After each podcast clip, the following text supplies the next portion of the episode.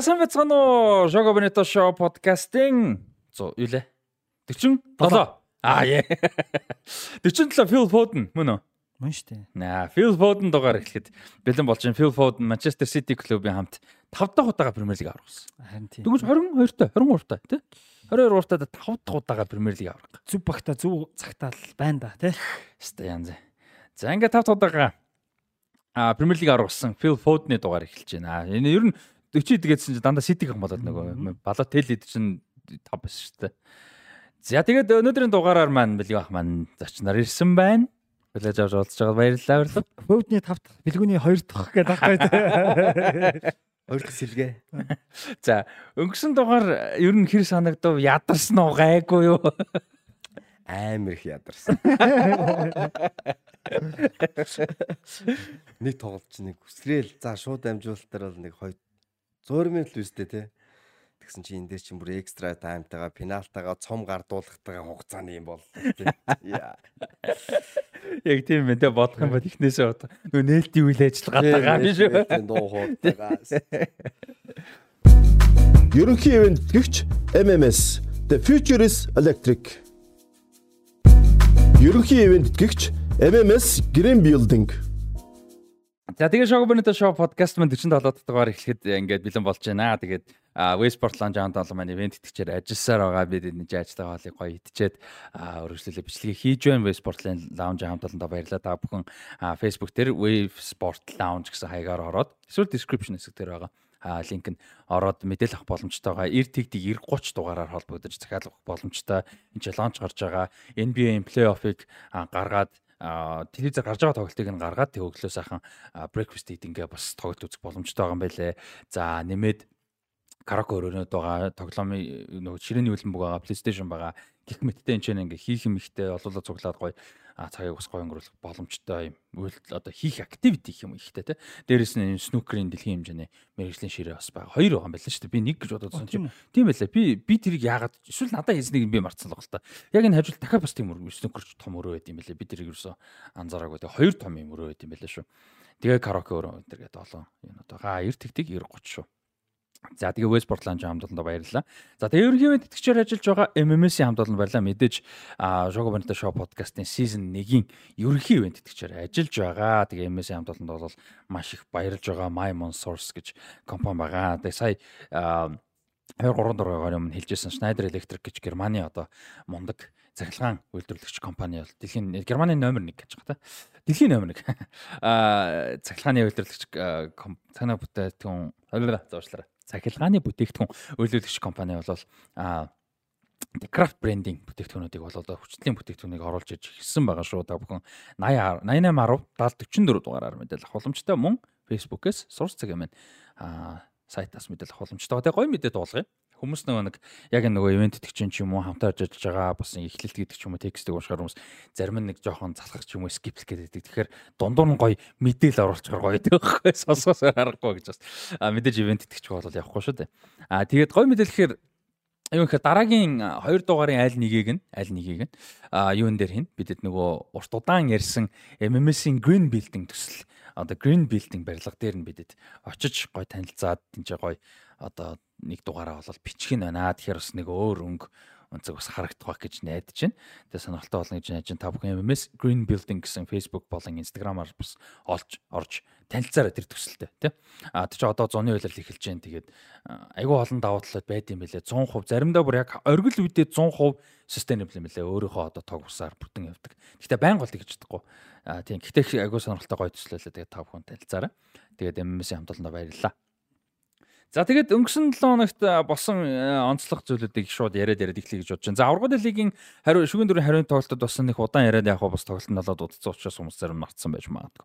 Интер Милан Миланы дерби хариу тоглолт болсон Сан Сирод Жузеппе Миацад гэж явсан нийтийг харьцаад Лаутаро Мартинезийн голоор буулгаж аваад за тэгээ нийлбэр төнгөөр 3 тийг харьцаатай. Он гарснаас хойш Милан 2 Милан 4 тогссон, дөрүүлэнд нь Интер хоцсон, дөрүүлэнд нь Интер хаалга хуурай манс. Энэ үлрэлт 4 байсан. Энэ үлрэлт 5. Энэ улиралт он гарснаас хойш дөрөв. Аа тийм. Энэ улиралт бол яг нь Милан нэг хоц. Тийм. Аврагууд лиг юм шүү дээ. Тийм. Тэгээд тав тоглож. Тэгээд а Интер бол ингээ буулгаад авчлаа. Тэгээд финалд ер нь Милан яагаад ер нь жоохон гонсгор э, одоо юу гэдэм те. Айгу мундаг явж исэн Наполиг буулгаж аваад орж ирээд нэг л ер нь бол бараагүй шүү дээ тий хоёр тоглолт хуйлаа л их дутуу тоглосон хариу тоглолтын дээр сая бол одоо удаан удаан ч явахтай энэ үйлрлийн хамгийн шилдэг тоглоом байсан гэхэд тоглогч нь байсан гэхэд буруудахгүй Рафаэл Яв эргэж ирсэн боловч одоо бас нэг гимтлээс шууд эргэж ирсэн нэг 100% бас байж чадсангүй те. Тоглолтонд нэг тийм нөлөөлөхөөр оролцож бас чадсангүй. Милан яагаад яг яг нэг ингээд нэг интерийг барахгүй байна? Яагаад нэг юм жоохон сулбар тоглолч юу гэж бодож байна? Таарт бодож байгаа зүйл байна. Яг одоо Тео Тео Эрнандес энэ зүгээр энэ амжилтанд зүгээр хандсан юм болов гэж бодож байна шигшээд ороод ирлээ. Итали 2 баг өрсөлдөж байна. Нутгийн лигийн Serie А-гийн аваргыг нь бид буулгаж авдж байгаа тав шигшээд орж ирлээ. Зүгээр л нэг тийм зүгээр хувийн л бодол шүү. Яг бүр нэг юм зүтгий гэсэн нэг галан жоохон унтарчгүй гэж байна яг байршлаас нөгөө нэг юу болохоор те бас одоо юу гэдэг нь тооцоолоогүй амжилт ч те. Аврал лиг гэж өндөрлө орж ирнэ гэж бол мэдээж. Тооцоосгүй буруу удлаа л болох бах те. Айл айл Милан Италийн багууд бол. Тэгэнгүүт бас гинтийн жоохон амжилтанда яачуу та те тийм байж болох юм. Яг э, тоглолтыг үзэж яхад бол одоо юу гэдэг энэ үйлрэл ихэнх гоё тоглолт, сайн тоглосон тоглолтууд бол Милан бүр маш хурдтай, өөрсдөө ихтэлтэй, хүчтэй бүр нэг тийм үнэхээр гоё байсан шүү дээ, тийм. Ялангуяа тэр зүүн жигүүрл яа тэ Эрнандес хоёр тэ. Тэгээд э, дээрэс нь нэмээд мэдээж хин Жиру угаасаа мэдрэмжтэй Брахим Диасан. Тэгэхэд энэ саяны тоглолт ер нь л их унтаа нэг тийм нэг л хөдлөөгүй дээ. Тэгээд нэг одоо нэг сэтгэл зүй бас нөлөөсөн үгүй юу гэж бодож байна. Бага бага бага. За ер нь нэг юм бид штэ. За монголчууд одоо хамгийн ойрхон спорт бүхний спорт байдаг те. Бөхөр ярих юм бол нэг нэг нэг даваад сурсан бүх гэж байдаг байхгүй. Яг гоо нэг даваад байгаа бүх нэг тийм сайн бүх байж болно. Гэхдээ л нэг сайн бүхтэй таарах болгонд л нэг хоорондын даваа унаа бас нэг ялгаатай байдаг те тийм. За тэнгуут юм байгаа. Энэ хоёр нэг нутгийн багаа. Бүр нэг нутаг нутагта бүр нэг хотын нэг цэнгэлт хүрээлэнд. Одоо шинэ Барсач нэг хэдэн жилийн өмнө аврагуудын лигт ингээ Испани багуудад харахаар маш эвгүй байдаг байсан шүү дээ. Испани багуудад таармааргүй байна гээл Атлетикод очиод таарчдаг тий. А ер нь Севиятай таармааргүй байна гээл одоо Копа дель Рей Севиятай таардаг ч юм уу. Энэ юу хэлж ийм ихэр яг нөгөө тоглолтын мэддэг багтаа тоглож байгаа нөхөр хэцүү байдаг байхгүй. Тоглолтыг гаргадаг байхгүй. Одоо бүх бол яг ялгаагүй. Одоо ямар мехийг нь мэдж бүх юм нь хориглож байна. Одоо Барса ч гэсэн Атлетикод хоёр удаа хожигдсон шүү дээ. Аврагуудын лигт. А тэнгуут одоо энэ AC Milan ч нэрөөсөө Интер бол AC-г угаасаа бүх зүйлийг мэдж чинь бүх зүйлээрээ илүү гэдгээ өөртөө мэдж чинь. Тэгээд ч тоглохгүй. Гол их боломж өгөхгүй байна. Гол их боломж өгөхгүй шүү дээ. Яаж довтлтгийг ч мэдж чинь. Рафаэл Яв яаж хамгаалах ёстойг ч мэдж байгаа. Дид бол. За тэгээд э, аврагын лигийн эхний тоглолт өнгөрсөн 7 хоногт тэрний өмнөх 7 хоногт болоход AC Milan ч хожигдсон шүү дээ. Хоёр дэг гэдэг том үр дүнгээр хожигдсон. А тэгмэд хариу тоглолтод Интерт юусэн даалгавар маш амархан болчих байхгүй. Интерийн хувьд гол хийх шаардлага байхгүй. Эхний зорилго нь гол хийх биш. Тэд зүгээр гол алдахгүй байхад яг болно. Тэгээд тэд юусе тоглолтыг тийм италичд угаасаа нэг Италийн хөлбөмбөг жоох нэг уутгартай энтер гэдэг чинь юу гэхээр тактикийн тоглолт хийдэг. Тактикийн тоглолт гэдэг маань юу хэлж ийм гэхээр тоглолт их унтраадаг. Одоо нөгөө баг ингээл гой тоглохгүй сэргээд ирэнгүүт тоглолтыг гацаачдаг, зогсоочдаг. Ингээл янз янз башар гаргаар. Тэгээд юусе AC Milan айгу хол онооноос тоглох гэхээр Интер тэгэл гацаагаал гацаагаал нэг тэгсгээл тэгсгээл тэгж тэгж жаал өөртөө нэг сүрэг явдаг. Тэгээд ерөөсөө эхний тоглолтоос авцсан маш том үр дүнгээ бол ерөөсөө л хадгалаад тоглолцсон. Тэр нэг AC нэг одоо яг жоохон нэг тийм ядарсан яатсан гэхээсээ илүү ер нь тэдрийг тоглоё гэд тоглохгүй л байсан. Учрыг нь олцсон байгаа да тий. Олцсон. Ер нь нэг эсрэг нэг ч уур чадвар ер нь жоохон интер нараа илүү юу? Илүү илүү. Ер нь илүү. Интер ч одоо нэг туршлаган ч илүү байна. Одоо Милан Интер хоёрыг харьцуулахад таньдаг нэрс нь бол яг Интерт их байгаа байхгүй ер нь бол. Тэгэхэд одоо хуучин цагаас жоохон эсэргээр болсон юм Интер илүү хамгаалт юм багулчих. Тэг харах юм бол одоо байгаа тоглогч нь Бастоны ч юм а Черби гэдэг ч юм уу тэг хаалгач хоёр хаалгач хуйлаа мундаг байгаа тий. Тэг ингээ харах юм бол бас нэлээд хамгаалт юм бас багулчлаа. Тийм тэгээд би бас энэ хариу тоглолтыг үзсэн ама Расти тайлбарсан шүү дээ. Эндээс бас нэг зүйл анзаарсан. Интер ч нэг 5 хамгаалагчтай тоглож байгаа. AC Milan 4 хамгаалагчтай тоглож байгаа. А энд яаж ийм вэ гэхээр одоо чинь Дүнфрисийн хувьд бол баруун өөрийнхөө баруун зүгээрээр хинтээ тулахад бол даваа хэтэлтэй байгаа байхгүй. Эрнандес. Тио Эрнандестай. Ягаад тэгэхээр Дүнфрис хамгаалтанд таталтаад ах зүйл байхгүй. А Тио Эрнандес барагтаа тоглоомыг дэмжиж чадахгүй байгаа байхгүй. Дэмжлэхэд хойно одоо гурван хамгаалагч хойно үлдчихэж байгаа шүү дээ. Асуудал үүсчих гээд байгаа. Тэгэхээр ингээд нэг интервьюд нөгөө нэг тавтай гэдэг чинь айгүй том давуу тал болсон шүү сая тоглолтод. Тэгээд э, хин хоёр угаасаа айгүй мундаг формтой байгаа шүү дээ. Федерико Ди Марко хин Дүнфрис хоёр Гүр тэгээ дээрэс нь Бостоны ч өөрөө товтлого айгүй амар их дэмжиж орж тоглолдог. Бараг экстра товтлогч болчтой шүү дээ заримдаа нэг пикэ нэг дигдэг байсан шүү тэрэн шиг. Тэгэхээр бас айгуугаа. Тэгээд Ачерби яг одоо 34 5 бараг хүрчихэж байгаа. Гэхдээ Ачерби чинь бүр ингээд ийм ам тавьдаг нэг тийм хамгаалагчтай. Тэгээ тэр нь бас гоё таараад байна. Сая Миланоос бол одоо гол хийх хүн бол цөөхөн байсан. Одоо Ляог ингээ хязгаарлаж байгаа. Ляог гэмтэлтэй байж байгаа дэрсэн. Тэгээ Жиру тоглолоо шүү дээ. Интер бол гол хийх хүн чинь олон байгаа байхгүй Интер. Ялч одоо Мхитараа өмнө хийсэн Жеко сайн байгаа, Лавтаро сайн байна. За Лукаку ороод ирчихсэн тий. Яг Хокин Кореаных гоолтой биш ч гэсэн бас довтлогоо дэмжиж чинь гэдэг ч юм уу тий. Бас яг тийм байгаа л да. Димарко энэ шус гоолтой шүү дээ. Тэв Эрнандес ууг нь гоолтой. Гэхдээ ялч бас ани хэлдгэр Тэв Эрнандес үүрэг хоошоогоо татах шаардлага нь айгүй их болчиход байна л да. Тий. Думфрис айгүй урагшаа орчоод. Тэгээд Жохоноло тоглож байгаад хин гимтэд суучдаг хин гимтчлээ. Барелла гимтэд суугаад жоохон бол урагшаа тоглолоо. Би тийг санаад байна. Нэг нь урдлын хоёр нь гимтэд. Тэгээд тогсч бүр илүү тогсон шүү дээ. Галардини орж ирээд те. Жаланоло ч угаасаа 6 дээр тоглоод тоглож биш шүү дээ. Тэгээд энэ дэр тэгж жагаад урагшаага ороод бүр бодоо олгосон шүү дээ. Тэгээд Жаланоло ч гол дээр бас оролцсон санагдаад байна. Лотро Мартинес би андуур бол. Тийм. Тэгээд ер нь бол Интер гаргаасангүй тэр 79-аас 80 оны улирлаас хойш анхудаага 3 тоглолт дараалаад одоо гол алдахгүй хоцсон гэдэг статус юм тэрийгээ одоо бүр дагуулч те а дамжилтыг э, биелүүллээ. А тэгтээ сая А Сери А да Интер хожигдсон. Наполид 3-1 ярцаад хожигдсон. Милан хоцсон. Тэгээд э, юу яаж байгаа нэг үл хоёр яг сери хари ярахаар илүү детальтай ярина. Ямар ч их ойртой дэрж байгаа юм байна аврагууд лиг юм байна. За аврагууд лигийн шүүгийн дөрвийн нөгөө тоглолт бол мэдээж Манчестер Сити Реал Мадрид байсан маш их хүлээлттэй байсан.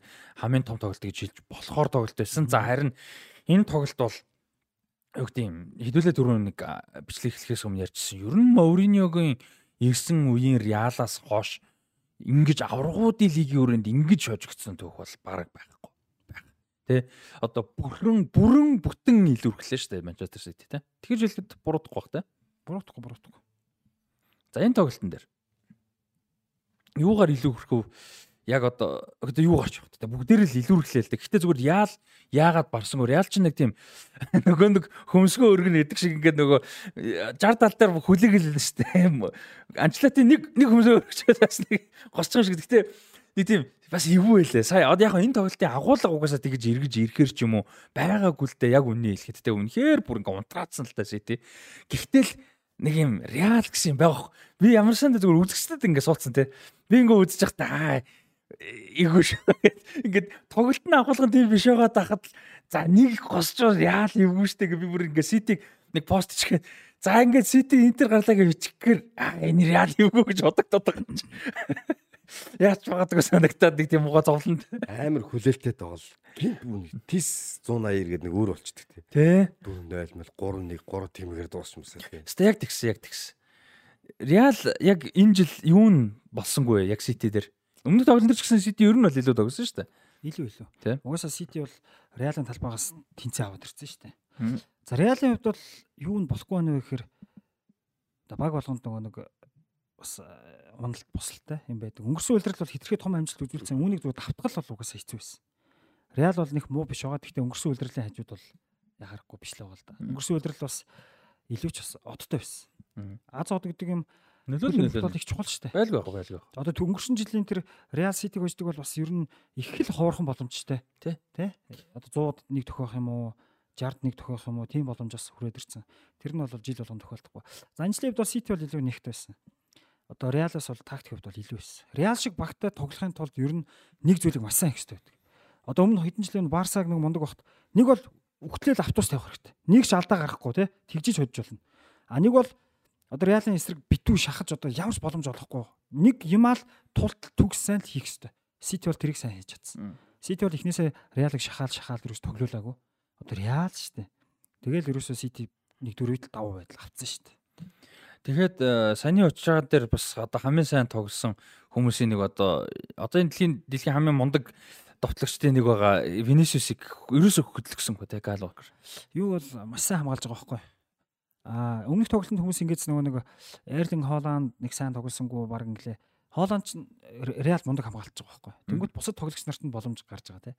А сая бол ерөөсөө юу байхгүй. Нэг хүнийг ховчилж хамгаална гэдэг шүүрээ их төвхтэй. Бус хүмүүсийн суларна. А зөв шахна гэдэг бол бүгднгийн л яг тоглоулахгүй байх хамгийн төгс сонголт байхгүй. Тэгэхээр э, тэр шахна гэдэг чинь Vinicius одоо сууж хамгаална гэдэг чинь Real довцсараад хаалган дээр нь ойртно гэсэн үг шүү дээ. Шахна гэдэг чинь бүгднгийн хаалганаас яаж ийн гэсэн үг холдуулж холдуулж ийн гэсэн үг байхгүй. Тэгээд тэр шахалт амжилттай болсон.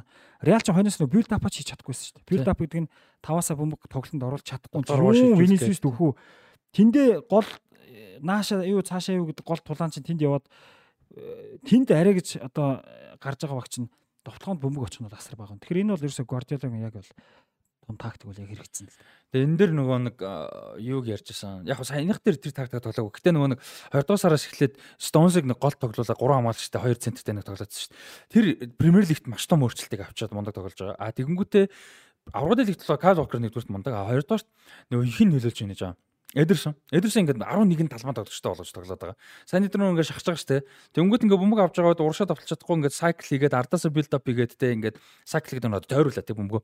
Тэнгүүд Эдерсон ингээд багийн талбай тоглогч болж байгаа байхгүй. Тэгээ тэнцээ ингээд бөмбөгөн дээр тайван шахалтанд орохгүй дамжуултаа сул харчин те тэр нь бол бас амар. Одоо яг энэ тактик бол нэг орчин үеийн хөлөө мөхт яг тактикийн хувьд юу гэж хэлдэг вэ гэхээр хаалгач сүлийн хамгаалагч үүрэг гүйцэтгэх гэж хэлдэг байхгүй. Сүүлийн хамгаалагч. Гэхдээ сая би андрог бол сид чи 3 таа тогсон доо. 3 таа тоглоод нөгөө хин гимтсэн шүү дээ. Аке гимтсэн шүү дээ.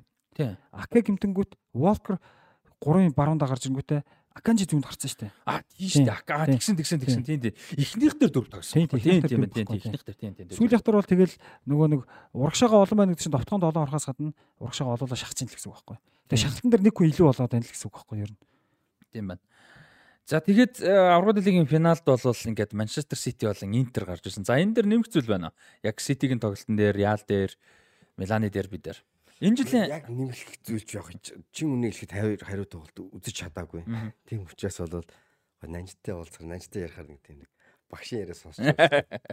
Шахан гэсэн чинь юу гэсэн үг вэ? Яа гэсэн үг. Юун дээр Дажтай уулзах гоё тийм нэг мэдээл нэг багшийн ярианаас нэг ойлгож аваад ингээ гоё сууж идэв шүү дээ гоё. Сайхан сонсоод сонсоод. Үзег юм чи явахт наждаас ингээ өнгөтөр сонсоод ингээ. Юу За одоо финал л үлдлээ тий.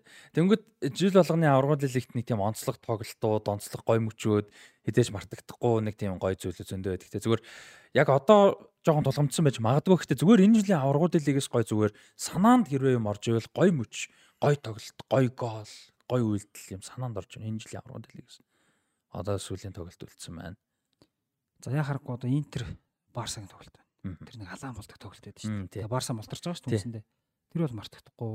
Аврагын лигийн суглаан дээр Интер Баерн Барса нэг хэсэгт оруулсан Кан Манц нь баавардаж харагдал тий. Тэр мөр мартагдахгүй. Тэр нь олон юм байгаа дөө. Биний нөгөө нэг надад санаанд орж байгаа тэр яг олон жил байгалах. Канселогийн бар хөлнийхээ гадраар дамжуулдаг тааланд нэг өсөрж орж хийдэг Дортмунд дээр баг тий. Тэр бүр галзаг болсон санагдаж байна. Тэр одоо хүн өсрөөд метр 95 дун өсрөөд хийчихээр юм тэр хөлн дээр дээр гарч ирээд яаж ч тэр Канселогийн дамжуулдаг галзуу. Сити гэснээс нөгөө Сити ч нөгөө Лайпцигт тоглолт нь шүү дээ. Шүгэ 16. Тэгэхэд бүтэн багаараа шахаж бөмбөгийг авч цөлүүлж алдаж бөмбөгийг аваад эргэж товтлоод хааланд ч нэг амар өндөр өсрөө мөргөждөг лөө. Тэгдэг баг. Тийм ээ. Цохоод Дебройн цохоод штанг цохоо гадагшсан хаалаа нэг амар өсөрж мөрөгдөн шүү. Тэр бол үнэхээр бүр нэг эзэрхийлсэн гол байсан. Бүтэн багаараа эзэрхийлж тэр тэр санаас мартагдахгүй.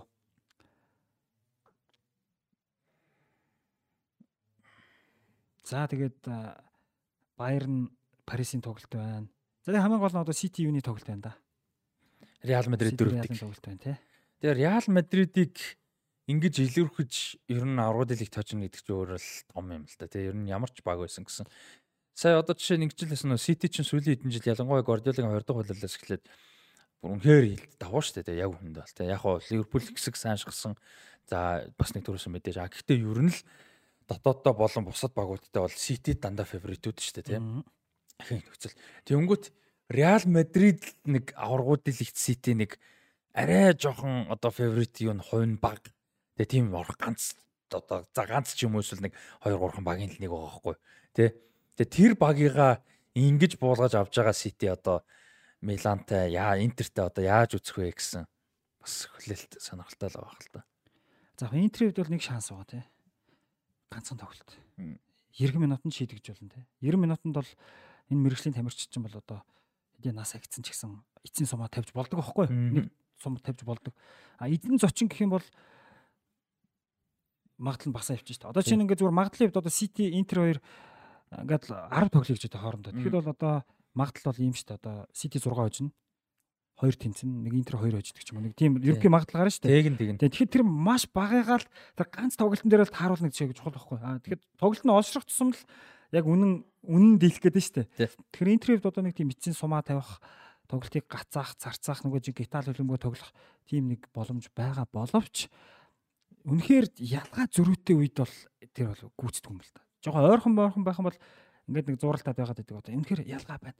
Сити Сити бол Баерныг хоцсон юг Реал эн чинь бол үнэхээр юу байна байна. Энэ Сити өөр. Гвардиола ирсэн. За тэгээд мэдээж Абу Даби авсан те. Абу Даби мөмстэй тий. Абу Даби Абу Даби Юнайтед. Тий Абу Даби. Абу Даби авснаас хойш хамгийн том зорилгондоо одоо яг хүрчтэй. Одоо л одоо яг мэдээж нэг удаа шинэ финал гарсан Челси тожигдсон. Одоо бол энэ л хамгийн том зорилго нь шүү дээ тий. Ер нь аврагын лиг авах. Гвардиолагийн хувьд 12 жилийн дараа авах нь хэрвээ төрүүлвэл тий. 11 онд авсан сам хамгийн сүүлд. За Ситиг мэдээж түүх бол хамгийн том зорилгондоо хүрэх юм а боломжд ирчээд байна. Тэгээ зүгээр нэг юу гэдэг боломжинд ирсэндээ биш яг аргууд лигт Жишээ нь энэ жилийн Интерийг бод хинч одоо Европын топ 2 багийн нэг гэж хинч хэлэхгүй байсан баг. Одоо ч хэлэхэд хэцүү яг үнэндээ те ичнэ мундаг гараад ирсэн ч гэсэн. Тэрэн шиг эсэргээрээ Сити бол энэ 20 хэдэн жил Европын хамгийн мундаг багуудын нэг байгаа. Энэ жил бүр ялангуяа бүр ингээд нэг тийм эрен дээр ороод ирсэн те ирчлэгдсэн бүр ингээд одоо яг үндсэн бүрэлдэхүүний нэг 13 4 тоглогч нэг 15 тоглогчдоо шир муу формтой гэдэг ч юм уу хийх гаргах гэдэг ч юм уу те тийм тоглогч үнэхээр алга Тэ Ситэд бүр бүр төгс орж ирж байгаа байхгүй. Дэндүү төгс орж ирж байна. Энэ бол Симоне Инзагийн жинхэнэ толгойн явж байгаа одоо бол яаж яд юм байгаа гэсэн л юм байна. Эсвэл хэцүү. Яаж сумаа тавих вэ? Эсвэл яаж сумаа тавих вэ? За тэгээд аврагууд лиг гэснээс гой мэдээлэл хүргэе. За Жого тимийн хамтаар аврагууд лигийн финалыг тоглолтыг гоё Wave Sport Lounge бүгд үзэх боломжтой болж байгаа. Бидэд гоё ивент зохион байгуулж байгаа. За ширээний такстай. За тэр мэдээллийг нь Шого Бонито шоу подкастын Instagram эсвэл Facebook руу холбогдоод мэдээлэл аваарай. Яг одоо юугаар бол Facebook-оор бас удахгүй зарлаад явчин мэдээллүүдийг нь.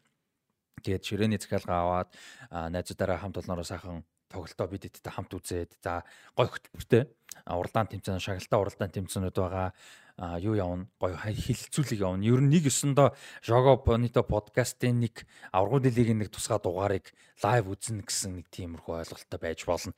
Бид эдэнчнээ сууж байгаа хэдүүлээ гоё Facebook-оор лайв хийчин, YouTube-оор ч юм уу те. Суугаараа. За тэгингээ ингээ сайхан үзээд хилцүүлэг яваад асуулт хариулт яваад зөвхөн аргууд хэлхтэй холбоотой ч галбгүй шүү дээ тий хөлбөмбөгтэй холбоотой бид нартай холбоотой өөрсдөө холбоотой хөлбөмбөгийн юм сонирхолтой асуултууд хилцүүлэг явж болно.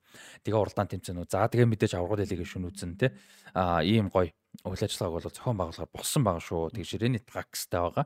Ширээний таксанд бол бүх гоё юм орцсон тэн чи одоо хоол байгаа, бив байгаа, уух юм юу гэдэг орой ингээд бүх юм нь гоё орцсон байгаа. Тэгээ нэмээд технээсээ хөдөлж аваад нэмээд үйлчлүүлэх юм боломжтой. За дээрэс нь тэр үед нь та бүхэн бас одоо хүсэх юм бол энэ снукер ширээтэй VIP нь хажуутлын бас тусдаа VIP байгаа тий ширээтэй караоке нэг бүгд ажиллана. Дээрээс нь сонирхолтой. Тийм учраас 6 сарын 10-нд бол ингээд ийм гоё ивент зохион байгуулахар болсон байгаа. Тэгэхээр мэдээллийг та бүхэн Facebook хуудасаас аваарэ. Чат бичээд ихний ээлжинд. А тэгээ удахгүй угаасаа зарлаад явчих. Тэгээ мэдээлэл аваарай. Аврагын лигийн финал гэдэг чинь нэг өөр хэд шүү дээ. Цанаа л өөр шүү дээ. Шүн хүртэл гоё. Хэн хүртэл гоё тий. Гоё шин. Гой гой гой. 6 сарын 10 болчин дулаар чин. Европын Олимпик холбоо ч бас зөвүүн. Өмнө аврагын лиг дандаа нэг ажлын өдрийн ажлын цагаар л бол ажлын өдрийн шүнэл болдог дээ. 10 оноос эхлээд финалийн тоглолтог бол бямб гаргаас нэм гарагч шилжих шин бол хийдэг болсон. Энэ маш том. Тийм баг тийм. Үн яг л дундуур финал болдог байсан те. Яг яг дундуур болдог гэсэн. Яг хизэнээс болсон гэдэг нь өөрөө мэдэхгүй хизээ болчлоо гэж бодоод сайн. 9-өөс 10 оноос эхлээд UEFA их өөрчлөлт орсон. Одоо чинь UEFA-гийн цомыг Европа лиг болгосон. Тий. Тэгээ ад нь аврагын лигийн шиг шиг тоглолт ийм юм болдог болсон. Ер нь их өөрчлөлтүүд орсон шүү. Бас эрг гоё өөрчлөлтүүд байна те. За конференс Европа лиг гиснээс Европа лигийг тавчхан яри. Рома Ливеркус нэг нэг тигийн харьцаатай Рома хожицсан байсан Шаби Алонсо тасалжуулагчтай Ливеркузен талбай дээр Ромаг Жозе Моуриниг Ромаг буулгаж авах үүрэг даалгавартай байсан. Тэгээд дийлээгүү. Рома бол классик Моурини перформанс тоглолт үзүүлж тэг тэг ярцтай тэнцээ. Тэг тэг ярцаатай үр дүнгээ хадгалж тэнцэж карьертаа 2 дахь удаага дараалж Европын финалд гарч байна. Карьерийнхаа 6 дахь удаага Европын финал гарч тавтанд Өмнөх тавд нь бүгд хоцсон. Европа лиг байна уу, Копа одоо хуучнаар UEFA Cup байна уу, аврагуудын лиг байна уу, Супер цом байна хамаагүй. А супер цомог юу тооцохгүй. Финал тооцохгүй. Супер цомыг тооцохгүй юм. Тооцохгүй. Тэгээ 5 яаж тийм яаж 5 дөрөс. Тав чи юу? UEFA Cup нэг, Европа лиг нэг, аврагуудын лиг нэг. Портотой хоёр штэ. За тийм UEFA Cup нэг, аврагуудын лиг. За Интертэй нэг Интертэй аврагуудын лиг. За. Манчестер Юнайтед Европа лиг төрүүлсэн байхгүй. Тэгээд түрүү жил Роматай конференц лиг баг. Аа, тийм ээ. Супер тэгвэл орохгүй юм байна шүү дээ. Супер ч ордгоо А байхгүй. конференс Рома байгаа шүү дээ. Би ч дараалж гэж ярьчаад тэр юм уу. Тийм шүү дээ. Тэгэхээр чин 5 юм байна. Зүг зүг. Тэгвэл зур Супер лиг орох юм бол нэмэгдээ авчих юм байна шүү дээ. Чимэр. А тэнгууд баг юу яа- яаж таараа шүү. Гэхдээ цаа чи Европын супер цом тоглосон юм баг тоглоогүй шүү. Ер нь авчаа явцдаг те. Аврал лиг. Европа лиг юу аврал лиг авчаа ер нь явчтай юм шүү. 2004 онд явцсан. Тийм. 10 онд явчлаа. Тийм шүү дээ. 10 онд. 3 он тоглосон. 3 онд нөгөө UEFA Cup авчаа Миланта тоглож Шевченко мөргөж хийдیں۔ Аа, тийм байна. Яг тэгэхээр за тэр бол За тэр хамаагүй хамаагүй тийм. За тэгвэл 6 дахь I stand corrected гэж байна шүү дээ. 6 дахь аа ингээд том тэмцээний шигшээ тоглолтод гарч ирж байна. Хоёр дахь удаага дараалж гарч ирж байна.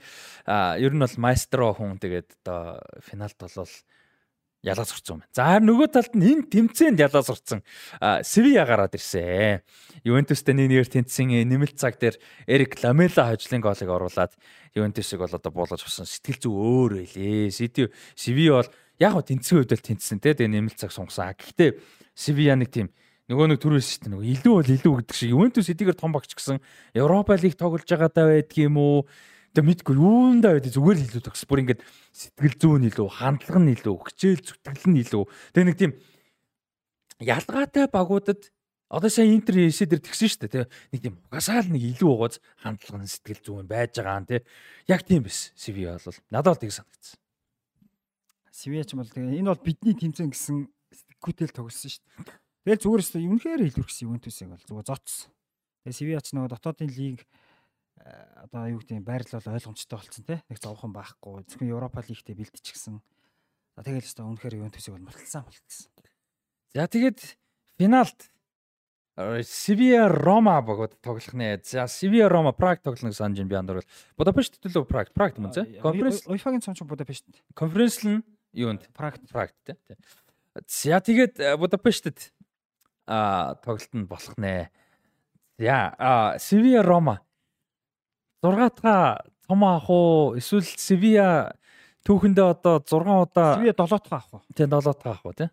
Севиа ч одоо өмнө нь 6 удаа шүгийн 8-д гарч ирж байсан. Тэгээ 8 дахь гарсан бол төрүүлт юм байна. 8 дахь гарсан бол дөрвөлөөр ордог, дөрвөлөөр орсон бол төрүүлдэг. За энэ ингээд 7 дахь нь болж байгаа. Юу гэж бодож байна? Ямар тоглолт болох вэ? Тэгэл Морино ер нь энэ тэмцээнд яаж тоглохыг мэддэг шүү дээ тий. Хасагдах тэмцээн тий. Тий. Морино бол энэ том тэмцээнд өөрт нь ямар нэр хүнд авчрах, яаж тоглолвол муу тоглоод хамгаалаад хамгийн адгийн тоглолтыг үзүүлсэн ч дараа нь дараагийн шатнд шалгарсан нэр хүндийг авдгиймаа гэдэг Морино мэддэг байхгүй тий. Тэгэхээр сая яг Ливерпулсэндээ бас л яг тийм аргаар үзэл хөөх юм уу? Алонзо гошгоруулж байгаа тэгээд Гошгоруулж байгаа даа. гошгоруулж байгаа тийм миний хамгийн мундаг дасгалж байгаа шамаа гэж гошгоруулж байгаа тийм нөгөөт нь өнгөрөөл баах нүдэж нүдэн сая тэр хариу дээрээс хаалгоос нь 7 цэцгэлт хийж байгаа ш нэг ч гол баг. Тэгэхэд Мориныг баг нэгдүгээр нэг ч хаалгоос нь цэцгэлтийг өмөртлээ ардл бүгдээрээ зогсож байгаа л тэгэл хамгаас нь хожд юмаа гэж байгаа л хамгаалаад хожиж байгаа баг тийм. Тэр Морин бол бас л нэгэн бодцсон л Тэгэхээр би бас Севиа гэж бодож байна. Мгм. Севиа бол э, Морино бол хатуу самар, Рома хатуу самар. Тэгэхээр би Севиаг магталтай гэж бодож байна. За давуу тал нь юунаас гарах бол? Севиа. Ромагийн буюу одоо Жозе Мориниг мундаг хамгаалтыг сэтгэхэд Севиа ч юм бол ер нь тийм нэг Испани маягийн хөлбөмбөгийг бас гоё үзүүлдэг баг штэ. Давтах үйдээ давталдаг. Яг үнэхээр тоглолт нь орол хэнийг ч хождог. Одоо Манчестер Юнайтыг ч хождог, Ювентусыг ч хождог. Тэгээ Севиагийн хувьд бол сэтгэл зүй их өндөр байгаа л да. 20 20 онд юунд төрүүлсэн баг штэ. Тий. Тэгээ Севиагийн хувьд бол нэг тийм финалд бол ер нь юу ялдан штэ. Финалд яг гоо жоохон суулгагийн сайн багийг хожих тохиол байдаг ч гэсэн финалд бол ер нь нэг тийм туршлага э, ер нь л ялагддаг шүү дээ. Тэгэхээр би Севиаг бол Ромагийн тоглогчд бол яг Мориног л гэхээс биш бусдад бол бас туршлага дутнаа. Хэдийн тоглогчтой туслахгүй тийм туслахгүй залуу тамирчтай байгаа шүү дээ. бас л тэгээ финал дээр алдаа гаргадаг байхгүй. Тэгээд Тэгэхээр Морино туршлахгүй тамирчдыг яаж тоглохыг бас л мэдчихэл байгаа юм л тийм. А тэгээ тэд нар ч яг Европа лиг биш ч гэсэн конференц лиг төрүүлсэн бүрэлдэхүүн байгаа. Бас нэг финалд нэг цом өргөөд аа тэр үзсэн. чинь өөр тэмцээн. Тийм л дээ. Гэхдээ нэг тийм зүгээр бас одоо финал шүү дээ тий. Мэдээж Европын тэмцээн. Европа лиг биш ч гэсэн. За Севиа бол мэдээж өөр хэмжээний л өрсөлдөг ч л дээ. Тийм. Аа нэлээд сонирхолтой өрсөлдөөн болох байхаа. Ер нь бол Севиа нүдэх бах. Тэгээд Рома сөрөг явах гэж үзэх бах. Тэгээд Мориньо сонирхолтой. Би бол одоо ингэдэг шүү дээ. Мориньо хүмүүс Мориньо дургу өнтер гэдэг. Зүгээр Мориньо хамгийн энтертейнинг одоо гоё юм нь юу гэхээр том тоглолт ач холбогдолтой тоглолт болгоно юм Мориньогийн хэвлэлийн багварлыг би заавал сонсхийг хичээдэг. За сонсоод олдоо олж сонсохгүй маа гэхэд нөгөө нийтлэл мэтлэн байдаг шүү дээ. Юу ярьсан мэрс. Тэрийг дандаа гоё юм ярьдаг байхгүй. Сонирхолтой юм ярина, хөгжилтэй юм болно тэр чинь. Юу, ер нь амар гоё. Сүүлд нөгөө нэг Алкмарыг хоцсон дээ.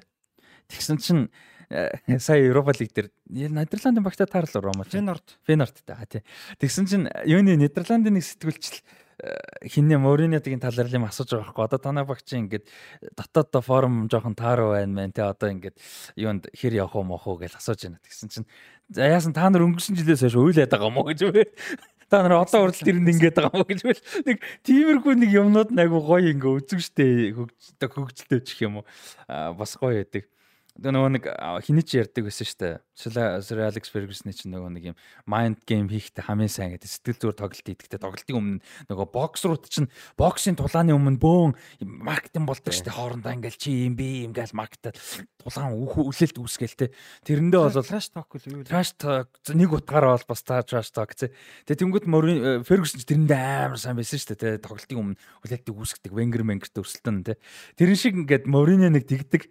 Тэр нь яг Хосолос Минилибарта ч тэр ч нэг тийм хоорондын юм байхгүй бах. Гэхдээ зүгээр гоё юм байл ярина. Мань бол яг нэг гоё юм бол ярьж л таарна. Наад түүхтэй холбогдсон ч юм уу тий тий тий. Ромын агуу түүх мөгтэй холбогдсон ч юм уу тий. Гоё гоё юм ярина. Тэгээ Instagram энэ төр инээдтэй тэр чинь амар гоё Instagram-аа гоё хөдөлж хөдлөн. Ер нь Мориньо айгу гоё штэ. Тийм. Тэгээд ямар ч юм Мориньо ингээд карьерийнхаа а 6 дахь одоо Европын цомыг хүртэх юм том боломж бол байна. Үнэхээр дагуу байна те. Мундаг мундаг.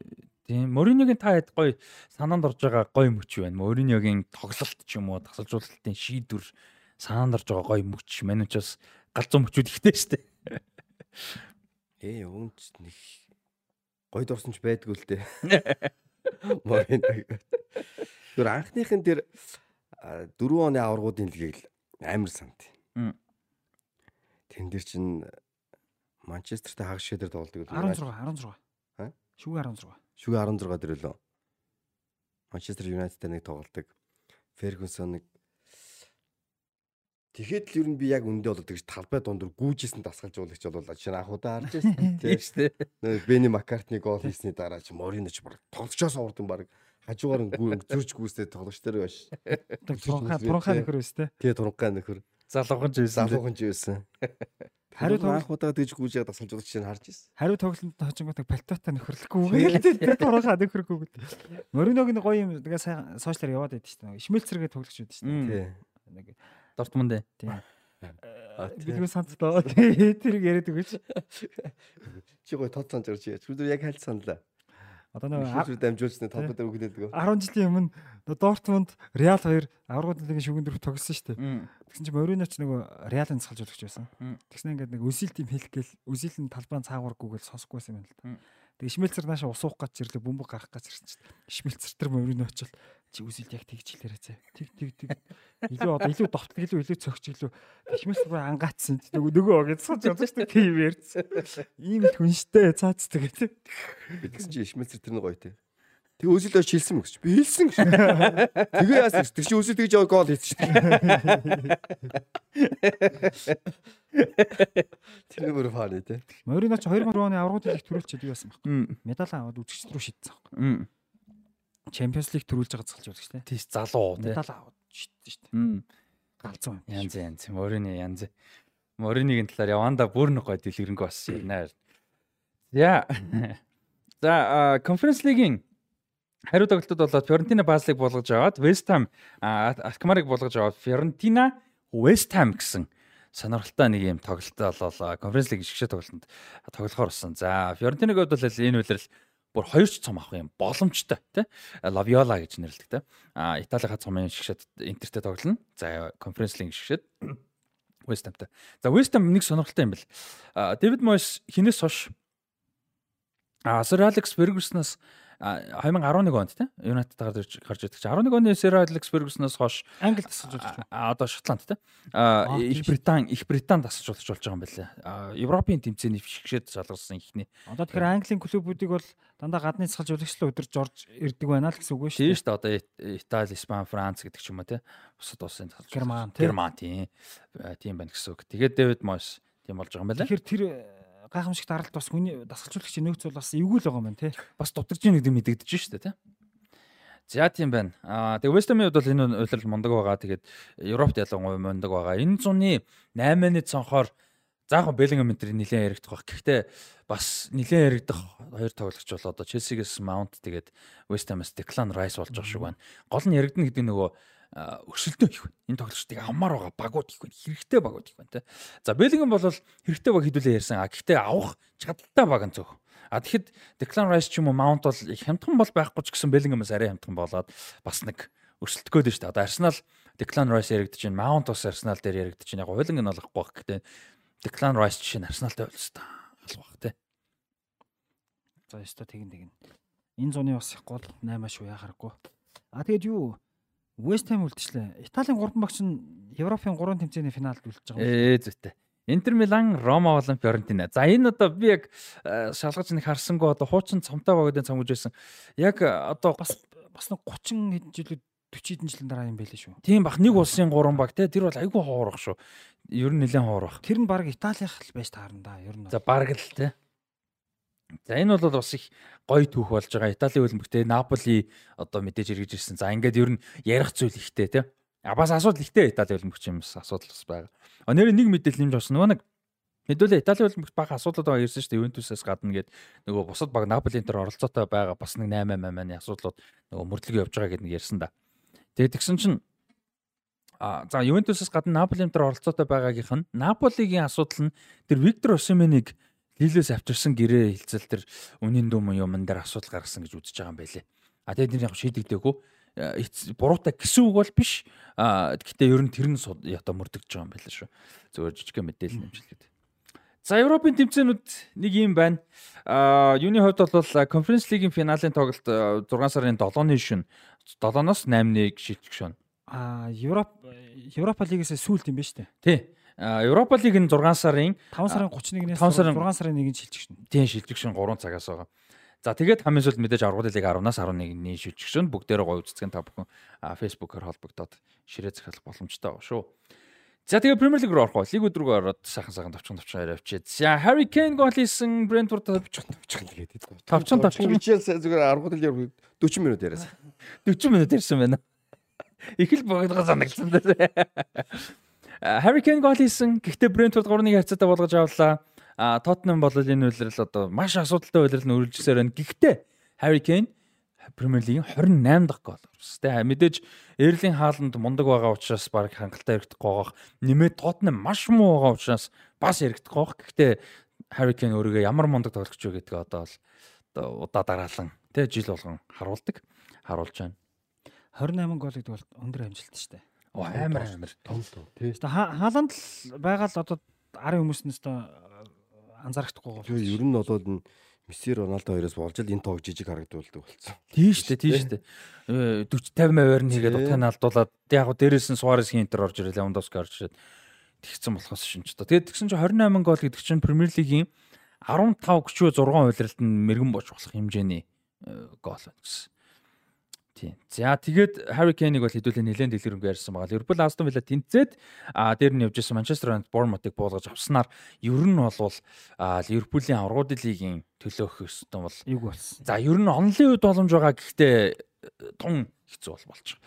За Ньюкасл бол өнөөдөр өнөөдөр шин юу яах хэвээр бидний бичлэг гэж байгаа нэгтгэн шин Лестер Ситиг талбай дээр үлээж авч тоглох хэвээр энэ таарагт.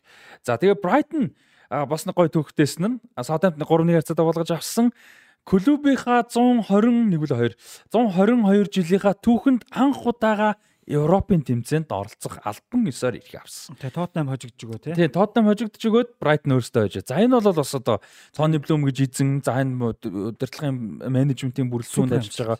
Үнэхээр гайхалтай амжилт тий. Тэр Union баг нь бас мундаг явлаа шүү дээ. Бельгийн Union нь тий. Европа лигт шүгийн 8 хүртэл явсан. Би санаж байна тий. Үнэхээр мундаг явсан. Тэгээд одоо Brighton ингээ Европын Премьер Лигээс Европыг авна гэдэг бол ямар гайхалтай амжилт. Ингэж авах чинь нэг өөр байхгүй. Одоо юу гэдэг нэг а, Английн цом төрүүлээд цом төрүүлсэн багш нэг ирэх авдаа штэ. За тэр бол нэг өөр хэрэг. А яг хатуу ширүүн Премьер Лигт үзээд 6 дор нэгдсэн те. Аим шиг байхгүй. Үнэхээр том амжилт. Аа мундаг амжилт. Тэгээд а, хиний Гранд Поттерыг ихлүүлсэн Роберто де Зербигийн өргөжлүүлж авч явж байгаа энэ а, бүрэлдэхүүн баг удирдлага бол үнэхээр одоо гайхалтай ажиллаж байгаа зургаад а, болвол ороод ингээд Европын лигийн тэмцээн Европа лигт орох нь бол бараг тодорхой болж байна. Үнэхээр гоё. Дараа жил одоо Брайтныг үзэхэд бол гоё. Тэгээд би өнгөрсөн дугаар дээр нэг хоёр тоглож байгаа 8-аг яриад нэгийг нь марчаад байсан их юм байсан шүү. Дахууд байсан шүү. Оо тийм Махмуд Дахууд. Тэгээ Махмуд Дахууд Танаа. Дахууд. Харин үнгүй ирж байгаа сурагтай байсан. Тий. Бэлгүнэ Танаа юу? Дахууд Дахууд чи хоёр үлрэлийн нэг гоё тоглодог байсан шүү дээ. Үндсэн тоглогч те. Тэгэл бэлгүн чи нөгөө сирийн дөрөвч гэж гоё яриад Дахуудыг би ер нь сүүлийн үед тогсныг баг мэдэхгүй байна. Юу яасан? Бас энэ үлрэлт их гоё ихэлсэн юм а тэгсэн. Яг тоглолтын явцдаар би Кёлтой санаад Кёлны тоглож байгаа яг талбай дээр мөрөө ингэ мултлаа хийцсэн. Оо. Бүр яг талбай дээр. Тэгээ мөр нэггүй олцоод юмч мэж дуудаад тэр доор нь мөрийг баг оруулсан. Тэгээд тэгээд тэрнээс хойш дараа мөр мисасалт ороод мөрөнд. Тэгээ энэ үлрэл ерөнхийдөө тэр жигтэй утаараа тэг байхгүй болсон. Тэгээ ерөн тэр гэрээ илзэрч байхгүй болсон. Тэгэл. Гэрээнд байгаа юм ба шүү дээ. Тийм гэрээнд дуусч байгаа. Чөлөөт агент дээр явж байгаа. Чөлөөт агент дээр Мм, За байгаа. за за. Э, Жао Педро, Махмуд Дахууд тэгээд хин гэсэн э, Джеймс Милнер гэсэн 3-8 хийсэн. А тэгээд өөртөө бол хин хоёрыг явна гэдгийг зарлцсан бэл. Алексис Макалистер хин хоёр, Мойзес Кайседо хоёр явна гэдгийг бол ер нь хүлээн зөвшөөрсөн. Кайседо яг зарлцсан юм уу? Кайседо хэрэг зарлаагүй гэхдээ гэрийг сунгасан тэгээд өмнөр явуулна гэдэг бол хүлээ хүлээлттэй л. За за үүл тэгээ тогтсон юм байна л та. Одоо нөгөө мань хүнийг за чамайг 100 явуулъя чи гэрээгээ сунгацгаа. Чи чи явна. Бид нар ч ашигтай. Тийм тэгж л тохирсон юм. Тэгээд Макалистер угаасаа Ливерпул руу бас яатсан юм шиг байлаа. Тохироо ер нь гайгүй явж л байгаа юм шиг. Ливерпул бол сая юу яасан штэ. Тэнцсэн штэ. Мм тий. Астон Виллатай. Эхлээд Астон Виллач пенальт алдаад. Гэхдээ Астон Вилла сэтгэл зүй мундаг байлаа. Тургуулийн цогцолт Воткинс алдчихад шууд залгуулаа гол хийцэн штэ. За тэгээд Ливерпулийн нэг голыг манай үзэгч манай гаач магадгүй. Ван Дайк нэг отон тоглолтын байралд байсан. Тэгэхээр тэрийг зарим хүн ингээд харахад отон тоглолт биш гэж харж иж магадгүй. Тэгэхээр тэр бол мөн. Яг тэр тоглолтын дээр одоо Астон Виллагийн дөрөв дугаартай хамгаалагч бөмбөгийг хамгаалцсан юм шиг ирнэ. Тэрийг бол яг зарим дүрмээр хамгаалт гэж үздэггүй байхгүй. Одоо одоо манай үзэгч маань ухраагаад үзээрэй. Яг тэр хүн тоглоод бөмбөг Ван Дайкт очсон юм шиг ирнэ. Тэр хүнийг яг тоглосон гэж үзэхгүй. Тэр үед бол нэг рефлексээр рефлексээр үйл гаргасан гэж үздэг. Бас их нарийн дүрэн байдэн шүү. Бас яг шүүгчийн тим заалтан дээр бол бас үндэслэл байгаа шүү тэн дээр бол. За тэгээ Ливерпул гэхдээ нэг гоё юм байна те. Энфилд сүүлчийн тоглолт байсан шүү дээ. Роберто Фермино Одоо Энфилд сүүлчийн тоглолтын дээр төгсгөлд гол хийгээд гол хийж багтаа оноо авчихсан. гоё байсан. Тэгээд Анфилдта сүүлийн тоглолт гээд одоо юу яах юу яахсан а үдсэн гэх юм байна те. Нэг дөрөв хүнийг үдлээ шүү дээ. Джеймс Милнер, Ферминио, Фермино, Фермино, Расти, Расти. Гейтэй байсан уу? А? Наби гейтэй байсан уу? Наби Кейта. Тийм тэгээд Джеймс Милнер, Фермино, Чемберлен. Чемберлен тий. Тэгэд тэр юу нэг агуу гоёс те нөгөө нэг ингээд тоглогчтой нь өөрсдийнх нь тоглож байхдаа гоё зүй ингээд нөгөө мөчүүдийг нь зураг болгоцсон тэгээд дөрүүл ингээд тийм. Тэгээд ер нь бол Ливерпулийн нэлээд том шинжилт угаасаа хийх нь ойлгомжтой тэгээд бас янз бүрийн хэмжээнд хувь нэмэр оруулсан тоглогчд нь ингээд явж байна. Ялангуяа мэдээж Фермино тэгээд бас сүүлийн хэдэн жилийн Премьер Лигийг нэг хэсэг бол үнэхээр гялцсан гайхуулсан мундаг одоо товтлооны гурвал нэг хэсэг бол дэлхийн шилдэг товтлооны гурвал байсан шүү дээ тий. Мохаммед Салах Садио Мане Роберто Фермино гурав ингээд одоо гуруулаа салж дууслаа. Тэгээ Роберто Фермино хаашаа явах нь тодорхойгүй. Улирлаа дуусгаж иж зарлана. А гэхдээ ингээд Анфилдийн Анфилд бол сүүлчийн тоглолтод оролцоод ямар ч тач гоолтой зүгээр ч нэг гоолтой биш. Багта оноо авчирсан гоолтой. А, Ингээд явж тэ. Тим төгсгөлүүд ер нь гоё байдаг те. Тэр нэг аврагын лигийн ирэх авчирсан төгсгөл мөсгөлээс бүр галзуу байсан баг тийм. Яа тэгсэн бол бүр тэ бас бас гоё яхасан. Фермино их гоё тоглогчтой яг ер нь бол Хофен Хофенхайм тэ. Хофенхаймаас ирэхэд яг э, Ферминог ийм хэмжээнд тоглоно гэж бодож исэн хүн бол байхгүй л байна. Байхгүй. Брендер Рожерсын 8 шүү дээ тий. Би андрууг бол. Хофенхайм сайн байсан уу? Чинь эхний удирдалтаа бол яг вэ. Нэг анзаарахтаар тоглоогүй. Хоёр дахь удирдалтаас ч Фермино байдаг чинь. Төсгөл мөсгөл өөрөө тэгээд нэгэн эсрэг тоглож байгаа тэр нь яг нөө Бразил тоглогчийн ялгарлыг бол яг гаргаад эхэлсэн. Тэгээд сүүл рүү айж барс үнэхээр гоё болол. Удирдалт чи 10-аас дээш гол оруулаад. Тим шин тамирчид ирээд нэг 10-аас дээш гол оруулж ин гэдэг чинь бас уг нь өндөр амжилт байхгүй. Уулна уу? Тий уул нь бол Тэгээд Фермино ялгаал. Тэгээд ер нь сая 500 авсан гэдэг баг шүү баг. Хофенхайм сая 500 авчаад ирж 45 саяар зараа ажиллав яалаа. 45 тийм үнэтэй болоо. Амар үнэтэй явсан шүү дээ тэр чинь Тэглээ. Ливерпул руу. Тэгээ ямар ч байсан их гой 8 авсан. Анх 30 нуглаа хийцэн биз тээ. Тэгвэл Тэгээ тэр чин Бентеке байсан баг шүү Ливерпул би тийг санаад байгаа Ферминог авахад тэгээд э, хин чин Клоп чин их Ферминог яг тоглуулад яг өөрийнх нь 8 биш байсан. Өөрөө Бентекег байлгах сонирхолтой байсан чи Бентеке явцдаг ч лөө. Бас нэг тиймэрхүү юм болдго юм а. Тэгээд Фермино ч бүр үнэхээр. Тэгээд Фермино ч одоо цагийн яг эд үедээ ялангуяа нэг тийм яг false nine гэх юм уу нэг тэгж тоглолдог дээ тий. Яг нэг тийм төгсгч урдаа ганц шүү дээ. Хоош нь татаж найруулна Тэгэнгүүтээ бараг 10 дээр тоглолдог байсан шүү дээ. Тэгээд манай салах орчин гол руугаа ороод тэ хамаг голын нийдэг. тактикийн гол тоглогч л доо. Тэгээ нөгөө орчин үеийн хөлбөмбөгт довтлогчоос хамгаалалт эхэлдэг гэдгийг л ер нь хамгийн тод жишээ шүү дээ. Нөгөө юунд Премьер лигийн такл макл хамгаалт бөмбөг тасалсан бөмбөгийг багтаа авчирсан статууд дээр дандаа баахан хамгаалагч цэвэрлэгч донд Фермино цуг явж яадаг байсан шүү дээ. Заримдаа тэргүүлж мөргүүлцэн явж яадаг. Аа, Бас их гой тоглолчтой. Характер нь ч гэсэн их гоё те. Өөрөө тэр нөгөө аа, шүдийг нь зассан шүдний юм чинь ярьж байгаа хөх тэр нөгөө амар цагаан шүдтэй шүү дээ. Тэгээс чинь шүдний имлэг дээр засал засаал бүр гоё болгосон юм байна л та. Угасаал гоё шүдтэй. Тэ тэгсэн чинь тэр нөгөө шүдний имлэгний газар нь бүр амар од болсон гэнэ Фермино тэр үсэд шүдээд засууснаас хойш. Тэгээд уул нь тэр нь алидийн байдаг үйлчлэгэл юм байна л та. Юу гэдэг нэртэй ч юм дээ. Тэгээд Фермино хийлгэж таарсан. Тэгсэн чинь дараа нь ингээд Ливерпулийн тэр имлэг дээр нь очиж за Фермино хийлгээ, Фермино хийлгээ гэдэг болсон. Тэгээс үлдээ тэр им чинь тэр имлэг дээр тэр нөгөө одоо үйлчлэгээ Фермино, до Фермино гэж нэрлэлцээ. Тэгээд чи- Санаан дуулыг гэдэг шиг үү? Тэ Фермино гэд нэрлэлцээ гэж тэгжээс. За тэгээ Роберт Роберто Фермино бол одоо энэ үйлрэл бол Ливерпулийг орхиор болсон байгаа. За тэгээд унахгүй төлөө өрсөлдөөн гэж нэг бас чанга юм байгаа. West Ham Leeds-ийг буулгаж аваад зэвгүүт. Leeds маш их болсон. Одоо 31 оноотой дээр нь Everton 33 оноотой. За ингээд ерөөсөө энэ хоёрын нэг нь унах нь бол тодорхой сүүлчийн тойрогт яа заачлаарай байж байгаа. А за. За сүүлчийн тойрогт Leeds United талбай дээр Tottenham Hotspur-ыг хүлээж байгаа. За маш мууга Tottenham гэхдээ Tottenham. За тэгээд Everton талбай дээр ерөн тун даваагүй байгаа. А гэхдээ сүүлийн 3 тоглолт бол ажигдсан л да. Ерөнхийдөө дажиг байгаа Bournemouth хүлээж байгаа. Тэгэхээр энэ бол өстой яач ч магадгүй. Эвертон бол их шанстай байна шүү дээ. Арай илүү. Ялж яхад онооны дээр байгаа. Хоёр онооны дээр шүү Эвертон дээ. баг тэнцчихэд болох юм шүү. Эвертон тэнцэхэд Гол гол яаж ийн. За тийм байна. Ер нь За бас эвгүй юм л да. Одоо чинь юм байна. За Эвертон тэнцээд лид сожлогт оноо тэнцэнэ. А голын зөрүү гэх юм бол Эвертон тэнцэх юм бол мэдээж голын зөрөө өөрчлөгдөхгүй тэгэхээр хасах 24 баг. За лид хасах 27 байгаа юм. Тэгэхээр бас Лиз ч одоо юу гэдэг нь Тотнам 4-0 2 2 3 2-оос 3-аас дээш голоор л хожих. Тийм. Тэгэхээр Эвертон тэнцсэн ч болох юм байна. Эвертон тэнцэхэд лид бол Тотнамыг 4-1-ээр хожгоогүй бас мэдээж хэцүү шүү дээ тий. Тийм. Тэгэхээр Leeds United ер нь буцаад унах магадлал нэлээд л да. Өнгөрсөн жил яг унангаа алдаал сүүлийн төрөгт тэгэл үлдсэн л дээ. Тэгээд Андреа Радрицани тэг Радрицаныгаас гадна Виктор Орта айгүй их шүүмжинд өртөж байгаа юм байна багуудын фэнүүдээс багийн лизийн Виктор Орта спортын захирал нь. Тэгээд ер нь хийсэн болж байгаа одоо зүйлүүд тэгээ гаргасан шийдвэрүүд Джеси Маршиг авчрах, Джеси Маршийн дараах солон сонголтууд те. Тэгээд зарим нэг 8-ны сонголт гэдэг ер нь нэлээд асуудалтай л байгаа юм бэлээ. Тэгээд Андреа Радрицани ч өөрөө бас өөрөө энэчнээ зүгээр байхгүй. Юунд сериад хин юу ч унах юм. Унаад баг дампуурч байгаа юм байна тэр хэдүүлээ сериа дээр самдориа ч. Тэгээ самдориагийн ч бас худалдаж авах гээд яриад байгаа юм байна андреа радризаны ч. Бас тодорхой хэмжээг Лиз эзэн юм уу тий? тий лизэн эзэн андреа радризаныг нөхрөө. За нэг тийм бол явж байгаа юм байна шүү. За премьер лиг дээр нэмэх хасах зүйл байна. Хаасаад авч явах. Нэмэх зүйл байна. За Манчестер Юнайтед юу хоцсон тий? Бормутыг хоцсон. тэгсэн Каземиро гол хийсэн. Ер нь бол аврагуудын лиг ирэх бол нэлээд наашилсан. За Бормут гэсэн Тотнам гэсэн. За ер нь тэгээд болж байгаа шиг байна да. за За болсон гэж н одоо дараагийнх руу. тийм за За хурдан бүнцлэг рүү орё л гэдэг нь шүү дээ. за за лигд очиж ярьч Тавчаарж үгэн заяа.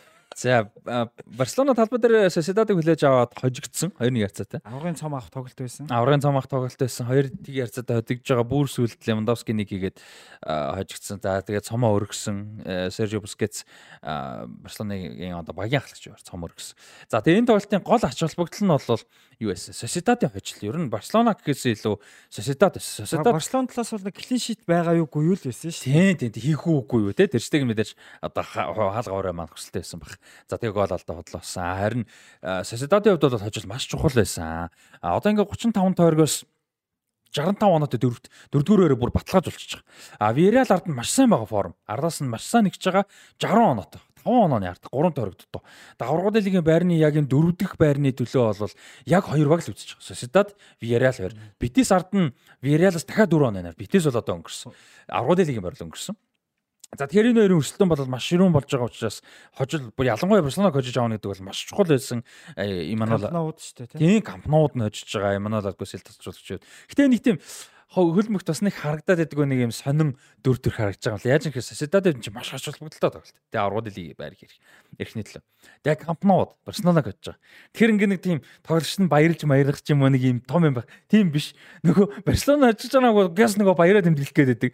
Sociedad-ын тоглогч шүгэл дуграал Sociedad-ын тоглогч нэг баярлах гэсэн үгүй хэвчээ нөгөөд нь баяр тэмдэглээ яваад өгдөг. Тэгээ Sociedad-ын тоглогч нэг тийм хожигдсон юм шиг үгүй юм шиг нэг тэгсгээ талбай орхисон нэг сонин хос гоорд өгс харагдаад өнгөрнөл өнгөрнөлээ. Цог баярлчихгүй. Цуг. Цуг. Тэр жил нөө юу цуг ярьлаа шүү дээ. City Queen's Park хоёр. Аа нөгөө үлдээд. Нэг нь авраг аваа, нэг нь үлдээд цуг ярьлаа шүү дээ. За тэгээ Атлетико Мадрид Осасуна 3-ыг харьцаа дагуулгаж авсан. За юун дээр Атлетико дээр нэмэгцүүл байгаа. За тэгэд би нэг хоёр тоглолтын дээр тайлбар орвоо. А Валенсиа Реал Мадрид. За тэгээд Севиа Реал Битис гэдэг нэг амар хоёр тоглолт. Ингэж. Валенсиа Севиа амар тоглолт бас. Бөө хэрүүл. Тийм Валенсиа Реал шуучлаар. Бөө хэрүүл маргаан зодоон ст амар юм бас. Тэгээд тэр тоглолтын дээр нэлээд асуудлууд их гараад тэгээд цаг маг сунгаад яг дунд нь асуудлууд энэ ярина. Тэгээд цаг маг сунгаад юу яагаад 10 минут сунгаа.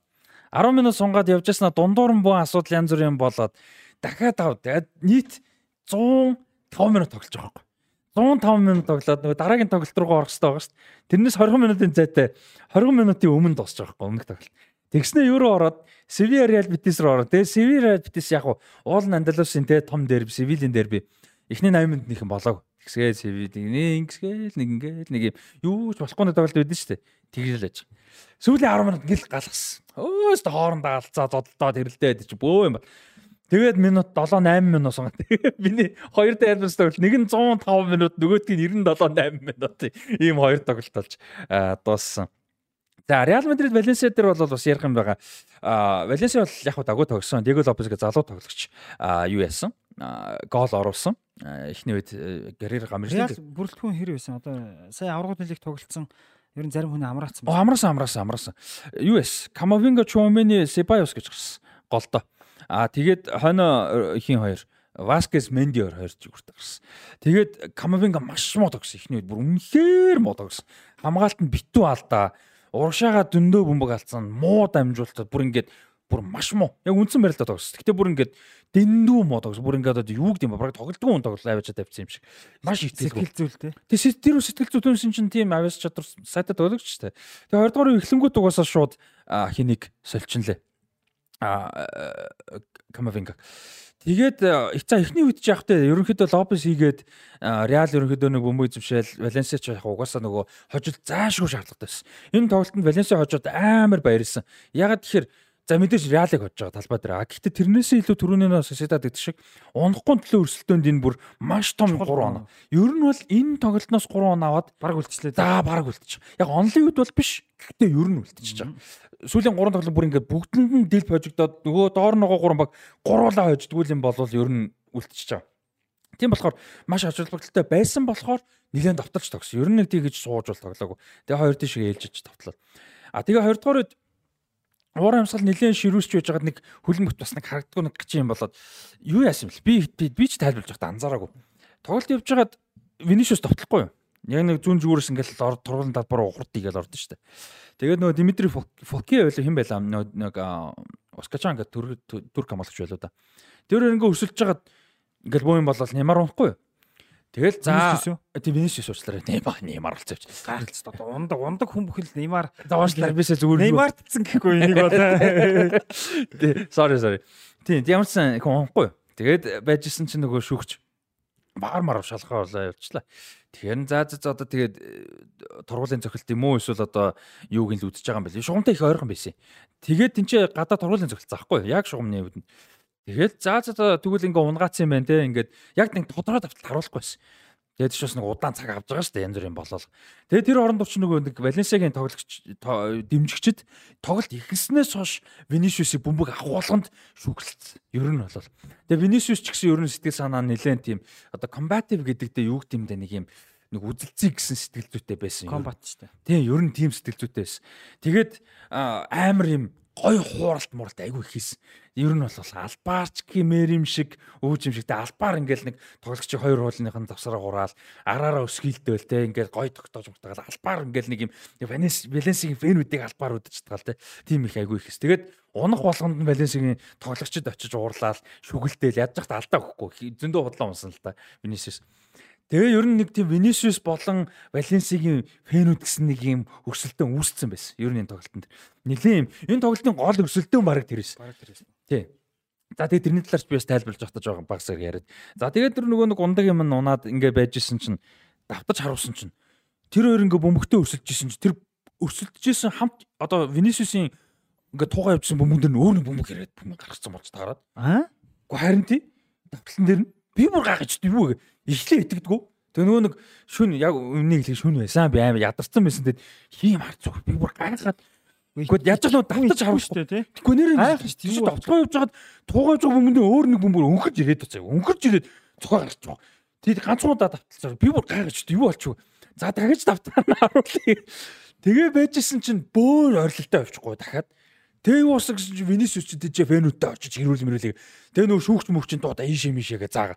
Тэгсэн чинь нөгөө Валенсигийн фэнүүд чинь явж чаад нөгөө Винисиус чинь арьс өнгөөр ялгарч гараад зөхөж Тэр дормжлоо. бөмбөг цогтөг ямар учиртай. Гэхдээ харин одоо яг тийм юм гоо зэрэг зэрэг болж байгаа байхгүй. Тэр нөгөө бөмбөг цогтөж учир нь олж амжаагүй байж хахад давхар тийм болоод. Тэгээ Винисиус ч угаасаа тэр бол гэхдээ Винисиусын буруу угаасаа биш. Тийм зүйл байж болохгүй, хүлэн зөвшөөрж болохгүй.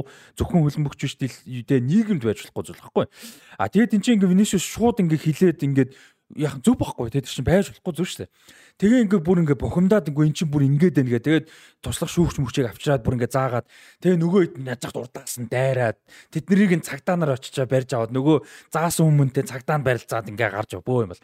Тэгээ Винисиус чи бөөн бухимдалцсан. Тэгээд Анчлотиг дуудаад Анчлоти Винисиусыг нэг урам зориг хайрлаж ах шиг байгаамаас нэг тайвшир мавшир гэсэн юм яасан. Духан дээр нь бас нэг үнсэл явуулж илээд. Яа тэр үед л нэг Анчлотиг нэг 60 эдтэй хүнлэгч гарлаа штэ. Бид нар ч одоо нөгөө тасчуудчдыг нэг тийм нас масар нэг боддгоо штэ. Тэгсэн чинь тэр үед л нэг тийм гой өвөө шиг харагдлаа. Тэгээд Винишиусыг нэг тийм жоохон тайвшруулад хим минь ч гэсэн Рудигер мүдигер ч гэсэн очиад бас нэг жоохон юм яриад тэрж мөврээд нэг жоохон тайвшруулад харамсалтай Рудигер ч гэсэн бас карьертаа нэг жоохон болох болохгүй мэдчихсэн хүн тэгээд бас золон гэж мэдчихсэн баг. Тэгээ ингээ нэг жоохон тайвш. Тэгээ бөнгөч тэгээ бөнгөчгээ тасч шүү дээ шүүгч байдаг шүү дээ. Тэгээ бөнгөч очиод Руди хин шууд асууж хэлээ л дээ.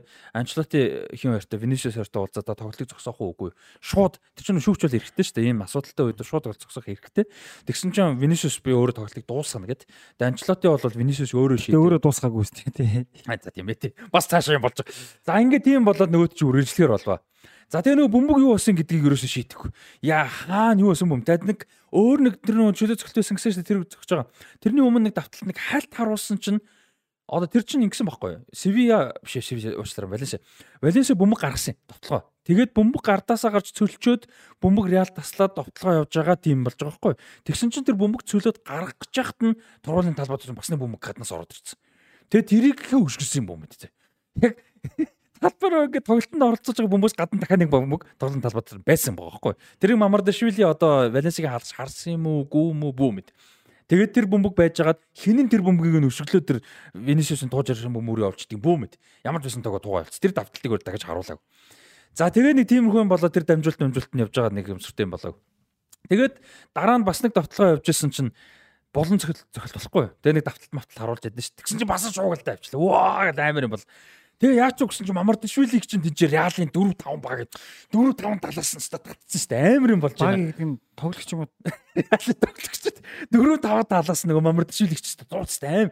Өө бас юу болчих вэ? Яач уу гэдэг тэгсэн чинь ингээд зурлаа. Тэрэндээ чи Винисиус чи Винисиус чинь нэг нөхөр Винисиусыг ингээд багал зурдаж магал зуртцсан.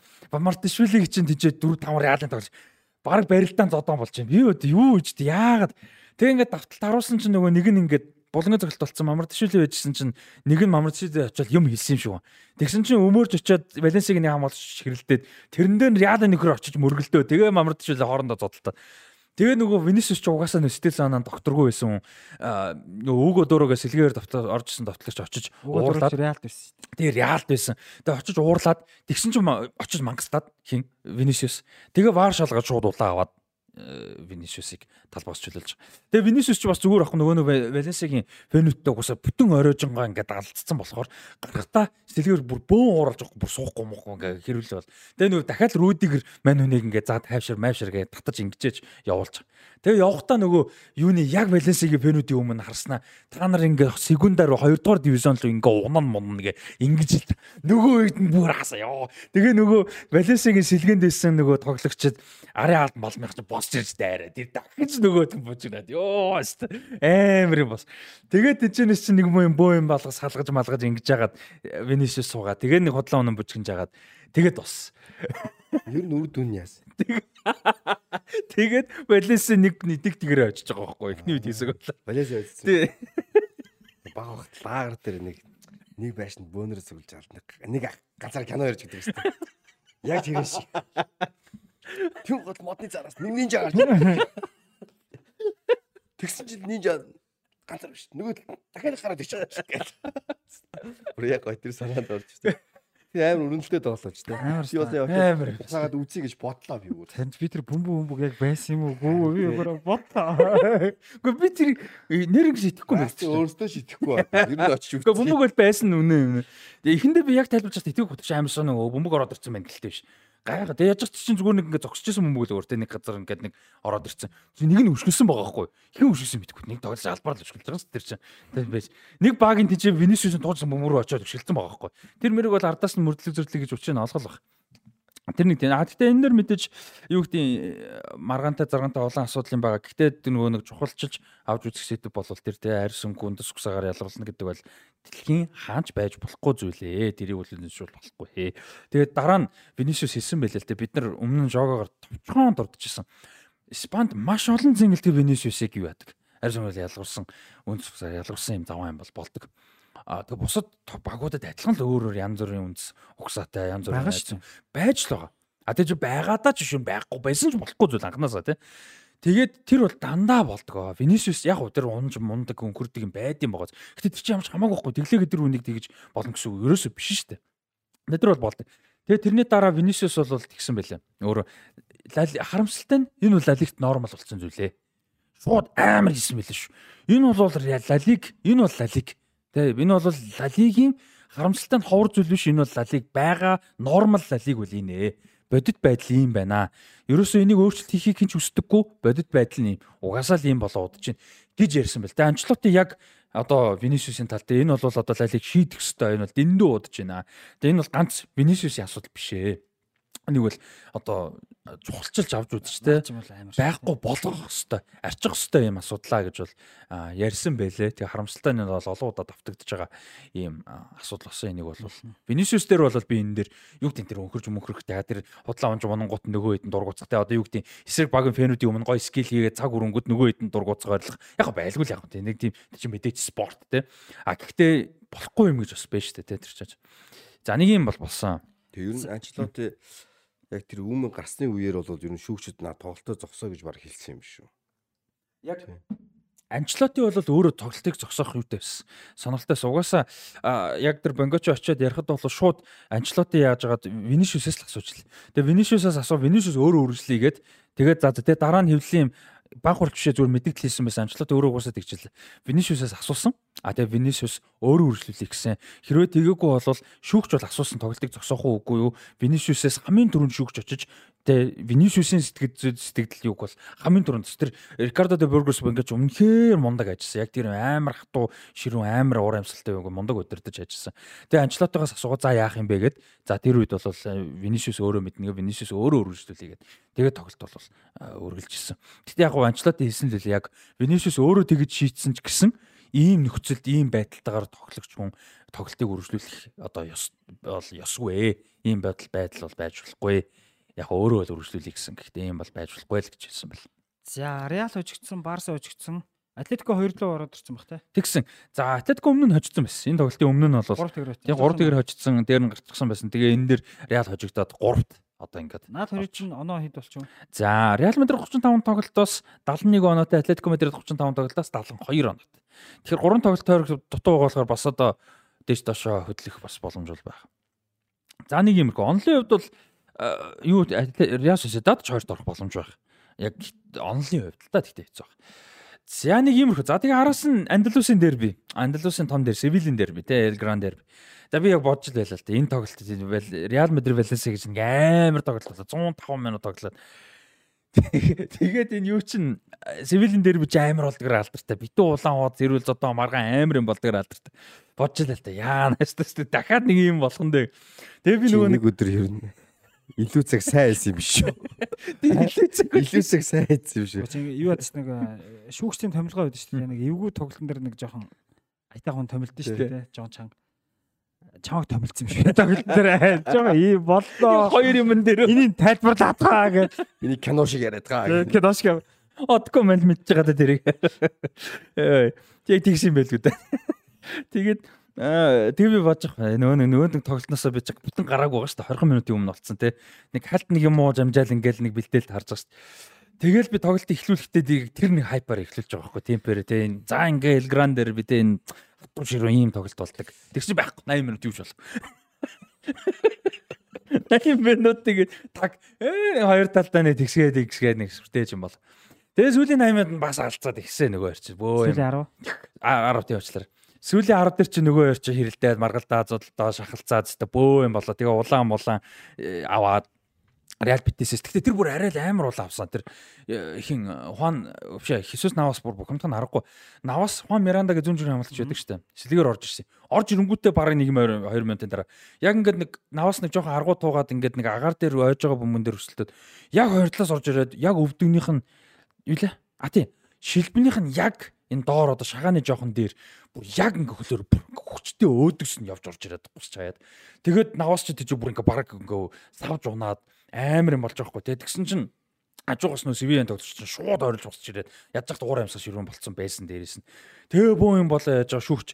Шар үзгсэн чинь наваас бүр бухимдаад ойрлоод бүр тэргүүр чинь дайраад нэг юу руу? Шүүгч рүү.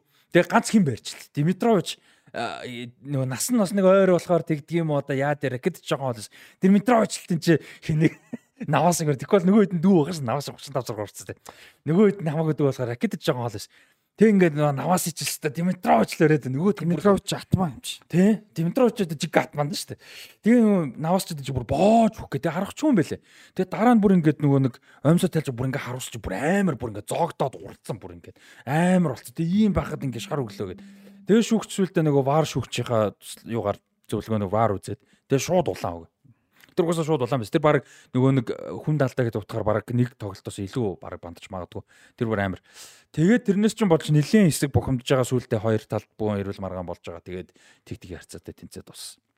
Яа тэгээ дуусаа би бүр яа гэж хоёр тоглолт дараад өөрөө сотолцсон юм шиг л болов. Өөрөө дундноор цаагцсан юм шиг л бол. Йоо ёстой нэр. Түргэн дийлсэн. Тийм ёстой. Өмнө нь жаадаг. Яаж ч Рамон Санчес би сонч амар уур амьсгалтай тий. Нөгөө битээсийн эсрэг тэдрэж ч ёстой хөдлөхгүй. Битүү шүгэлдээ зарилтаа л ёстой нэг амар ёо. Яг гоё гоёнч гоё л да хөлбөмбөгийн бас л тэр Винишиусийн асуудал арьс өнгөний миг стоцол одоо бас нэг юм хөлбөмбөгийн мэдээж байлгүй яах вэ галзуу өрсөлтөө хатуу ширв бас тэрийг нь бодвол гоё нэг байсан. Гэтэ үнэхээр тарих сэтгэл зүйн хувьд бол нэг сэтгэл хөдлөлд их ядаргаар хоёр тоглолт бол таарсан. Одоо илүү цаг аав, хэдүү цаг байгаа. За тэгээд тайлбарс яг нөгөө өчтөр юу өчтөр шин тий өчтөр шин баха. Тэгээ нөгөө нэг саяхан болсон болохоор би нөгөө сайн содгод санаа байна л та. Тэгэл ярьчлаа. За тэгээд юуны хувьд бол нэг иймэрхүү аа Испани лиг те товчтой. Валенсиа орсон үлдэх тодорхой болсон. За Севиа бол тэнцээд эхний 10 руу ороод ирсэн. 9 дээрээ тавьчих. За Жироноос гоё явж байгаа шүү дээ. Ер нь 8-д явж байгаа. Үзэгч маань бас гарч ирсэн баг мэдж байгаа Каталаны баг. За, Сериад за Наполи төрүүлсэн ойлгомжтой Самдориаг AC Милан 5-1 ярцаатай буулгаж авсан. За энд нэг юм байгаа Самдориа бол одоо бас л мундаг баг шүү дээ. 90-ад онд Италийн Сериад төрүүлж явсан Европын цом гэдэг улирлын сүүлийн улирлан гэж би санаад байна. Шгшээд шалгарч байсан олон мундаг бас гой тоглож тоглож исэн Роберто Манчинигийн баг шүү дээ. Би андуур бол Виале Манчини хоёр юм. тийм хоёулаа шүү дээ тий. Тийм тэр хоёрын баг. Тэгээд ер нь бас нөгөө нэг Самдори бол Европын хөлбөмбөгийн фэнүүдийн айгүй олон фэнүүдийн 2 3 дахь баг нь байдаг те. Самдори хайртай фэнүүд их байдаг те. Ялангуяа Италид одоо Италийн хоёр дахь одоо хүн бүхэн нэг Милан ч юм уу, Ювентус ч юм уу, Интер Ромаг дэмжиж байгаа шүү дээ. Яг хоёр Лациог дэмжиж хоёр хог нь Самдори байгаад байсан байхгүй. Тийм яг ингээ хүн болгоны гоё хайртай баг те. За Самдори бол одоо ингээд 18 оноотой унах нь албан ёсоор тодорхой болж байгаа. 18 оноотойгоор. За маш муу байгаа юм байна. Тэгээ Роберт ямар хин гэж вэ? Би одоо нэрийг цээжсэнгүү. Меретти ч үлээ Моратта ч үлээ нэг тийм хүн эзэмшдэг юм байна 14 оноос хойш. Тэгээд тэр эзэн бол одоо энэ Итали дээр үзэн ядагддаг юм байна. Яаж ч тэр нөгөө Италиудын ч одоо хоёр дахь хайртай багийн самдаар байгаад шүү дээ. Тэр багийг ч одоо өстон өстон новшин удирж байгаа хүн тэр юм байна. Цэвэр өөрөө өөртөө ашиг болгодог яадаг яадаг ч гэнэ ерөөсө битүү асуудалтай. Тэгээд битүү санхүү эдийн засгийн асуудалтай. Тэгээд энэ самдаар ч зүгээр унахгүй байна. Одоо унаад А одоо энэ албан ёсны нэг санхүүгийн тайлангийн жил чинь хөлбөмбөг чинь 6 сарын 30-наар дуусдаг шүү дээ Европ байлрал. Энэ 6 сарын 30 дуусахаас өмнө Самдория баг 30 сая евро босох хэрэгтэй байна. Ерөөсө. Тэгэхгүй бол хууль ёсоор дампуурх юм байна. Ерөөсөө нөгөө нэг insolvency гэдэг юм руу ордог шүү дээ. Тэр чинь одоо нөгөө парма шиг юм болох байгаа байхгүй юу? А албан ёсоор оршин тогтнохгүй болно л гэсэн үг шүү дээ. Тэгэх гээд байгаа юм. Тэгээ энэ Чаус нөгөө Самдоригийн фэнүүд чинь энэ нөхрийг нэгдүгээрч хийлгэлж гаргах гад, хөөгж гаргах гад дийлэхгүй. Тэгээ фэнүүд нь Чаус юу яаж байгаа юм бэ? Бүр ингээ нөгөө нэг хандин манд босгоод 30 сая доллар чаавс фэнүүд нь өөртөө босгох гоо хөдөлгөөн мэдлэгээ тэр үрч хөөрхөн бөө юм болж байгаа юм байна. Хандилж өгөн мөгөн багтаа гэдэг. Тэр нь 30 сая доллар яа их мөнгө ч 30 сая евро ч. Тэгээд чадах ч юм уу ч юм уу. Тэгээд хэрвээ унчхам яг унхан тодорхойлцсон. Тэгээд унаад мөнгөө босгож чадахгүй унах юм бол шууд цуцлагдаад бүр оршин тогтнохгүй болоод нэрээ өөрчлөөд одоо энэ чи AC самтор гэж үүдэг одоо магадгүй DFC самтор болт юм яа гэдэг. Шинэ хүмүүс авна гэсэн үг шүү дээ. Тэгээд серие D-гээс эхлэх ийм одоо нөхцөлөд орчод байгаа юм. Самдория баг. А тэгээд нөгөө хин чин Андреа Радризани чин тэр нөгөө Самдорийг хэрвээ одоо байхгүй болох юм бол авах саналтай байгаа нэг байгууллага байгаа юм. Яг ганцаараа биш юм байлээ л дээ. Нэг одоо Тод Боли гэдэг шиг нэг хэсэг хүмүүс нийлээд нэг байгууллага үүсгээд авах гад байгаа юм байна. А тэрнийх нь 27%-ыг Радризани эзэмшиж байгаа гэсэн ийм болвол мэдээ явж лээ. Тэгээ Самдори бол одоо ийм нөхцөлтэй байгаа юм байлаа харамсалтай. Тий одоо бас л олон хүний мундаг олон мундаг гой тоглогч тоглож явсан. 90-ад онд бас л дээгүүр явсан те. Ийм баг аа бол бэн лээ. А бас кино продюсер юм байлаа шүү тэр эзэн нөхөр. Нэг жоохон бүтлгөө нөхөр байл. За. Тэгээ Интер сая Наполид 3-1 харьцаатай хожигдоод дөрөвдүрэнд 68 оноотой явчих. За одоо энэ аврагын лигийн байрны төлөө өрсөлдөөн болол 3 үлдсэн 2 3 тойрогт бол нэлээд ширвэн болно. Ювентус 69 оноотой 35 тоглолтоос шүү. 69 оноотой хоёрт явж байгаа. Лацио Ардан 36 тоглолтоос 68 оноотой. Интер 36 тоглолтоос 66 оноотой. AC Милан 36 тоглолтоос 64 оноотой. Аталанта 36 тоглолтоос 61 оноотой. За эднэр бол бүгд одоо аргууд лигийн байрны төлөө нэлээд ширүүрсэлтэй болж байгаа. За Рома бол сүүлийн 5 тоглолтод хожил аваагүй. Ер нь бол маш муу байгаа форм. Хайцсан дээ. Ер нь бол хайц. Яг би Ромагийн тоглолтыг үзэг гэхдээ сүүлийн 2 тойрогт ер нь маш цол бүрэлдэхүүн гаргасан гэсэн. Жозе болоо зүгээр зүгээр зүгээр шууд зүтгэцэн гэсэн. А тэрийг бол хин Джеймс Хорнкасл хэлсэн байна лээ. А тэгэд энэ жил бас нэг юу Сери А түүхэн рекорд тогтоодож байгаа юм байна. Сери Б-гээс Сери А-д орж ирэнгүүтээ орж ирсэн удирдалтаа хамгийн өндөр оноо авсан рекордыг Монца тогтоож байгаа юм байна. Аа нөгөө хоёрын Монца. Тийм. Нөгөө хоёр нь. За Монца бол мэдээж нөгөө хин Юуэг хоёр нухсан шүү дээ. Тийм Юуэг хоёр нухсан. Юу гуссан байла. Интер томчуудыг ер нь хуссан байла. Хуссан байла. Тийм байла. Хэд хэдэн томчууд гуссан байла. За энэ Монца чинь юу яаж байгаа юм бэ? 36 тоглолтоос 52 оноотой 8 дэвчих. Амар 52 юу гэсэн үг вэ? Тийм ч дөнгөж орж ирсэн баг шүү дээ. Тэгээд дээрээс нь 36 гэдэг чинь одоо дахиад хоёр тойрог дутуу надад бүр болно бүр европынч байраг одоо байр за арай авахгүй юм байна л да гэтээ бүр шахах те ийм боломжтой. Намонца ч одоо юу гэдэг юм тоглогчдын дараахан ч гэсэн удирдлагын нэг аваргын сэтгэхгүй байгаа байхгүй. Сильвио Берлускони юу? Адриана Галиана хоёрын нэг аваргын сэтгэхгүй. Наа чи бүр нэг шууган гарсан штэ. За одоо ялах юм бол ингэн тэгнэ гэд за одоо энийг бүр яг ил зарлж болохгүй юм да. Гэтэ нэг айхтар айхтар юм байна. Тэгсэн тэгсэн. Мотивац жолч амар хүмүүс шүү да. Тэр чи Twitter дээр бөө юм болсон шүү дээ. Тэр билүүлсэн юм уу яг? А 100 билүүлнэ. 100 билүүлнэ юу? Аа яа яа. Оо өрөнд орсон байгаа юм шиг тэр хоёр чи. Оо тэр хоёр сайн юм биш үү? Тэр Тий. Гэтэ нэг тийм байгаа шүү дээ. Энэ подкастаар ярихад болохгүй юм амлсан юм байгаа шүү. Э Берлусконы стилийн юм амлсан юм байгаа шүү.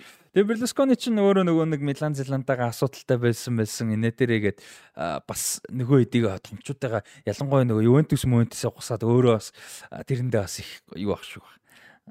Кайфт кайфт. Тэгээ энэ улс төрийн бас нэг камбэк хийж байгаа шүү дээ. Хит барууны нэг нам намыг бас хөрөнгө оруулалт хийж байгаа. Тэр нэг эмхтэй лидертэй нэг нам байгаа. Тэрэн дээр чинь бас улс төрийн камбэк хийж байгаа юм нөхөрч. Тэр нам нь бас нэг гайгүй хитэн суудлын мод авсан сайхан Италийн сонгуулаар. За нэг иймэрхүү байна Италийн хөлбөмбөг үү. Жампиро Гаспаринитай Аталанта 61 онд байгаа. За. Мэргэн бууч. За мэрэгэн бууч Виктор Осимен явж байгаа. Нэр тийм байгаа тий. За Виктор Осимен мэрэгэн бочоор бол явж байгаа. За. А Юрори. Бундеслиг рүү орох удаа. Сананан. За одоо би өнгөлөр ярьж байсан. Амар товчхон яриа гэжсэн. Растыг сонсон чи бүр кино шиг ярмаар санагч. За, кой сонсон л та гоё шүү дээ. Аль нэг цай яач. Аа. Бүнслийг явах бай. Нөгөө хоёр дээр л гол анхаарал байсан. Гол нь тэргүүлэг солигдсон гэдгээр бол энэ тойрог онцлог байлаа. Тэгээд бүнслийг ер нь ойрын жилүүдэд ийм сонирхолтой байгаагүй хамгийн сүүлд 2006-аас 7 оны үеэрэлд Штутгарт. Штутгарт тун сонирхолтой байдлаар Шалке гомдоож Шалка дандаа л гомдчихдаг. Шалкегийн фанатуудыг Шалка дандаа л гомдчихдаг тийм. Ливеркус нэрэж мөнгөд гомдчихдаг шүү дээ. Ливеркузны чинь баяр Неверкузн болгоцсон байна шүү. Ливеркус ч бүнслийг төрүүлэг юм шүү дээ. Төрүүлээ биш тэрээс. Ойфагийн цомдол төрүүлжсэн юм. Ойфагийн зомныг төрүүл. Тэгээд баяр Неверкузн юм байлаа. Тийм байна, тийм байна. Тэгээд түүнээс хойш ийм гой сонирхолтой өрсөлдөөн байгаагүй. Нилээн сонирхолтой боллоо. Тэгээ ер нь бол энэ тойрог доотлыг рууных эхний багийн нэр нь тодорхой боллоо. Тэргүүлэгчийн байр солигдлоо. Нэг ийм тойрог боллоо. За тэгээд доороос нь эхэлж ярил Херта Берлин боохон хоёрын тоглолт болсон. Шууд хин хасагдах вэ гэдэг шууд өрсөлдөөн байсан. Берлинд ямар боломж байсан гэхлээр олонний хувьд бол боломж байсан. Сүүлийн хоёр тойргийн тоглолтод хоёуланд нь хожих хэрэгтэй байсан. Тэгээд талбайдаа хийж байгаа удирлын сүүлийн тоглолт байсан. Боохомтой шууд тоглосон эхлээд ч гол оруулсан, нэг тэгэр хожиж явсан, дараа нэг хаалганы шоонсон, хоёр хаалгаа онсон цохилт хийсэн. Боломжууд өрөөсө алдлаа. За тэгээ боохом яг 94 дээр авчиад масаа ууч мөргөд гол оруулт. Нэг нэгээр тэнцсэн. Зөвхөн хожих хөстө даалгавар Херта ингээд дууссан уу тэгээд? үгүй болоод Херта Берлин доотлог руу унах тодорхой болсон. Тэгээ Берлин 7 дахь удаага доотлог руу унж байна. Ер нь Бундслигийн түүхэнд дээдлэгээс хамгийн олон унжсэн баг Нюрнберг клуб байт юм байна. Нюрнберг 9 удаа унжсэн. А Армина Билифилд 8 удаа ингээд Херта ардаас Бүр Билфилд бол бүр бүр сүүл байхгүй болчлоо тий. бүр байхгүй болчихлоо өрхөө. За байхгүй бас нэг хэд унж боссон тий. Тийм, Кёл бас нэг хэд унж бас. Тэгээд Херта ингээд доотлыг руу унж. Ер нь гэхдээ Херта яг үнд бас ер нь унсан баг болж байгаа юм шиг талаар юм бичсэн байна лээ. Тэгээ би буруу ойлгосноо зөв ойлгосноо. Ер нь санхүүгийн хувьд нэлээд хүнд нөхцөл байдалд орсон юм байна. А доотлыг руу унах юм бол нийт цалингийн төсвийг ер нь тамирчдын цалин 30% өдр бууруулдаг юм байна. Тэнгууд доошоо буунгууд нь Хертагийн удирдлага шууд 50% бууруулна гэсэн мэт цалингаа. Хоёрдугаар лиг рүү унтсан юм чи гэт. Тэгээ нөө мөнгөний алдагдлалд орцсон байгаа багч нь тэгжиж бас санхүүгийнхээ байдлыг жоохон тогтворжуулж авах. Ийм боломж жишээ нь тэднэрт олдож байгаа юм байна. Анаач тэгвэл яг юу яаж байгаа нөгөө гэрэн дээр тийг зааж байгаа. Тамирч зааж гэрээ байгуулах та. А түүнээс ингээд нэг тогтсон гэрээг ингээд уулгаад ажиллахгүй шүү дээ. Мэдээж яг нэг зэрэгл аврагын лиг ирэх авалт гин те. Европын цомын ирэх авалт гин гэдэг юм бас тодорхой байгаа. Нөхцөлд оролцсон байна. Нөхцөл бол мэдээж оруулцсан байдаг. А жишээ нь зарим бол 20 дугаар лиг рүү орох юм бол шууд чөлөө тагин тэр явна ч гэдэг Тийм. Зарим тийм байгаа шүү дээ. Тий. Тэгээд иймэрхүү байдаг. Тэг ерөн сүүлийн жилүүдэд их үр ашиггүй олон 8 хийсэн. Олон ч удирдлага солигдсон. Нилээн хөнгөний алдагдлалд хүрсэн байгаа. Одоо гişтөө Пятаг эдрий чинь Херт Берлиний нэр дээр одоо хүртэл байгаа юм байл шүү дээ. Зээлэр явуулсан. Я Пиантику. Пионтх нь. Тэг энэ мэдчлэн бол нилээн сүүлийн үед маш муу ажиллаж байгаа. Тэгэхээр харин 20 дугаар лиг рүү унсан санхүүгийн үед бол бас нэг талаараа амжилт муу байсан санхүүгийн үед бас ганц эрг зүйл бас бол тийм үнэтгэж жишээ нь ингээд яригдсан байлаа. За ингээд Берлин доотлыг руу унж Union Berlin клуб бол Берлиний номер 1 баг Баг болж одоо ингээд үлдсэн. Херта Берлин ч нөгөө алдартай Арн Фредрих Тий. алдартай бас, э, Байсан үү шүү дээ. гоё Берлин байсан шүү. Тийм нэг Марселино өдр А Бразил тий. Тийм Бразил. Гоё гоё шүү. Үнэхээр үсээ янз янзаар буддаг. Тэр нэг сондгоо байдаг гэсэн тийм. Яг яг. Тийм баг ус нэг 10 жилийн дараа унж जैन. хамгийн сүүл зэрэг Херте Берлин их гой сонирхолтой зүйл болж ирсэн. 11 онд Берлин доотлыг руу унж ирсэн. Тэгээ одоогийн саяг бас дасгалжуулагч байла. Унгар энэ клубын түгэнд хамгийн олон тоглолт хийсэн Дардай, Пал Дардай? Агуу Дардай тоглогч байсан. 11 зодог тайлгч байсан. Нэр төртөөгөр өстэй Берлин чинь баг Баатарлаар зодог тайлгчсан чи багийн доотлыг руу унчихсан. Тэгээд Ямар эйгүү. Эйгүү төгсгөл үү Эйгүү те. төгсгөл. Тэгэхээр заа заа зодог тайлхаа байли. Дээш Дараа өдрөлд нь 20 дугаар лиг тоглоод дээш гаргачаад зодог тайлсан. Тэгээд бас гоё гоё. тий. Хоншортой. Хоншортой. Тэгээд дээш нь гаргачаад зодог тайлаад тэгээд дараа өдрөлд нь хөөрхий пал дээр зодог тайлсан дараа дээш гарч ирсэн дахин унтсан. Тэгээд түүнээсээ шугн овоод доктортой тоглож исэн. Дардаач өөр дасгалжуулагч орж Тэгвэл дайжгүй дасгалжуулагч. зодгоо өмсөөтэй. Одоо баг оног одоо. Тэгээ одоо жишээ дардаа чинь төр орлогчор дасгалжуулагч байгаа. Тэгээ одоо хин жишээ нь цааш ирэх үлрэлд өдөртөхийг одоо Дардаач тэгээ хертат тоглогчоорч дасгалжуулагчаарч унтж байгаа юм уу? Тийм байна, тий. Тийм ээ тий. Эйгүү төгсгөл байна. Ядаргатай. Тэгээ ер нь Сандро Шварц өдөрлөг нь бараг л унцсан. Тийм ёроолд. Тэгэл манай энэ ч нөгөө нэг тэгэл лагийн л үрж байгаа байна л да тий. Наа чи ингэдэг баг. Би тэгж бодоод байгаа. Өдөрлөгүүд ер нь дардааг санаатаагаар сонгодог баг. Тэгтээгүй Берлиний фанатууд өдөрлөгүүдийн буруу шүү дээ. Өдөрлөгүүд муу байгаа шүү дээ. Тэнгууд домгийн урдаас. Наа чи сэтгэл зүйхгүй. Тий. Одоо Ньюкасл унахад ширээр ирдэ штэ. Мгм. 2000 онд. А тэр бол одоо юу гэдэг том ямар ч том коуч ирээд тэр баг сэтгэл зүй байхгүй болсон. Одоо энэ зүгээр эцсийн арга бол те сэтгэл зүй байхгүй. Сэтгэл зүй фанатуудыг баярлуулж гин тамирчдыг ингээд бүр тийм сэтгэл зүй тэгээ дардаа чи яг тийм л зоригтой юм байна. тийм л зоригтой. Үүн дардааш насгажуулагч ирээд Берлин чиг бас нэг 7 молоор оруулж ирлээ бас өдөр их сайн удирцсан маа хөрхий. Тэгээ гол нь Херте Берлинд одоо хүмүүсийн сайн мэддэг дасгалж Ибишевич байгаа шүү дээ. Видат Аа? Дад Ибишевич. Ибишевич тусгай дасгалжуулагч болсон тийм нь ажиллаж. Одоо ирэх хөдрөл тэгээ 20 дугаар лигт дасгалжуулагч юм. Гэхдээ яг зүгээр яг баг ахлахгүй байхаа гэж бодож байна. Шууд довтлогчийн дасгалжуулагчаар ажиллаад байгаа юм шиг байна. За ингээ унах баг тодорхой болсон. Тэгсэн энэ 7 хоногийн тойргийн ихний тоглолт Баасан гарагт болсон чинь Фрайбург Wolfsburg хоёр тоглосон. Өмнөх тойрогт нь Ливеркузен хожигдоод Wolfsburg хожоо 6 дугаар байр руу ороод ирсэн. Ливеркузнийг хассан байсан. Тэр хоёр оноо ижил нэгэн бөмбөгийн зүргээр Wolfsburg 6 л ороод ирсэн байсан. Тэгсэн Фрайбург 2-0 янцтар хожиж байгаа. Тэгсэн Ливеркузен тоглоог байж байгаа буцаа 6 дугаар байр руу орчиж байгаа. Гол ороо. Голынхаа зөрөөгөр тоглоог байж байгаа. Сонирхолтой зүр энэ. А тэгсэн Фрайбургийн тоглолт бас их сонирхолтой болсон. Фрайбург ч 10-д нэгт орохын 7 дугаар тэмцээр болсон өнөөтэй. Тэгсэн Фрайбург дээр а Нилс Петерсен гэж товтлогч байдаг. Яг нэг зартаа товтлогч бол биш. Байерн яаж жоох академи мэдэрт бол Байерн харьяалагчсан Вердерт байсан. Тэг Бүнцлигийн түүхэнд Нилс Петерсен сэлгээр орж ирээд хамгийн олон гол оруулсан ийм рекордыг эзэмшдэг Петерсен. Оо за за мундаг амжилт шүү. Шүнцлэх түн. Тэг Бүнцлигт. Мундаг амжилт шүү. Сэлгээр орж ирээд хамгийн олон гол. тий? Пизарагос жилөө. Тэгсэн 34 настай сая авар зодог тайлна гэд хэлсэн. Тэгээд гол орохгүй явж хахад Штрах Педерсеныг оруулж ирээд Кристиан Гюнтертэй хамт оруулж ирд хоёуланг. Тэгсэн Гюнтер эхнийхэн шууд орж ирээд 40 секундэд гол хийгээд нэг тэг болгож байгаа. Дараа нь Педерсен Фрайбургийн талбай дээр болж байгаа тоглолт. Удирлын сүүлийнх нөгөө яг тоглолтын үнжаастай зургийн цэцэгтэй нөгж хүндэтгэл үзүүлдэг. Тэр хүндэтгэлээ авчаад баг билег тэмдгийн байдлаар баг оруулж ирсэн үү эсвэл яг үнэхээр тактикаар оруулж ирсэн үү? Оруулж ирч Педерсен яг сэлэгээр орж ирэг дахиад голчиж. Дээд амжилт ахиулсан байна тий. Тий, дээд ажилтаа Яа. 34 голт сэлэгээр орж ирсэн. 34 Мундаг гол байна, тий. тий.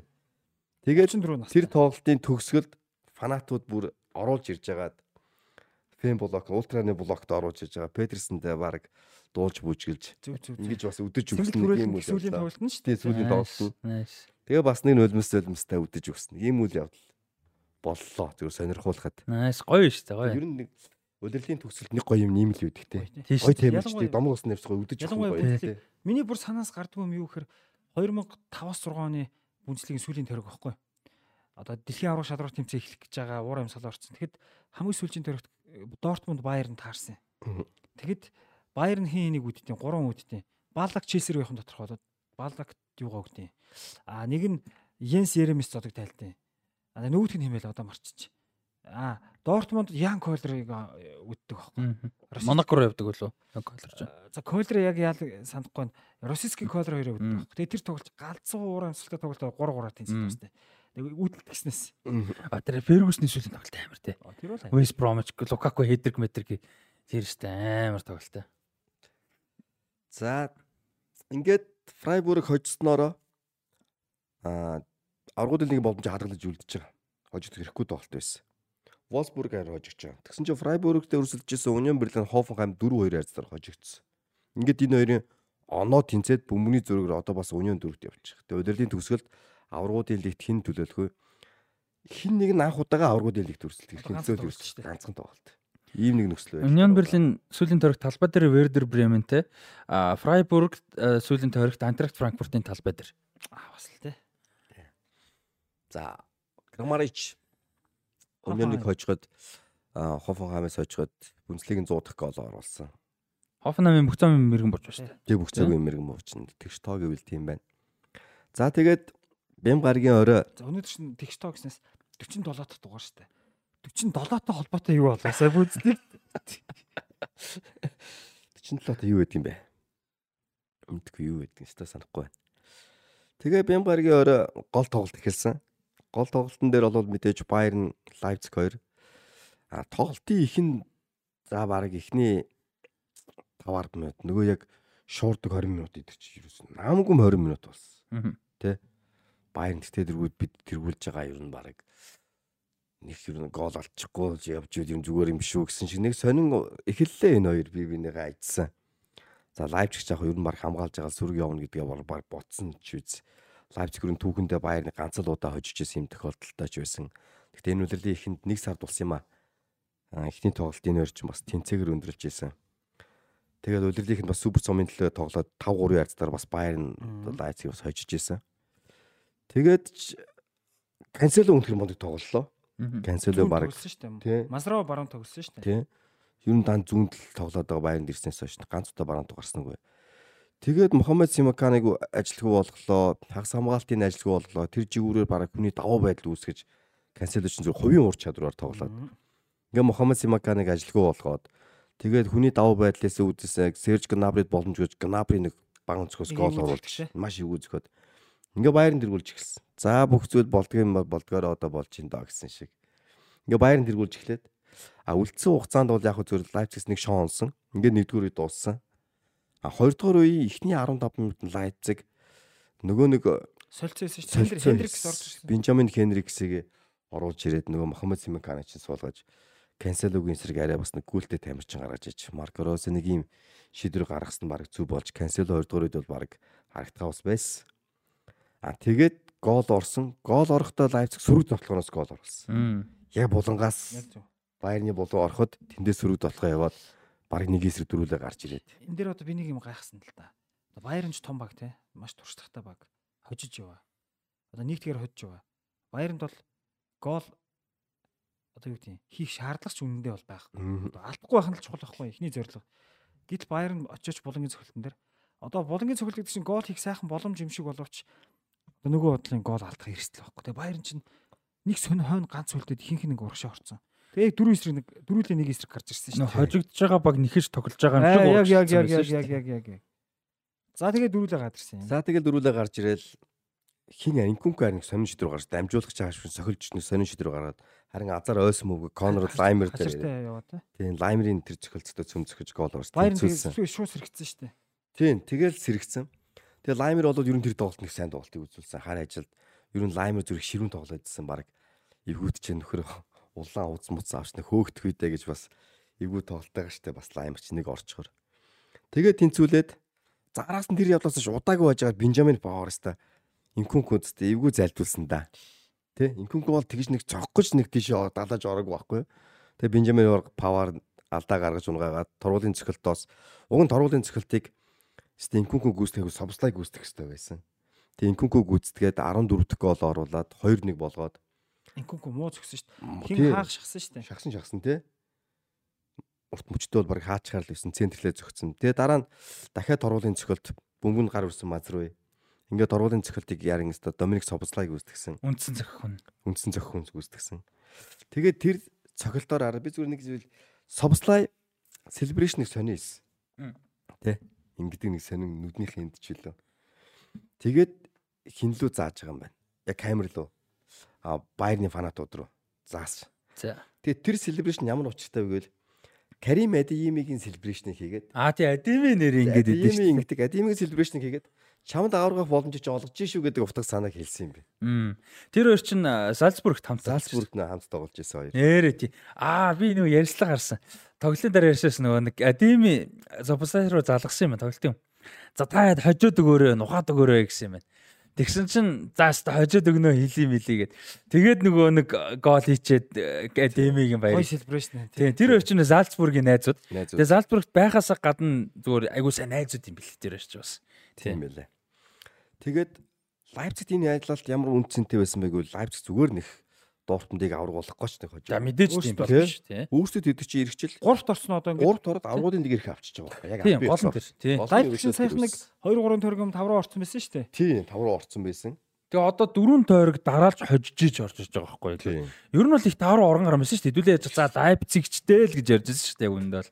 Тэгээд Ливеркузенд хожигсноос хойш ингээд дөрөв дараалж хожоо шууд. Га тэгээд Лайпциг чи энэ жил бас Германы цомын шигшээд бас үлдсэн байгаа. Франкфурттэй тоглоно. Өнгөрсөн жилийн цомыг хамгаалж байгаа баг. Тэгээд туйлын зорилготой бол хүрчлээ. Лайпцигийн туйлын зорилго бол ерөөсөө топ 4-д орсон. Франкфурт нь Байерны гусаа дээ. Тэгсэн. Тэгээд Union Berlin чинь Фрайбург чи баярны ус. Аа. Freiburg шүү. Юу, Union Berlin одоо аврагын лигт үлдэх магадaltaй байгаа дээ. Тэгсэн чинь нөгөө Union Berlin жижигхэн баг те. Жижигхэн. Бундслиг руу нэгдүгээр бундслиг руу гарч ирэн ч гэж бараг бодоочгүй сайн явжсэн. Тэгээ итгэ итгээгүй нөгөө фэнүүд нь. Тэгээд тэгсэн чинь нөгөө нэг яг хараалтай л үгэлтэй. Гэтэ зүгээр нөгөө нэг oh shit we're going up гэдэг утгатай. Яана одоо фэнэс дэше гарлаа гэсэн утгатай юм нөгөө баннер их гар гарч ирсэн юм байна л да. Нөгөө анх бүнцлэг рүү гардаг байл л да. Өөрөөсөө тэрэндээс тоглоом болгодог те.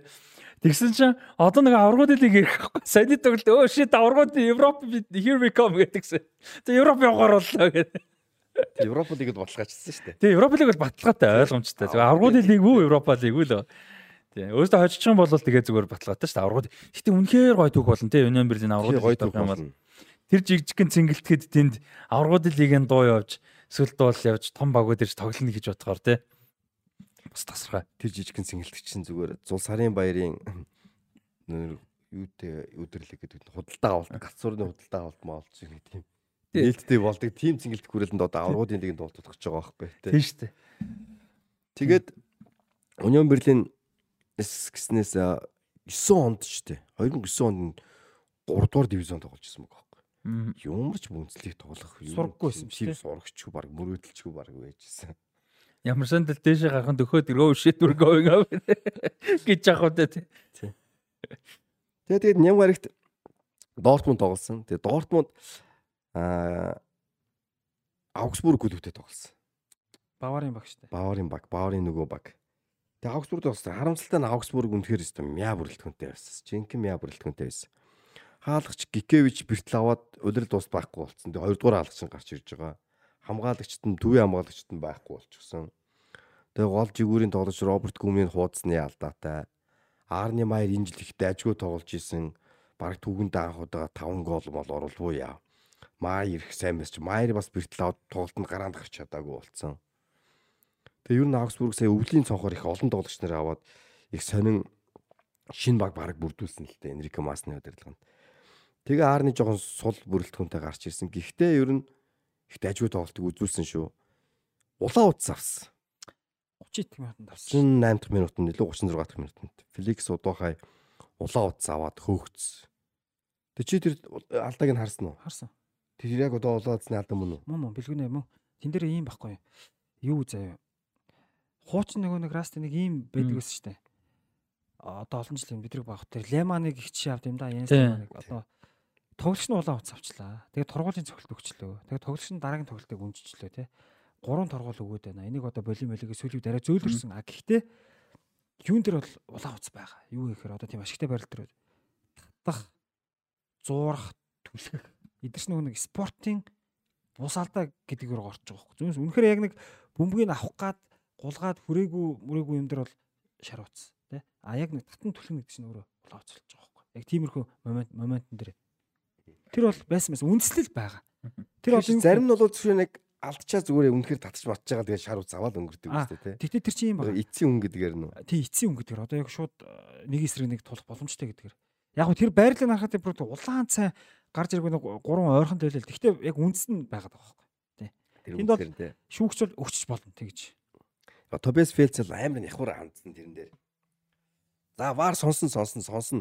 Гэтэ улаан хуцаа өгчөөд хэлж байгаа шүү нөхөр те. Вараа сонсон. Үзээгүй сонсож байгаад өгсөн шүү дээ. Тий. Үзээгүй сонсч өгчөөд. Гэтэ вар сонсноо сонсно гэ бүгдэнд нь тайвшруулж. Тэгэхээр яа гэдэг боохомтой тоглохдод нөгөөдөл чинь шүүгчдийн алдараас бол хожигдсан ингээд Дортмунд нэг тийм одоо хүртэл нэг шүүмж нэг юм яваад байгаа шүү. Пенальт өгөөгүй гэдэг. Пенальт А, Деми дээр. Тий. Та нар бидний шүүгч баг юм уу? хөв зайг шийдэг. Тэр шүүгч биш л дээ. Зөв ер нь Тэр шүүгчийн- асуудал чинь одоо тэр Дортмунд дээр яваад байгаа байхгүй юу? Тийм учраас Дортмундын хувь заяаг дахиад та нар шүүгчийн асуудлаас болоо шийдчихв гэдэг шиг Зүг зүг зүг. Гашралж чинь тий. хаширсан майхтар хаширсан. Тэгээд нэгтэлсэн. Тэгээд дараа нь бол улаан уцаа баталгаажуулсан. Ингээ хүн дутуу болсон.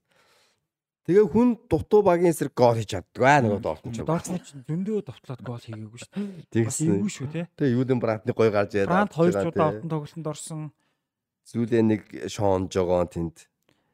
Тэгж тэгж нэг юм гол хийсэн. Ста Себастьян Аалаг гол оруулсан. Себастьян Аалаг нэг бүтэн үлрэл тэ бүтэн үлрэлийн тур шинж. Үлрэлийн хагас тийм хагас тийм хагас. Бүр нэг сард дөнгөж орж ирж байгаа шүү. Тэгээ нэг сард. Тэгээ Себастьян Дортмунд гэхээсээ Себастьян Аалагд өөрөөх нь хувьд үнэхээр гоё үлрэл болчихно. Оо амар амар. Тий. Юу Томчтой тий. юу яах тэр. Одоо нэг л алхам дутуу. Нэг л алхам. Тэгээ одоо өөрийгөө үнэхээр харууллаа шүү дээ. Ямар амар топ товтлогч вэ гэдгийг харуулж байгаа байхгүй. Тэгээ тэр чин ямар амар хүнд төвчин тусуу. Тэгээ тэнчнээс баг хуцаа яг мэдээж имлэг мэмлэг юм мундаг л байгаа л та. Гэхдээ л тэр чин өвчин те. Тэгээ тэрийгээ давж туулаа сэтгэл зүгээр давж тулаад эргээд бэлтгэлтэй ороод тоглоод тэгээ форм болоод багтаа чухал ингээ аврагын төлөө өрсөлдөж хагаад яг ганцаараа биш ч гэсэн багийн чухал хүмүүсийн нэг байгаад э, бас үнэхээр мундаг биш юм хамгийн амарын тэр форм олж байгаа хугацаа асар богино хугацаанд байгаа байхгүй те. Ерөөс тоглож исэн юм шиг гардаг шээ. А тэгтээ юу шүү зүгээр мэдээж өвчин гэдэг бол маш их хүнд хэцүү тий. Бас гимтэл мэмтэл ч гэсэн хэцүү. Тэгтээ нэг давуу тал байдаг шүү. Амарцсан гэх юм одоо бас нэг тийм байдаг шүү. Одоо юу гэдэг гимтэлтэй байсан тоглогч одоо Бразил Роналдо тий. Гимтэл гэдэг хэцүү л дээ. Тэгтээ тэр хүн чинь тархитлогоо амарч байгаа байхгүй. Тэгээд дэлхийн арга шалруу тэмцээн дээр яаж орж ирдэг вүлээ тий. Бас зүгээр альва юм муу ч юм нэ бас муу юм дунд ч гэсэн бас сайн бас байгаа шүү. Тэгээ Аалагийн хувьд бол үнэхээр гоё. Тэгээ өнөөдөр шүү өнөөдөр өчтөр 2 гол орууллаа. 2 тэг болгосон. Дандаа яг өөртөө юм мэдрэмжээрээ. Тий. Гой гой гол хийсэн. Гой гой гол оруулсан. Тэ гой гол. Эхний гол бол үнэхээр гоё гол орсон. За Ройсыг оруулж яд ганц гол хийлгэж гэсэн Ройс хийдгүү аа. Тэгээ Ройсыг хийж чадаагүй Себастьян Алагийг үүсээс нэг 2 тэг болоод. Тэгээ эцэст нь э, хин Брантны ганц гол оруулаад Брант. 3 тэгээр хоцсон. Энэ, Энэ үсгтийг буцаагаад тэргүүлж. Бундслигийн шилдэг 11 гээд зарлагдсан байлээ. Э, Бундслигээс өөртөөс нь энэ удирлын шилдэг 11 гээд. Тэрэн дээр Schlotterbeck хин э, Бранд тэгээд нэг нь халаа байлаа хин байлаа. М, Дортмундаас 3 тоо. Али арай орохгүй хаа. Халаа биш үс хин байлаа харин. Адем адем А Бранд байсан, Schlotterbeck байсан. Хин байсан юм бол ямар ч юм Эмрэ Жан уу? Тэгээ Беллингем юм байна. Ч юм байна да тийм байна. Тэгээ Тэгээ гурав 3 тоглоогүй шүү дээ тий. Жүүсээ тоглоо. тийм. Тэгээд 3 тоглогч орсон байсан. Жүүдийн асуудал нилээ газар авах гэж шинжтэй болсон. Тэгээд ерөөсө тэр бэлтгэл тасалж масалсан чинь шууган болоогүй юм байна шүү дээ. Нэг шууган болж анх гарч ирээгүй юм байна.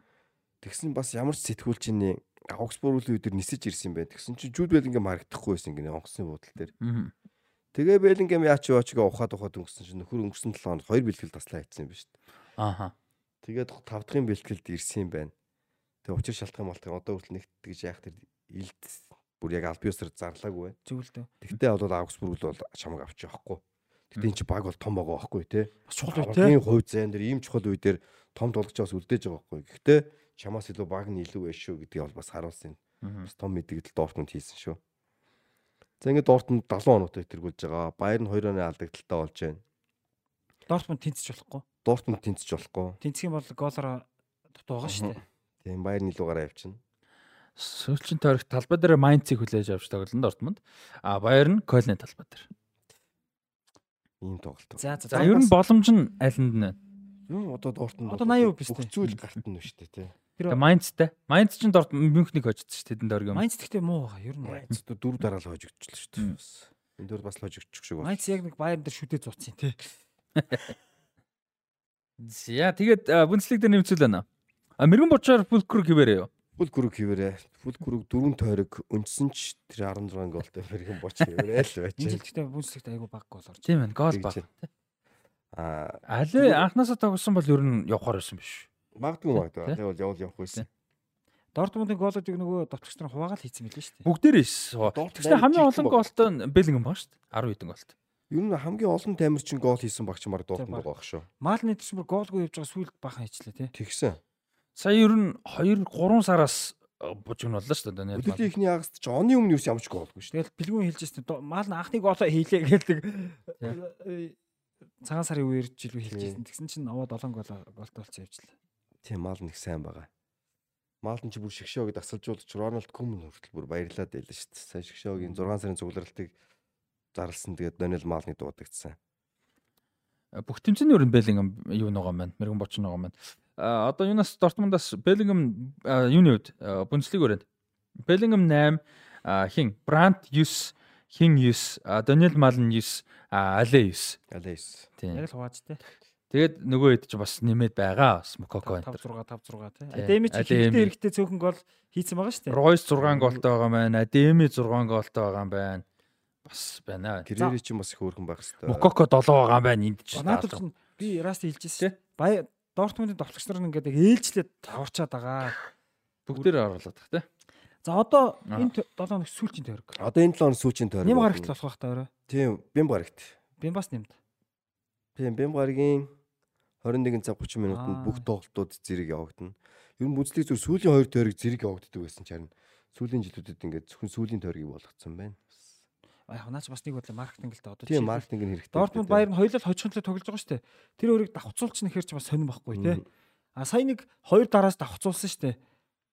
Дортмунд Баерн тогсны дараа тэр хоёрыг тоглолтын давхцуулсан шүү дээ. Билгэнээ санаж Санаж байна. санаж. Ер нь зүгээр ер нь ингэсмээр юм байгаа байхгүй юу? Ер нь сүүлийн 10 одоо 9 тоглолч байт юм 10 тоглолтыг давхцуулах шаардлагагүй. Зарим нэг бусдаас шалтгааллахгүйгээр үзэлцэх тоглолт моглолтыг ганц өмнө тавьж болно шүү дээ. Тий. А би түрүүн нэрээ юу яасан? 10 оноос 10 онд нөгөө нэг аврагын лигийн шгшээ тоглолт нэм гарагийн Бимбас нэм гарагч жилж шүү нэг 10 оноос болсон гэсэн шүү дээ. Тэр жилээс эхлээд аврагын лиг бас их том өөрчлөлт гарсан шүү.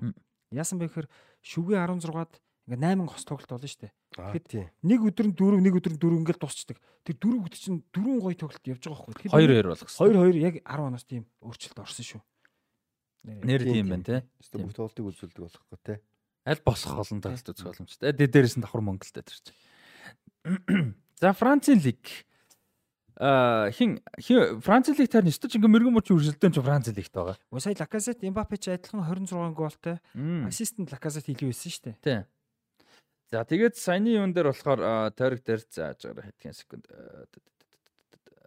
А ямар ч байсан хуйлаг байсан. Мбаппе сая Осериг Paris Saint-Germain 2-1 хацаа болгож авахд бол Мбаппе 2 гол хийгээд а Лион Монако гэсэн том тоглолт болсон.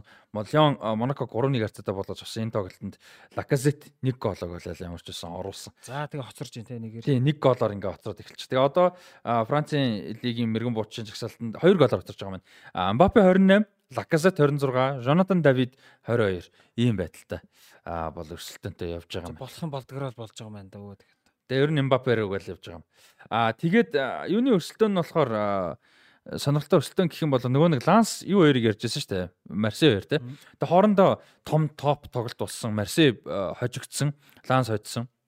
А тэгээд тэрний дараагийн тойрог дээр сая болохоор Лил Марсе гэсэн бас нэлээд том тоглолт болоод Лил Марсеийг буулгаж аваад а тэгээд тэрний араас Ланс Лорианы талбай дээр очиж 3-1 ярцаадаа буулгаж аваад ингээд Ланс одоо 20 дугаар байранд 5 онооны дээр 2 тоглолт а, дутуу.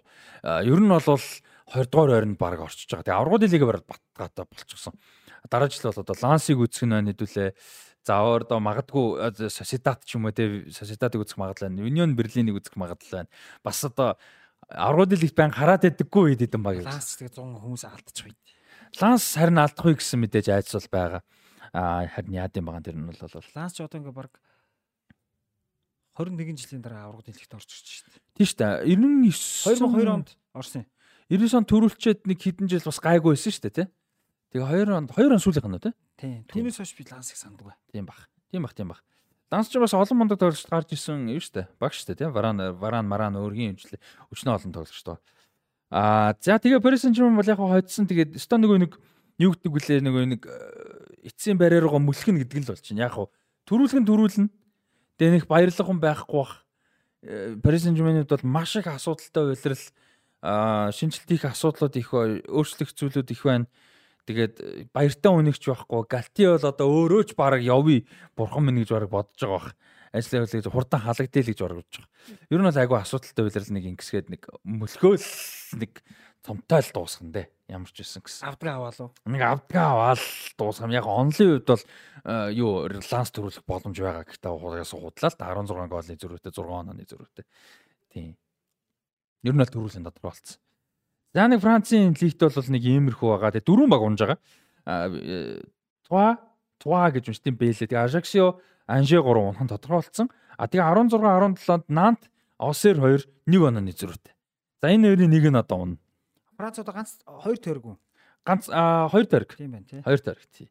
Нэг онооны зөрүүтэй энэ нэг хоёр нөхрийн одоо нэг нь унж юу ахиж байгаа, лай болох гэж байгаа. Тэгээ бүслэгийн араас энэ жил чинь дөрөв унаад хоёр гарч ирж байгаа. 18 тоо. Тийм.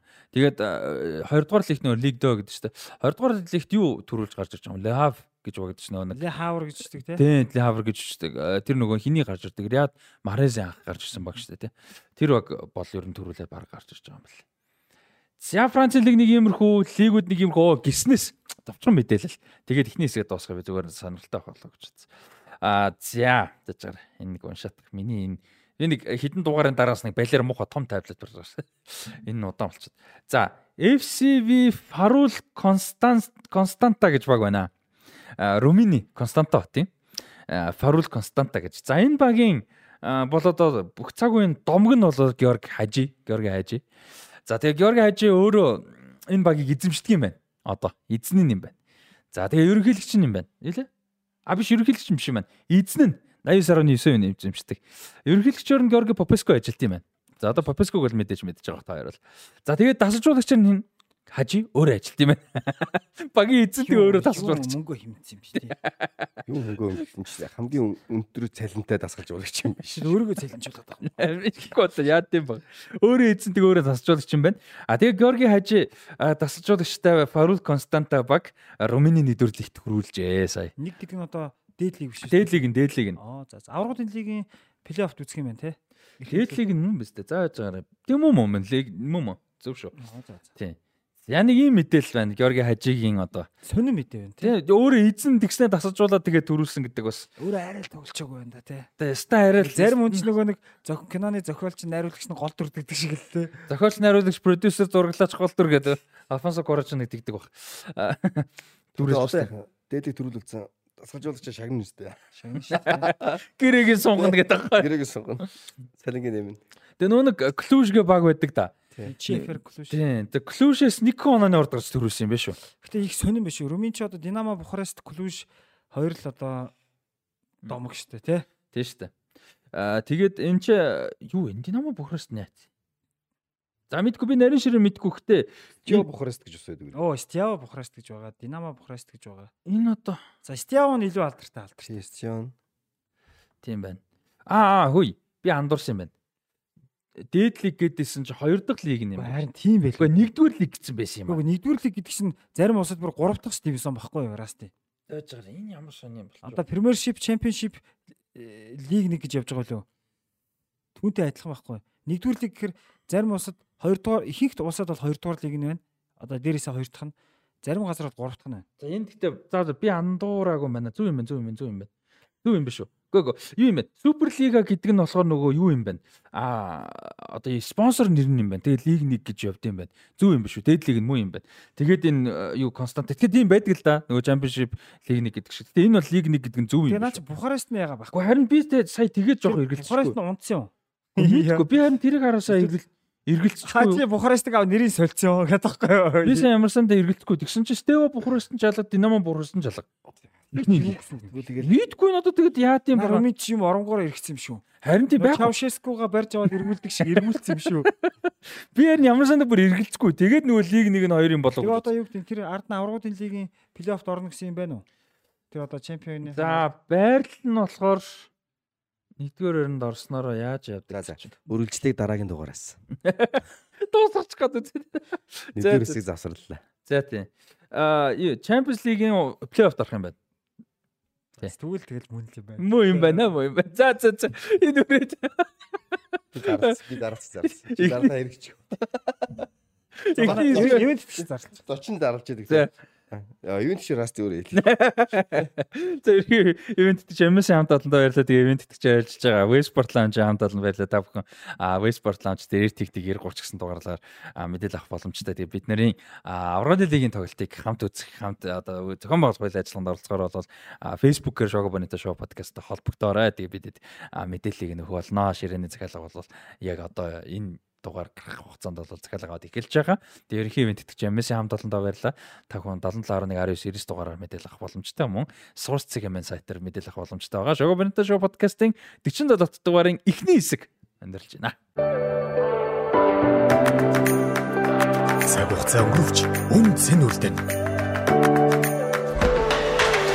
Эрчим хүчний дэвшилтэд шийдэл бүхий бүтээгдэхүүнүүдийг төслийн аль ч үе шатанд эцсийн хэрэглэгчдэд зориулан тасралтгүй ханган нийлүүлж байна. Мэргэжлийн ур чадвар салбарын туршлага мэдлэгтэй тулгуурлан оновчтой шийдлийг харилцагч бүртээ санал болгон байнгын эргэх холбоотой ажиллаж урт хугацааны үнцнийг хамтдаа бүтээдэг. Бид улс орныхон хөгжлийн суурь болсон дэм байгуулалтын салбар бүрт дэвшилтэй технологи болон чанарын илэрхийлэл болсон бүтээгдэхүүний шийдлийг эргүүлж харилцагч бүрийнхээ мэдрэлийн дан ажилдгаараа бахархдаг. Эрчим хүчний бараа бүтээгдэхүүн хангамж нийлүүлэгч MMS За Shogo Bonito Show podcast-ийн а, 47 дахь дугаарын 20 дугаар хэсэг эхлээд бэлэн болсон байна. За өнөөдрийн 20 дугаар хэсгийг жоохон өөр маягаар бэлдээ гэж. Өстой жинхэнэ яг подкаст маягаар бэлдээ гэж болцсон ба. За тэрний юу гэхээр одоо бэлдэгч бас биш юм да. Зургаа ярилцъя гэж бодсон. Тэрний юу гэхээр за та хоёр бол ялангуяа одоо туршлага тайлбарлагчийн туршлага бол зөндөө байгаа. Тэгээ бүнцлийг маш олон жил тайлбарлаж байгаа. За тэнцээ бас мэдээж олон олон том тэмцээнүүд ла лиг гэд тайлбарлсан. За би бол хажууд нь бол жишээ. За тэнгүү зүгээр ингээд тайлбарлаж ирсэн түүхтэй карьер одоо карьер гэж ярилцгаа буруудахгүй л хэл та. Аа том хөгжих сонсогч магад зөв. Тэгээд тайлбарлаж ирсэн карьертаа ингээд тохиолдож ирсэн хөгжилтэй ч юм уу, жижигхэн ч юм уу те гоё. За бас затгуурсан, ядарсан мэдгүй юу ээ те бүгдээлийн ингээд олон зөмч зөндөө байсан баг та тоглолтын дээр болж исэн үйл явдал ч юм уу те. Иймэрхүү зүйлүүдээс бас гоё онцолж сонирхуулж бас ярилцъя гэж бодлоо. За. Хүй. Төрөний логт Бодлоо. төрөний логт гуруулаа ингээд ярьж ирсэн шүү дээ. Хаста 2 Миланы тоглолт болох нь бит хоёр тайлбарлах нь би тэгэл шин зүрхтээ асаагаал зараст ихэллээ. За нөгөө хоолоо яач байдгүй яасан бэ?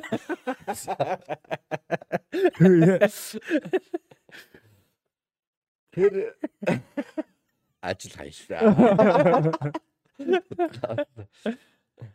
Тэр ингэсээ жоохон онцгой болсон. Тэр одоо жоохон мэрэгжлийн бус хандлага байж магадгүй ихтэй. Жоохон эвгүй юм болцоо одоо үзэхээс хөлзөл өвчээ. Тэгээ намайг нэг 2 милан тайлбарласыг хүлээгээд сууж идэг хүн ч гэж бас байхгүй л баг. Гэтэ яг нэг хуваар зарлаад Отко SBS-ийн одоо продюсер нь Отко хуваар зарлаад Милан дээр тавьчлаас гэсэн. Аа за за за. Мэдээлээ гэсэн чинь за 3 дахь байлоо. За мэдэхгүй байна гэхээр. Аа за за би өөрөө харчээ гэж байна. Тэгээд өнгөрсөн 7 хоног ажил ихтэй ч байсан. Тэгээд явж иж байгаа тэр өдөр яг өмнөдөө 2 Миланы тоглолттой гэдэг мартсан байлээ. Тэгээд шүн сэрэг. Нэг юм үйл явдал боллоо. Тэгээ би тайлбарсан. Тэгээд дараастай газар орсон. Өглөө босоод ирээл уцаараа суучих Миланы үр дүнс Интер финал 13 жилийн дараа юу илээгээ арсан чи уурч 2 Милан тоглож. Би чи Сити тоглоно гэж бодсон байсан юм чи. Яа яа. За өөр цаг өдрийг нь андуурж исэн удаанууд байгаа юу? Та хэд 13 жилийн дараа Милан финалд үлдлээ гэснийг бодоход Бүнцлийг 13 жил тайлбарлаж байгаа тийм. 10 онд анх авахт нь тайлбарсан биз дээ. Яг яг 10 дүндээ бол тайлбарлаг юм аа. 10 ч юм бэ. зөвөр урд нь гарч нэг 12 минут нэг ярьдаг, статистикийн танилцуулдаг тийм хүн байсан. Ганбаатарах тайлбарсан баг тийм. Тий. А юуны одоо тойлзуурын гамба тэр үед спортын цонхих гэж байсан. дээ. Спортын цонхийнхан нөгөө анх Сери А тайлбарлажсэн нөх юм ба штт. А баяра. Баяраа хаа. Аа, гэ баяраа юу? Тийм гээ баяраа. Аа, тий, тий. Гээ баяраа чинь Бүнцлийг тайлбарсан. Бүнцлигийг бас тайлбарлаж исэн гамбай нар чинь тайлбарлаж исэн байхгүй. Бэлгүүм тэгээд бүнцлийг гэхдээ эрт штэ. Хоёр дахь улирлаас нь. Тэгсэн бах. Тэгэл тэрний дараагийн улирал улираас чинь нөгөө чинь цаг заван жолтгоо байлаад л зарим тоглолтууд дээр чинь нөх гарч ирээд л тэгэл аргагүй өрхөнд өөрөө ордог болсон. Тэгэл явж эхэлсэн дээ. За өөр ингээ мартчихсан өдрөө андуурчсан тохиолдол байна. За өөр яг бүр яг сайн санахгүй байна. Би ямар ч нэг удаа бол нэг амар багаасан. Юу яагаад цагаа буруу тацаалаад би 1 10 12 30-ын тоглолтыг 1:30-га бодчихлоо. 3-ын тоглолтыг 4-га бодчихлоо. Нэг тиймэрхүү юм болоод. Тэгээд амар тайван тааруулаад очихгүй. Аа цаг нь сте яг гоё таарсан бас. Би ч нөгөө нэг ингээд орж ирэл уухам тавиал нөгөө би дандаа тэмдэглэгээ цаасан дээр дандаа яадаг. За цаасаа гаргаж ич тавиа нэг юм болгоо. Тухтай ингэж байгаа заа гэд эхэлдэг. Тэгэл их тайван очоо. Тэг нөгөө тоглолтууд нь эхэлсэн байж. Ажлын зэрэг би чи юу илээ. Тэгээ очиж хоёр дахь үе эхэлчихэд яг нөгөө цагийн дараа очихгүй юу. Эхний үед дуусаа завсарлагаан дуус. Тэгээ нөгөө откач даалт байгаа шүү дээ. Юу яг нэг цаг хоцорч очив. Тэгээ хоёр дахь үеэс нь тэр чинь юу ягаад нөгөө нэг давталтаар гарах хэрэгтэй гэдэг. Хоёр дахь үеэс нь тайлбарлаж. Тэгээд юу ягаад тэр тоглолтыг яалаа. Дараа нь өдөр нь ирээд бүтэн тоглолт нөгөө тайлбарлаж одоо хоолой биш нөхөж хоолой бичнэ давталтаар яхад тайлбартай байх хэрэгтэй. Тэгсэн санагдчих шүү. Тэгээ би тэгж нэг багаас цагаа буруу тооцоолоо. Тэгээ 20 дуурсан дундаас нь ороод яах вэ гэдэг маргааш нь ирж бүтэн ихнээс нь мэдгүй одоо шууд юм шиг. Тэгээ би за одоо ядаж интернетээс дүнгийг харахгүй бай гэж одоо юу басныг мдээгүй байж байгаад ирээд албаар тэгчихсэн. Нэг тэгж бол багаас. Нэр мэр юм андуурдаг юм тайлд гардаг уу? Хүн тоглогч нэр нэр байлгүй байх. Амархан нэг тийм байн гардаг. Ситигийн тоглолтын дээр би нөгөө нэг Champions League энэ төр л Сити байгаа л да Premier League тайлбарч. Тэр Родри Cancelo муухай адилхан. Тэг санагддаг болоо хөдөлгөөн нь тэгээд тэр үс нь би минь муугаад ирсэн. Яг байрлал нь жоохон өөрлөлт. Гэтэ нэг Cancelo чинь гол руу явуулчихсан шүү дээ. Тэгэхээр муухай адилхан. Нэг дугаар муугаар нь харагдахгүй үед дугаар нь харагдвал гайгүй л. Хойлоо нэг адилхан үстэй, адилхан бор, адилхан биетэй, адилхан хөдөлгөөнтэй техниктэй яаж байгаа ядаргаатай. Байдаг байдаг. Одоо энэ Кайседо, Ступниан хоёрыг ч бас хүмүүс андуураад байна шүү Арга дээ. байхгүй, арга байхгүй. Бас яг тайлбарлах нэг чинь бас амар ажилтдаг шүү те. Андуургүй байна байна. Өөр чи хийвэр андуурагдаад тийм. Маа нөгөө жүжигчинко хоёр ах чинь бас нэг давталтыг тайлбарлалцсан гэл хүмүүс нэг Талигч амирх ярьдаг те. тий талигч ахаа ярьдаг хүмүүс ч бас ингээл үе яриад нэг нэг гол орсны дараа яг давталтны явцсан чи яг тэрийг дахиж тайлбарлалцсан гэл.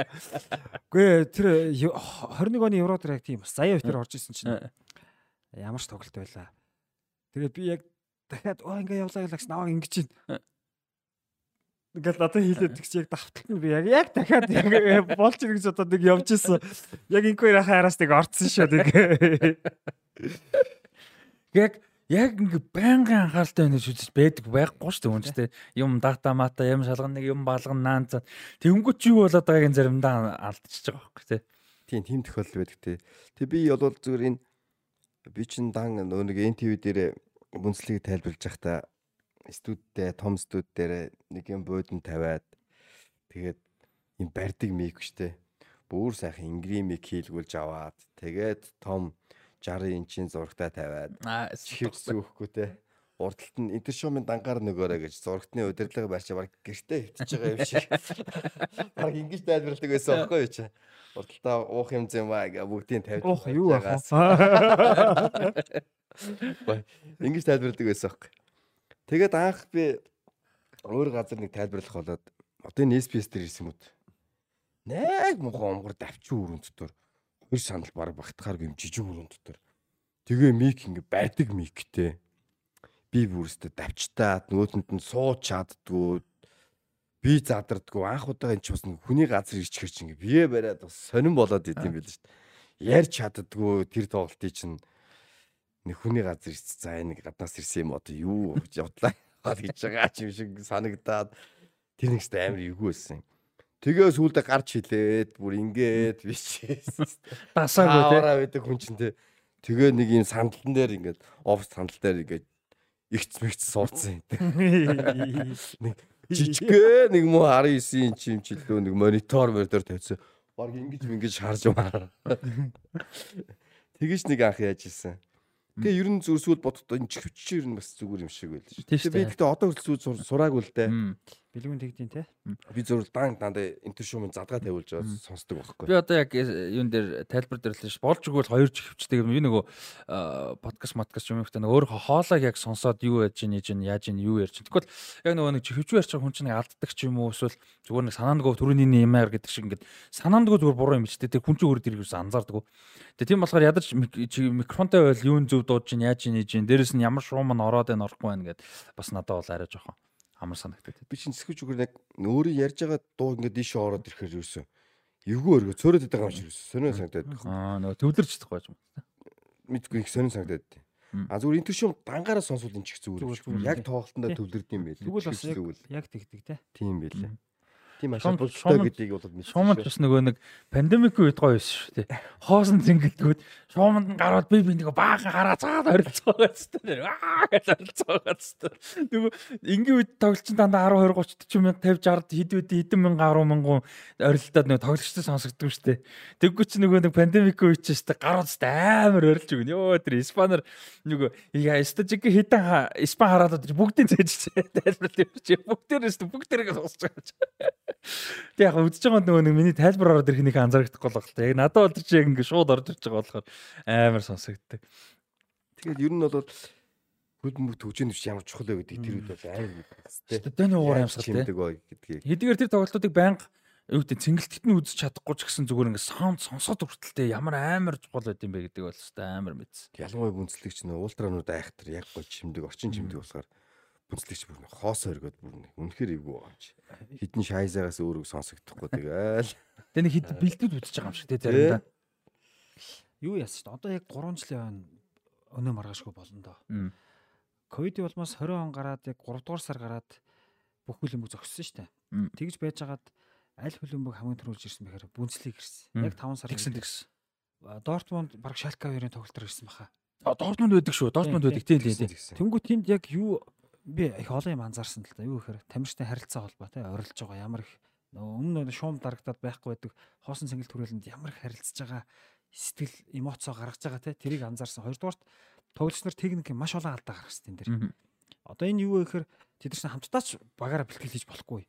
А өмнө улирал эхлэхийн багууд ч нөгөө нэг хамтдаа бэлтгэлгээ зөндөө бол нөхсөг тоглолт хийж байгаа шүү дээ.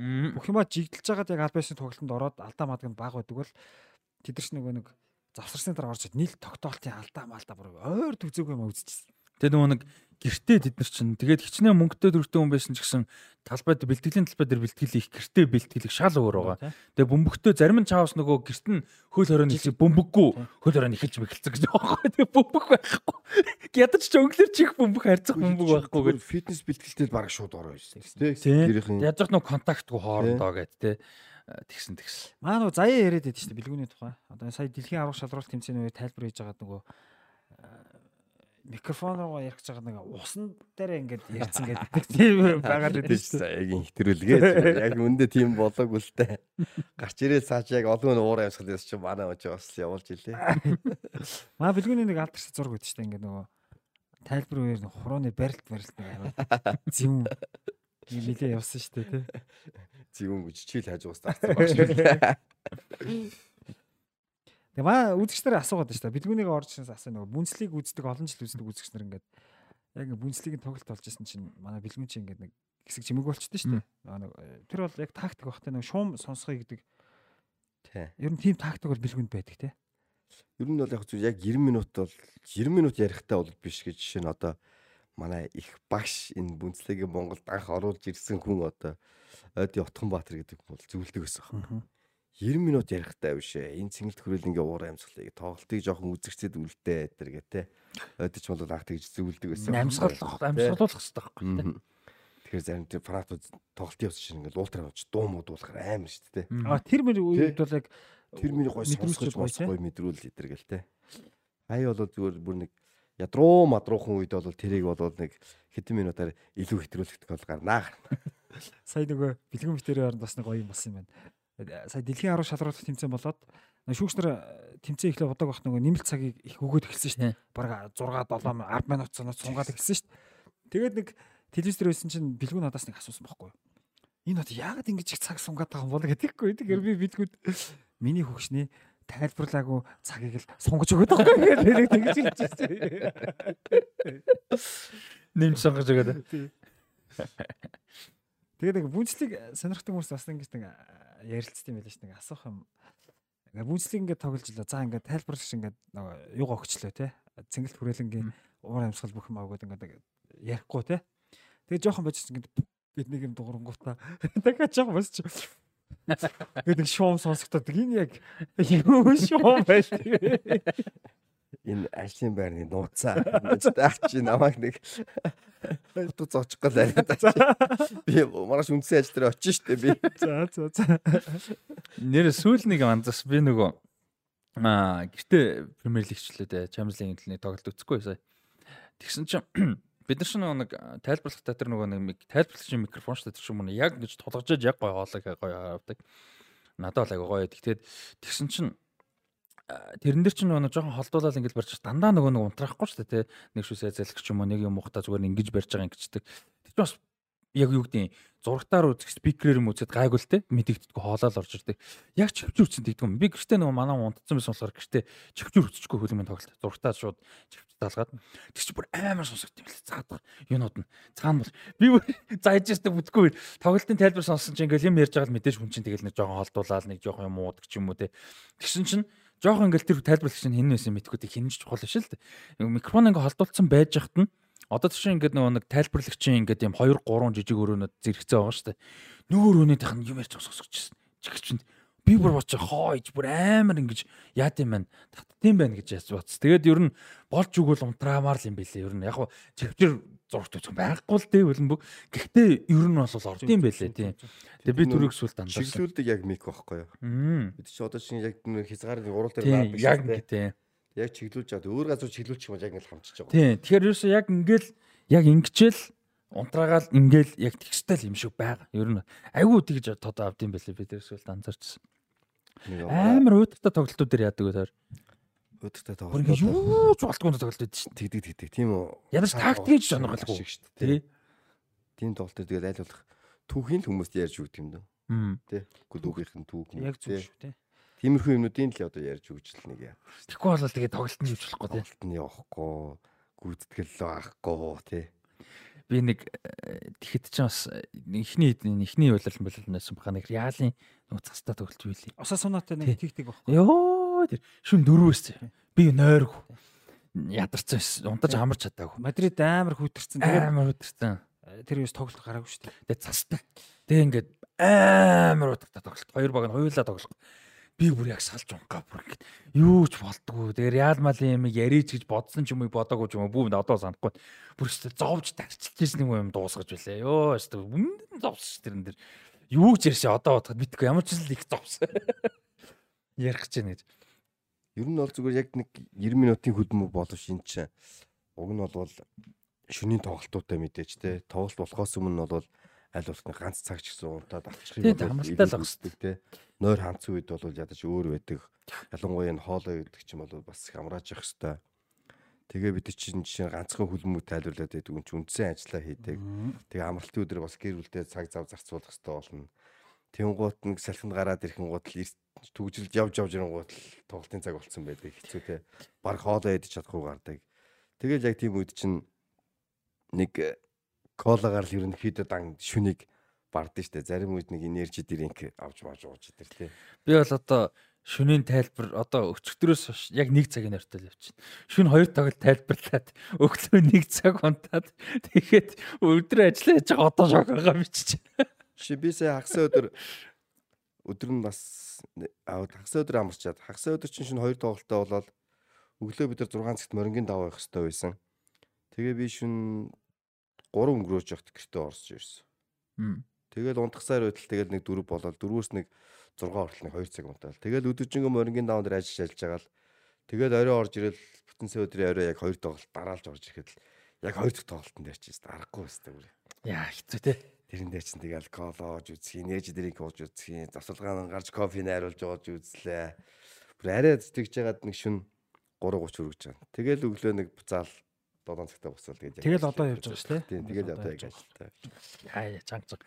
Яг манад нэг хэцүү нь яалч цаг нь л идэх те. Цаг үнэхээр хөрөнгө хэцүү гэдэг. Шүний ялангуяа нөгөө Испани лиг мэг чинь дандаа шүн 3 мороо нэг Спан бол бүр хэцүү тий. Дүүрэн бүр хамгийн хэцүү юм чи бас юу штэ нөгөө өвөл өвөл одоо шинэ 3 4-ийн тоглолт тайлбарлах үед нөгөө шүн за нэг нойр авчаад сэрүүлгэндээ яхааргүй ажил юм чи босоод машин халаана гэдэг л айгүй хэцүү байдаг. гадаа хүүтэн машин Өвөл, тий. авах хэцүү тий. Нэг бол таксидэж яваад ирнэ. Тэгэл таксид явахаар яг машинтай явснаас арай хурдан яваад ирэх бах гэхдээ тэгэл мөнгө зарна тий. Шүн 3-аас тэгэл шүн юм идэж таарна маа яа бас юу гэдэг нь гомдож байгаа биш л дээ зүгээр байдал нь л тэр л дээ. Гэхдээ зүгээр нэг тийм бас тухгүй юм байна. Тэгэл одоо яг тайлбарлагчийг үндсэн ажиллаа болгосон хүн чих цөөхөн л дөө тий. Тийм шүү дээ. Манай балжаах бол байсан байсан. За бус нь бол ихэнх нь бүгд л өөрсдөө үндсэн ажил төрөлтэй. Тэгээ одоо шүн дундыг тоглолт тайлбарлаа. За маргааш нь тэгэл яаж игээл ажлыг давна. Хоёр дараалал шүн мөн ор- орчих юм бол ер нь нэг 7 хоногийн ажлын өдрийн бүтээмж бол Шууд унаа шүү байхгүй шүү. Тэвч. Одоо сая бүтэнсэн би орж байгаа. Одоо хоёр дахь шүн дахиад орно. Хоёр тоглолт шууд. Тэгвэл одоо бид нар ч- би ингээд бүтэнсэн шүн хоёр ороод одоо ингээд нэгтэй шоог авчиад маргааш бид нар гейм найттай хоёр дахь шүн. Тэг хоёр дахь тэнгуүтэ шүн шууд э, хоёр тоглолт. Бас яг тэгээ уйлахаас одоо дуусч байна л да. Тэгээ дээрэс нь яг гомдлоод байгаа юм биш. Зүгээр нэгдүгээр факт нь тэр хоёрдоорт үнэхээр дуртай. Би бол яг ядарсан үе байна явахгүй тоглолт байна те юу гэдэг ингээл таарс үе байна л да янз бүр. А гэхдээ надад бол би одоо ч гэсэн ялч надад болохоор юу гэдэг одоо нэг 3 дахь хуйлрал болж байна үү те 3 4 шинэ болохоор тэгдэм юм гэдэггүй. Гэхдээ би хөлн бугасаал ухаарснаас хойш тоглож ирсэн. Би тоглоомоор найз тэр яг миний цусаар юм урсдаг бол хөлн бүг л урсваа тэгээ хичнээн кино урлаг юмд хайртайсан хөлн бүг л те бүр ингээд. Тэгээ тийм болохоор үнэхээр гоё байдаг. Тэгээ одоо чинь ингээд аврагууд лигийн тоглолт тайлбарлана гэдэг зүгээр. Одоо хүртэл надад ингээд нэг төр хэрэг санагддаг. Бүр ингээд дэлхийн хааж очсон би ингээд би аврагуудын лигийн тоглолт тайлбарлажсэн бүр ингээд багармаар санагдаад байд яг хэр ажиллаа сайн хийсэн бэ гэдэг бол тустай асуудал те. Өөр хүмүүсийн шүүх одоо асуудал нь те. Гэхдээ зүгээр цэвэр өөрт. Үнэхээр гоо тэр сүүлд аврагуудын лиг дээр тэр Villarreal United-ийн тоглолт болоод тэр Роналдо сүүлд камбэк хийж гол оруулаад тэрийг би тайлбарсан. Тэгэл аврагууд юунд Испани ла лигт Месси дэс тоглол тайлбарлаж байгаа тий.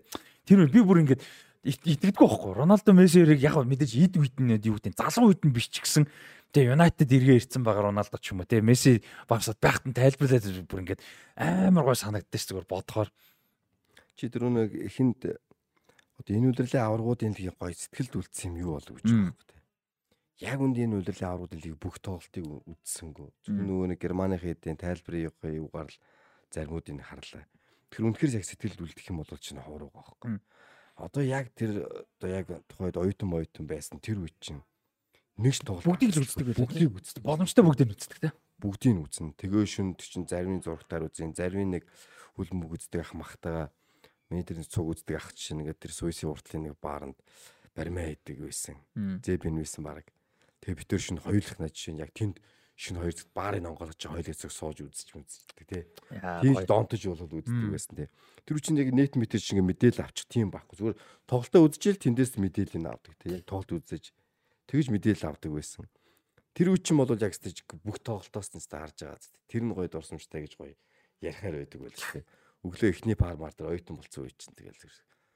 Док лекц байсан дээр чинь хамгийн ойлсон сууж байгаа зүр унтж яана байсан. Шинжгөө үгөөдсөн. Үзсэн тий. Тэгээ оюутан баг чинь одод студиуд орцсон байсан. Тэгээ Тамира ах дээр чинь одод студиуд ингээд би перстоктэй шин тоглолтоо үзнэ гэн тоглолтын дараа NTV-гийн аврагуудын нэг нэг хайлайт тойм гой тойм Орсын NTV. байсан. Орсын NTV-гийн гой тойм ярьдаг өстэй.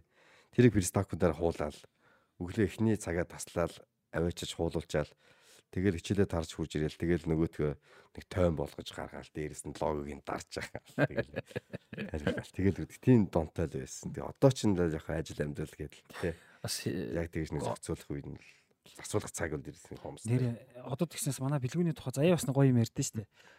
2006 онд Бацаач нөгөө ти- оюутан байсан ТV телевизэд саксны дээдлийг тайлбарлаж ирсэн. Тэрийг би санд.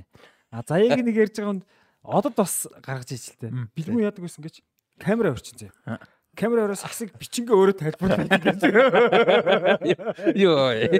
Бас агуу юм шиг нөгөө нэг зохиолын бичээ продюсер найруулдаг ч дээ шүү дээ. Манай ч бол камера өрөөл шууд тайлбар. Шууд тэгэл одоо нэг зурлаач те. Бүх ингээл юм мөлт байгаа байхгүй гэсэн юм. Тэр жоо хэтрүүлэхтэй зүгээр тэр үед чинь нөгөө нэг хальс байсан шүү дээ. Камер хальсаар бичээд. Тэгээд яг буцаж эхнээс нь плейж тоолуулж агаад капчердж компьютер руу хуулж байгаа гэдэг те. Тунгуудын лиг дээр чинь тэгж бичиж авчаад очиод ажил дээр лиг чи ороод ингээд 9 сарг дуусна шүү дээ. Дүрсээ оруулчаад дахиад ирээ чи 2 3 цаг хүлээж байгаа. Тэгсний дараа монтажлчаад тэгээд дараа нь тайлбарын дуу ордог байхгүй. Амар их цаг хугацаа орж байгаа байхгүй.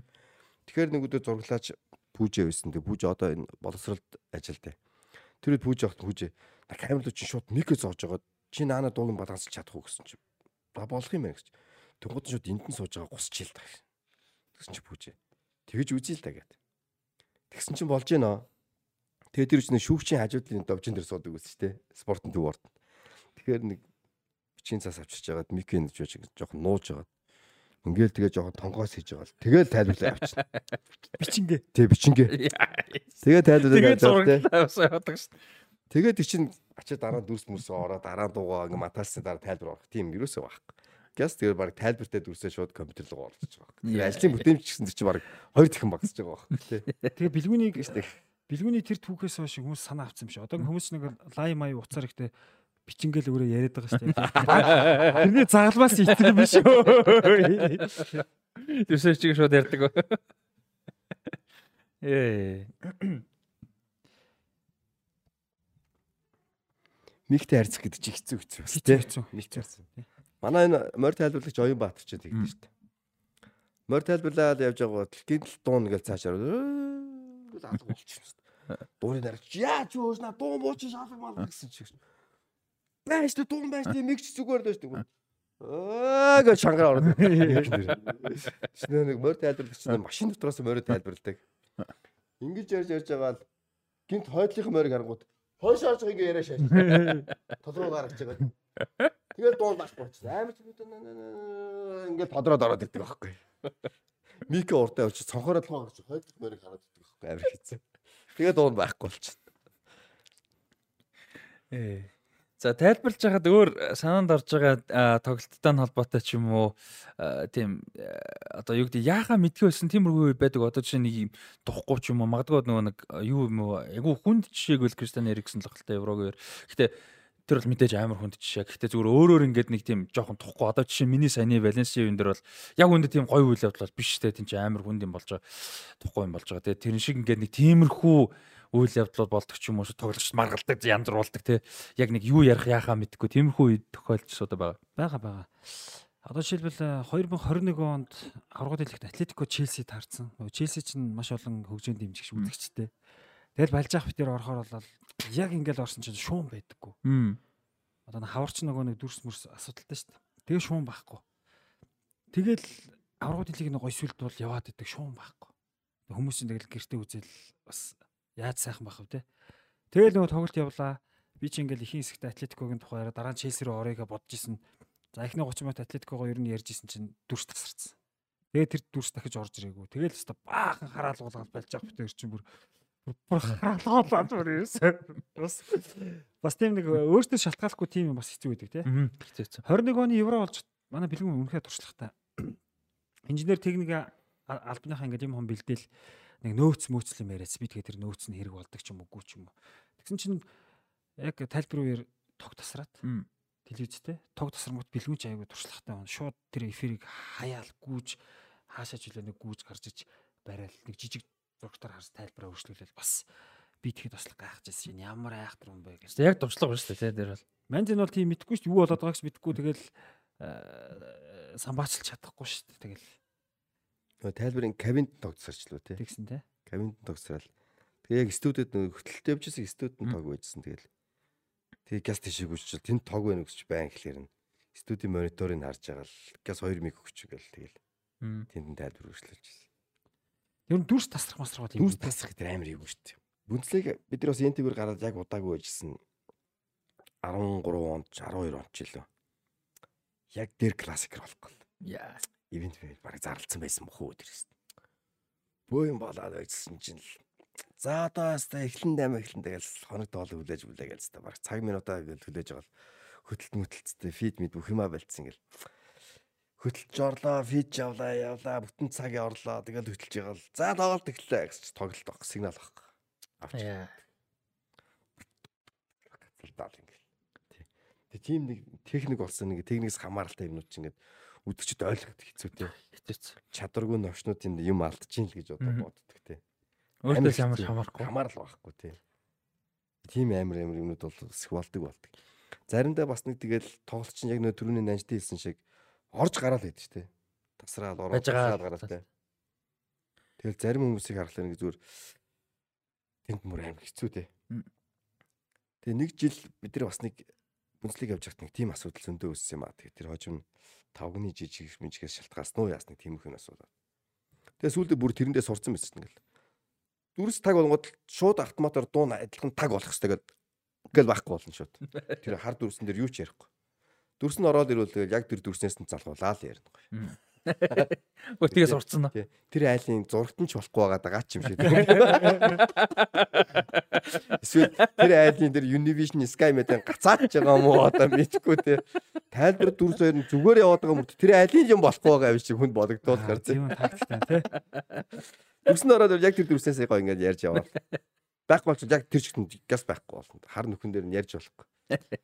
Тэр 20 онд анх SPS La Liga дамжуулаад тэгээд ерөөсөө дүрс мөрс тасрах гэдэг асуудал байхгүйсэн. Тэгээ өвлөн Барса Валенси тоглох болоод би ч тэр тоглолтод амар бэлтцсэн бүр ингээл тэгэл яг орсон чи дүрс байдаггүй. А тэгээ өдөр нь манай бэлгүүн гоё пост мост битсэн байсан юм а.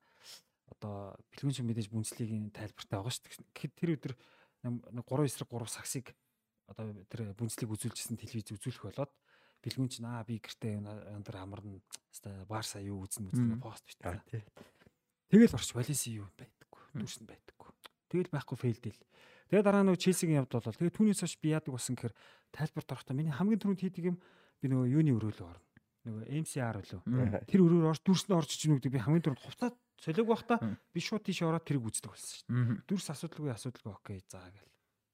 Бас яг тийм болчт юм бэл. Би ч одоо ингэж бүнслийг зөвхөн тайлбарлахаар чинь өөр сонголт авахгүй бүх тоглолтын тайлбар тий. Тэгэхээр чинь яг бүх тоглолтуудад давхцдаг учраас тоглолт үзэж чаддаг. Яг зөв яг энэ би нэг лигүүдийн хэлээд- тоглолтуудыг ерөөсөө үзэж чаддгүй байхгүй шүү дээ. Лигүүд лиг дээр Европын тэмцээн дээр орж иж нэг харж маардаг шин мөн тий. Одоо манай үзэгч маань гайхчих магадгүй. Бэлгүүн түрүүний 7 хоногт хэлсэн шүү дээ. Одоо Премьер лиг үзэж чаддаггүй гэдэг. Тэнгүүд одоо хүмүүс энэ юу яриад байгаа хөлбөмбөгийн тайлбарлагч юу энэгаа мэдхгүй. Энд чинь харахгүй байхгүй яг юм давхцаж байгаа. Яг давцсан, яг давцсан. Одоо жишээ нь Монгол Ла Лиг анх үзүүлэхэд бид нар шин тэгээд Ла Лиг сонирхдаг шүү дээ. Арасти бид нар сонирхдаг ч гэсэн өмнө ингээ байнга үзэж байгаа болохоор мэдгүй юм зөндөө тий. Мэдгүй байлгүй яг зөндөө зөндөө зөндөө. Тэгэл анх эхлэхэд энэ тийг Премьер лиг Аланта тоглолт болоод үгүй энэ давхцсан Ла Лигийн нөгөө Сусидада ч юм уу нөгөө хэд үзэж байгаа байхгүй тий. Тэгээд юу ч яг тэр жил бол Англи хөлбөмбөг бол баг сайн мэдгүй. За тэгэл Испани хөлбөмбөг давхцсан бол Герман Англи бусыг мэдгүй. Яг нэг юм руугаал яхаас үр аргагүй. Тийм одоо английн хөлбөмбөгөөс англи ч юм уу бусдыг нь сонирхсон ч гэсэн хайлайт хардаг ч юм уу дата нийтлэл уншдаг ч юм уу яг тоглолтоо бол үзнэ гэдэг айгүй баг болж байгаа. Энэ жил одоо миний хувьд тайлбар хийхгүй байгаа нөгөө лигүүд тэнгууд айгүй гоё байгаа байхгүй тий. Бундслиг, Ла лиг, Сери А, Загсаалал үзэл солиол зүгээр шүү. Тэгээ нөгөө нэг тоглолтуудын эхний хэсэг болонгууд л анш тийж тэгээд шүү дээ. Тэр тоглолтын тэр хэсгийг үзсэн. Энэ тоглолтын энийг үзсэн гэдэг. Тий. Ялч үүдэг давцдаг юм бол байдаг л та. Тэгээ заримдаа Испан Испан ч нөгөө алгасцсан явж байгаад аврагуудын лигтээ Европа лиг мэгтээ давцаж мавцаж солино шүү дээ. Хаяа хаяа л да. Гэхдээ dig нь бас заримдаа тэр чинь. Би нэг тоглолт л тэгсэн. Чинь аврагуудын лиг хоёр явж ирсэн Испани лиг тоглож байсан. баскын дээр би байхгүй. Тийм тийм Баскын тийм. дээр. Тэгээ миний тайлбарснаас илүү сан. Оо мэдэн шүү дээ. Яг баскын дээр бид нар чанга оруулсан байхгүй.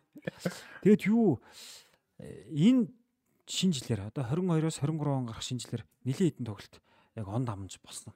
Одоо манай Премьер лиг тайлбарсан тайлбарлагч нар дөрөв тоглолтод ч тэгэхэд баг зэрэг яваад тэр Европт бол хамаагүй шүү дээ. Манай манай цаг магч Тийм. зорж байгаа дамнаад орчих шиг болсон. Ер нь он дамж исэн баяр ёслолын үеэр яаж исэн чухал үедээ ингээд давхсаж исэн тоглолтч байгаа. Азар германцтай тийм байхгүй болохоор хэвээр. Аа германч бас нэг цөөхөн болохоор амарчин тий. Тий, яста гоё амарчин. Тэгвэл цагаан сар марын шөнийн нэг мэгэнд бол яг давхцаж исэн юмуд бол байдаг шүү дээ. Шөнийн нэгэнд талигач. Эрэхтэй арай бууз чигнээ нэрээ хой баа гэл. Аврагын лиг байна. Тий, аврагын мэгтэй тий. давхцдаг болохоор чи. Яг тэр үедээ хардсан шүү дээ цагаан сар тий. Яг цагаан сараа таардаг шүү дээ. Тий. Юун дээр нэг гойд USB нэг тоглолттой байсан юм юу ч л амарч. Тэгээ тэр чинь нөгөө нэг юуны Ливерпул West Bromwich тоглох гээд Ливерпул чинь аврагууд лигийг ирэх авах гээд. Тэгээд э, би нөө тэрийг үзмээр байдаг. Миний тоглолт тайлбарлалтаа тоглцчаад байдаг. Тэгээд 15 минутын зөрүүтэй байсан байхгүй яг тэр Ливерпул төрүүлээ эхэллүү араас нь эхэллөө нэг тиймэрхүү. Араас нь л юм байна л да одоо бодоход. Тэгээд э, би тоглолтын ингээд байжснаа эхний үечлээ 20 дугаар үечлээ мэдгүй нэг л юм дуусаад эхний үеэс дуусаад босч ирэл нөөч юу болж яаж ийн л харахгүй. Тэгсэн чинь SBS-ийн бүгдээрээ л Ливерпулийг үзээлэж. Тэгэл байжсэн чи яг болонгийн цогцол цохихгүй. Тэгээ ингээл яг ингээ харж исэн чи яг тайлбар хажууд нь за тайлбарыг очиж харчих. Хамгийн хурдан дүрсэнд ирэл байгаас та хамгийн түрүүнд ирж байгаа. Тайлбарын бүгд гарчсан чи Алиси ирж байна. За ингээд болонгийн цогцол цохихгүй Алиси ирж байна. Яаж Тэгэл болонгийн цогцол Алиси бүр би ёо мөрөөр тийч баярлал. Тэгэл буцаад тийчээрээс нэг баяр тэмдэглэж. За ямарчсан аврагад л ихтэй гэ. Тэгээ нэг буцаад э, тайлбарлаагаа орж исэн. Лалиг чи нэг Эл Классиког Азийн цаг руу шийдвэрээ заримдаа нэг эрт болдог болсон шүү дээ. Тэгэл одоо хоёр эл классикогийн нэг нь шүн дунд нэг нь эрт болж байгаа. Тэгээд Месси Роналдо хоёрыг чи байх үуч эл классик мэлс үзэхс түн зовдөг байл шүү дээ. Яг үнслэгийн тоглолтоо давхц чинь чинь тий. Тэнгууд нууцснээр лүг тим өдөр тайлбарынхаа урд баг давхар тавьж байгаад баг. Тэр классикэр орсноо нөөтөд тайлбарж байлаа. Бисвэл тэгж яад нэг нэр андуурсан тохиол нэрэ байдсан шүү. Яг үнслийг ярьж ирсэн шууд лаглыг нэг нэр шууд орууллаа яалаа. Яг л давхар гэж үзчихсэн тий. Нэг тийм нэг андуурсан нэр юу яагаад. Манай хөлбөмбөг албаны амар сайхан байна шүү дээ. 2 7 хоногийн өмнө би нэг таарад. Тэгсэн чинь надаас бэлгүүнийг асуужснаа уцаач бузарцсан гэж. Би гаахад яац гэж цаач бузарцсан гэж. Яасан гэж чинь зөлгч чинь Премьер лиг тайлбарлсан явж ингээ гэж. Тэр юу болчихоо нэр. Уг нь ингэсэн юм а тэгээд улирлын их нь болохоор Юни спортс гэж энэ биш нэгдэг байсан шүү дээ. Юни спортс гэж яхад Юни спортсих наа Премьер лиг тайлбарлаад хаа гэдсэн юм. Тэгээд Премьер лиг рүү ер нь димээ явах уу? Ер нь зүгээр яхаа явандаа ор юм орё жоохон жижиг баг магаас нь эхэлж байгаа явъя. Нөө юунд ч юм лээ баахан мөнцлөгөөс тоглож өтсөн баг чинь нотингийн мөс нөө. Тийм л бах тий. Тийм. Олон баг олон тоглож олон германд харьс. Нэг тоглолтыг харсан чил. Өө таньдаг нөхдүүд байгаа тий. Энэ ямар баг юу баг таньдаг хүмүүс ирэх гэсэн чинь. Та энийг тайлбарлаа. Стогой багтаа магтаа гэл нөгөө нөгөө нэг бод батаас наагч гошроож үжин цэндэ мэдээч. Тэг чи нэрэл баахан германчууд байна. Германчууд гэж бүнцлэгт байсан хэдэнд байна. За би тэгвэл дебютээ бол энэ багтай тоглох тоглолтыг чинь шөнийн бүр тоглолтыг хийе яа мэ яг тэр хэдэн маазажсэн. Тэгсэн дээр нэг 7 хоногийн дондор саяхан сая тайлбарлагчийн чат групп гэдэг байдаг аах. Тэрэн дээр за хаста яаралтай ингээд гинтийн ажил гарлаа. Шөнийн тоглолтыг ингээд сольж хүн байна уу хуваар муура гэж юу ингээл тэгж байна. West Ham Liverpool 2 ол гэж байна. Тэгээ West Ham чинь өнгөрсөн жил Rust дээр финал дээр Европа лигийн финал дээр орсон. Eintracht Frankfurt тоглосон. Айнтрах Франкфурт Рейнджерс хагас дээр. Хагас дээр. Тэрэн дээр Вест Хэмиг би ч бас нэг жоохон судалцсан харцсан. Төвтүүдийг мэддэг болцсон. Зарим ч англи шгшээн гаруудын бас мэддэг болцсон байсан. Нөгөөх нь яг л Ливерпул юм тэгэхээр бодож очиж байгаа. Симэрхэн байж байгаа. Бүр шүнийн ч тоглолт байсан нь баг 3 4 ч тоглолт байл. А хүнч баг үзсэн. Заах нь орч орч. Тэгээ бузарцсан юм шүү дээ. Тэгээс нэг Премьер лиг дээр дебютээ хийсэн чинь амраа намайг бузарцсан л гэдэг. Сая нөгөө юу ягаад дэлхийн 10 шалралт тэмцээний чинь Централ Ливз SPS Ливз SPS нөгөө өөрчлөгдөг байсан. Хоёр Ливз авахар болоод за тэгээ Централ Ливз дээр чинь цөөхөн тайлбарлагч байсан. Бид нар шиндэг очиод яг тэмцэе гэсэн чинь маа бэлгүүн чинь хоёр талд гэрээ байгуулсан. Гэрээ байгуулсан. Өө тий хоёр телевизт гэрээ байгуулчихсан. Тэгээ бид нар шин гахаад за одоо Германы шиг шаваг те Швейцар гол гол тоглолтуудаа Германд тавьсан чинь нөгөө талд бас бэлгүүнд давхартаж хоёр тал хоёр талд байгаа тест тэр нэг балай бас те. Тэгээ манай шийдсэн шийдсэн асуудал шийдсэн шийдсэн. Яг тэр чинь нөгөө нэг ихтэй яг тохирсон байсан л та. Юни спортс ч нөгөө анх ирэх нь байж шүү дээ. Тэр үед чинь намарнд баг ярьсан байсан юм. Тэгээд тэгсэн чинь дараагийн централ авцсан бол та бас нэг чинь шийдвэрээ өөртөө ч шийдвэрээ гаргасгах хүмүүс нэлээ одод бас нэг жоохон тийм хэцүү юм болоод.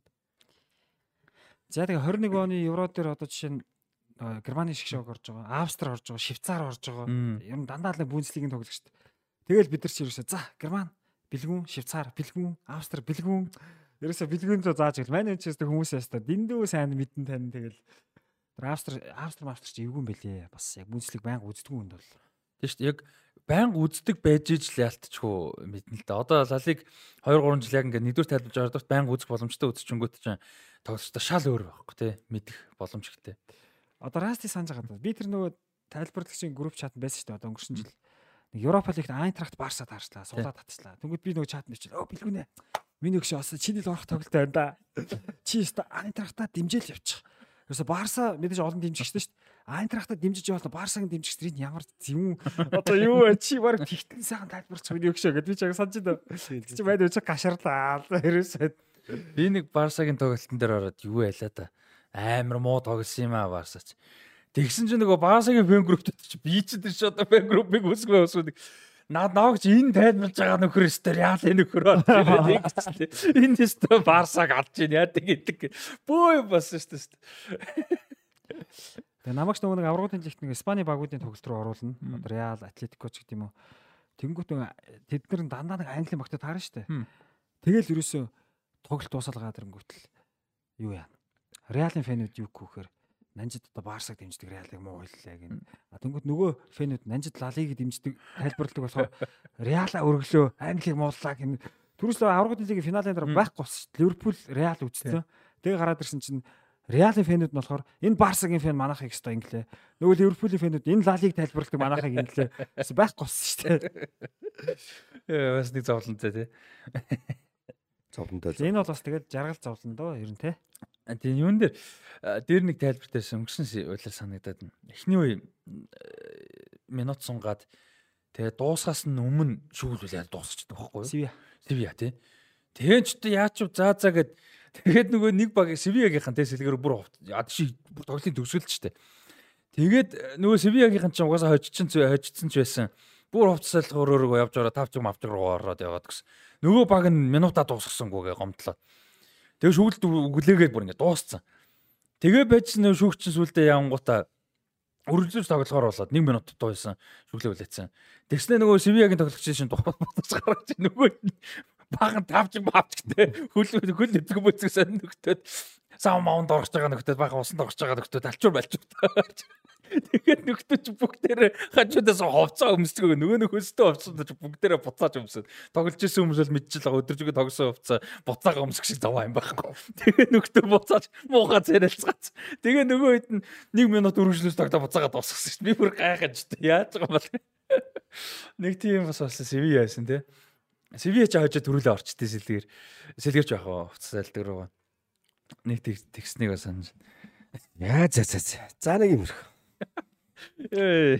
За тэгээд э, энэ яриа сонирхолтой байсан гэж найдаж чинь баг илүү подкастны хэлбэр байсан форматаар байсан баг. Тэгээд э, сонирхолтой юмнууд ярьсан гэж найдаж чинь аль болох олон талаас нэрх гэж хичээлээ. Тэгээд тэр ялангуяа тэр Кристиан Эриксентэй бол бүр амар хүнд байсан. Тэгээд тухайн үедээ тааруулах тухайн үедээ адапт хийх гэдэг чинь тэ хувирж өөрчлөгдөх нөхцөл нэлээд их гардаг байх. Тэгээд ядарсан үед л ер нь хэцүү байд юм да. Шүний яг явж явж ер нь хамгийн хэцүү юм тарих ядарсан үед л хэцүү янз бүрийн болж байгаа юмд ингээд нэг торгай толгой ажиллаад нэг үг нөхцөлтөнд тааруулж анализ ч юм уу одоо бодол үг гарч чадахгүй толгой гацдаг ч юм уу хил ам оргооцолтоо тий нөгөө эн чин хил ам толгойч ажиллалт болчихсон байгаа ядарчингууд буруу ярина тий хил ам нь оргооцолт нь бөөрийнхий бол ер нь ядархал хамгийн ядарсан дээр ганцхан жишээ байна. Одоо тоглолт нэг завсарлаж байгаа шүү дээ 15 минут. Би энэ хугацаанд бол одоо юу гэдэг юм унтаж байгаагүй байхгүй. Одоо ингээл 15 минут удаад чи яах вэ? Цай ундаа тий юм хум уун бас ингээд интернетээс мэдээлэл харна шинжилнэ. Тэгээд би нөгөө нэг 21-ээс 22 оны улирлын яг намар өнөхөр хүндэх ажил гараад 2 сар орчим тайлбар хийгээгүй байхгүй. Тэгээ гинт өвлийн яг тайлбарт орох байсан. Атлетико Мадрид Севиа тоглох болоод тэгээд ойрт форм байхгүй нойр морч гэсэн яг нэг хэвийн амьдрал руу орцсон. Тэгээ сандживал нөгөө тэр өрөөс нөгөө футзалын ордонд болж яхад зурснаа дурсгалын нэвтрүүлэг хийгээд тэгээ байж байгаад шүн 4 цагийн тайлбарт орсон чинь би дийлдэггүй. Бүр үнэхээр явахгүй. Эхний үед ч бүх юмаа гаргалаа. Тэгэл 15 боц засралан готл утсан дээр сэрүүлэг тавиал толгой тавиал гэсэн. Шууд тавиал. Тэгэл 15 минут дээр утсан дээр босч сэрж байгаа шүү дээ. Тэр бол одоо баг хамгийн тийм хэцүү тохиолдол тэр байсан. Сая энэ Миланы дээр бид нар чинь юу яаж байгаа байхгүй. Билөх миний 15 14 минутын нойрыг алж байгаа байхгүй. Яасан гэдэг би тэгдэх яг тоглоом шүү. Би ганцаараа ихтэй л гандаа гандаа ганцаараа шүү. Тэгмэд яадаг гэхээр би бас яг шүний угаасаа дандаа шүнлээ л гэж. Би яадаг гэхээр эхний үе дуусгаад за ингээд эргөө болж үзчихтэйгээл микрофон унтраангуудаа цаган дээр 14 минут тавьдаг. Яг 14-ийг тавиал нэг юм том чивч байгаа наа бусад дууг хаачдаг. Тэрийг тавиад юм бороо аадар бороотой нэг юм саунд байдаг байхгүй. Тэрийг тавиад шууд нүдэ найцчихдаг байхгүй. Яг гоо шууд унтахгүй ихтэй гол нь толгой амар. Унтахгүй ч заримдаа бол жоохон дуу хийчин. Гэтэ ихэнхдээ унтахгүй дээ. Зүгээр ингээд толгой толгой амар амардаг нэг бороо мороо тийм дуу сонсоод ингээд нөгөө гэрэл мэлээ унтраач таахгүй би нөгөө жижиг өрөөнийхөө. Тэгээ ингээд 14 минут сууж байгаа л тэгэл яг 14 минут яг гой таардаг байхгүй. Дугарлаа, унтраалаа, хоолоогоо нэг засна, жоохон ус балгаа хоолоо молгоо 1 2 мөр гэдэг нэг жоох үзээ. Тэгэл яг оролт таардаг. 0 мэл орохгүй бол. Тэгээ би нөгөө нэг билад чи хамт тайлбарлах үед чинь би тийм чивч юм авч явахгүй шүү дээ. Хүн хамт тайлбарлаж яснаа. Чиг зүг ингээс хуцалтай биш. Тэгэж одоо би энд үстэ юу ч аваагүй байхгүй. Тэгс чи ирдэггүй. Тэгээ би тийч 15 минут тийч хийх болтдгоо. Тэгээ тэгээ уц буц оролцож байгаа тэрдгээр орсон шүү дээ. За тэгээд энэ хүрээд өндөрлөхөө дээ. А Жого Бенета шоу подкастын 47 дугаар дугаарын 2 дугаар хэсэг өндөрлж байна. Миний дуртай хэсэг. Аа сонирхолтой хэсэг гэж найж чинь тэгээд одоо өнөөдрийн дугаарынхаа 3 дахь хэсэг рүү орцгоё. Цаг хугацаа өнгөрөвч үн цэн үлдэн. Ирчим хүчний дэвшилтэд шийдэл бүхий бүтээгдэхүүнүүдийг төслийн аль ч үе шатанд эцсийн хэрэглэгчдэд зориулан тасралтгүй ханган нийлүүлж байна. Мэргэжлийн ур чадвар салбарын туршлага мэдлэгтэй тулгуурлан оновчтой шийдлийг харилцагч бүртээ санал болгон байнгын эргэх холбоотой ажиллаж урт хугацааны үнцнийг хамтдаа бүтээдэг. Бид улс орныхон хөгжлийн суурь болсон дэм байгуулалтын салбар бүрт дэвшилтэй технологи болон чанарын илэрхийлэл болсон бүтээгдэхүүний шийдлийг эрхүүлж харилцагч бүрийнхээ мэдрэлийн дан ажилдгаараа бахархдаг эрчим хүчний бараа бүтээгдэхүүн хангамж нэгтгэгч MMS. За таар нэг сайхан тоглоалч. За бэлэн бэлэн. За. За Шогомонто шоу подкастын 47 дахь 7 дахь дугаарын 3 дахь хэсэг story time хэлэхэд бэлэн болсон маань та бүхэн а бидний подкастыг дэмжихийг хэрвээ хүсэх юм бол Хас банкны Хас банкны хүмүүс банк гэж асуугадсан. Хас банкны 500 556 2978 дугаартай дансаар донешн хийж дэмжих боломжтой байгаа шүү. Гиснээс нэр story time-ын өмнө ганц гоё юм хэлэхэд Jogo Bonito show podcast маань одоо эхлээд нэг жилийн болоход одоо 3 хоног үлдсэн байна. Яг энэ дугаар гарсан цаг хугацаанд бол нэг жилийн болох юм байна. 5 сарын 25 данх бол одоо энэ подкастын маань анхны дугаар гарч байжээ. Тэгээд энэ хугацаанд бас дэмжсэн, сонссон, э, сэтгэлдээ хуваалцсан, за бас мэдээж Батсангал маань билгэх маань дэ зочноор орж ирсэн, дэмжиж ажилласан тайж караоке за тэгээ Wavesport Lounge Хас банкны хамт олон Wavesport Lounge хамт олон юу MMS-ийн хамт олон гэд хамтарч ажилласан дэмжиж ажилласан бүгдээрэнд нь маш их баярлалаа. Айгүй олон хүний хөдөлмөр те мэдээж продюсер тулгаан маань байж гин. За заяах маань дараагийн дугаар дээр ирчин заяах маань нанждах маань. За тэгээд манай а төвшөө өмнө ТМК шижрээ маань лого эхний лого хийсэн бүгдээрэнд нь маш их баярлаа. Айгүй олон хүний хөдөлмөр, айгүй олон цагийн хөдөлмөртэй сэтгэл хөс шингэсэн юм шүү. Тэгээд хамгийн чухал нь мэдээж спонсор болон сонсож байгаа хүмүүс. А тэгээд энэ хугацаанд бас сонсож байгаа дэмжиж байгаа бүх хүмүүстээ баярлалаа. А тэгээд гадаад дотоодоо сонсдог хүмүүс бас их байдаг. Тэгээд сэтгэлээ хуваалцдагт баярлалаа. А хүмүүс комент өчгөр ер нь их гоё байдаг.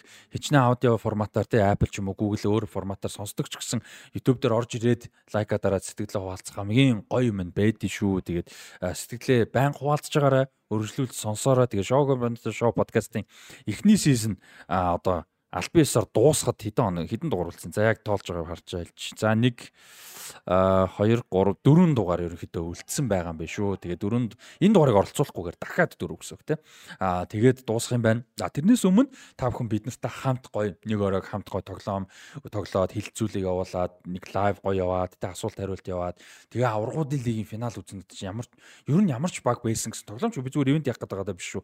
Ямар ч тоглолт багууд байсан аврагуудын лигийн финалыг олон хүн хамт цуглаж үзнэ гэдэг тэр гоё сайхан хөгжмийг сонсоод тий ингээд нэг баг төрүүлээ цом өргөө энийг үзнэ гэдэг бол үнэхээр гоё экспириенс байдаг. Тийм болохоор тэр та бүхэн маань бас нэгдмээр байвал Шого Барнта шоу подкаст Facebook хуудастай эсвэл Instagram-тай холбогдоорой. Тэгээд удахгүй бас мэдээлэл нь постыг орцсон явж байгаа байх.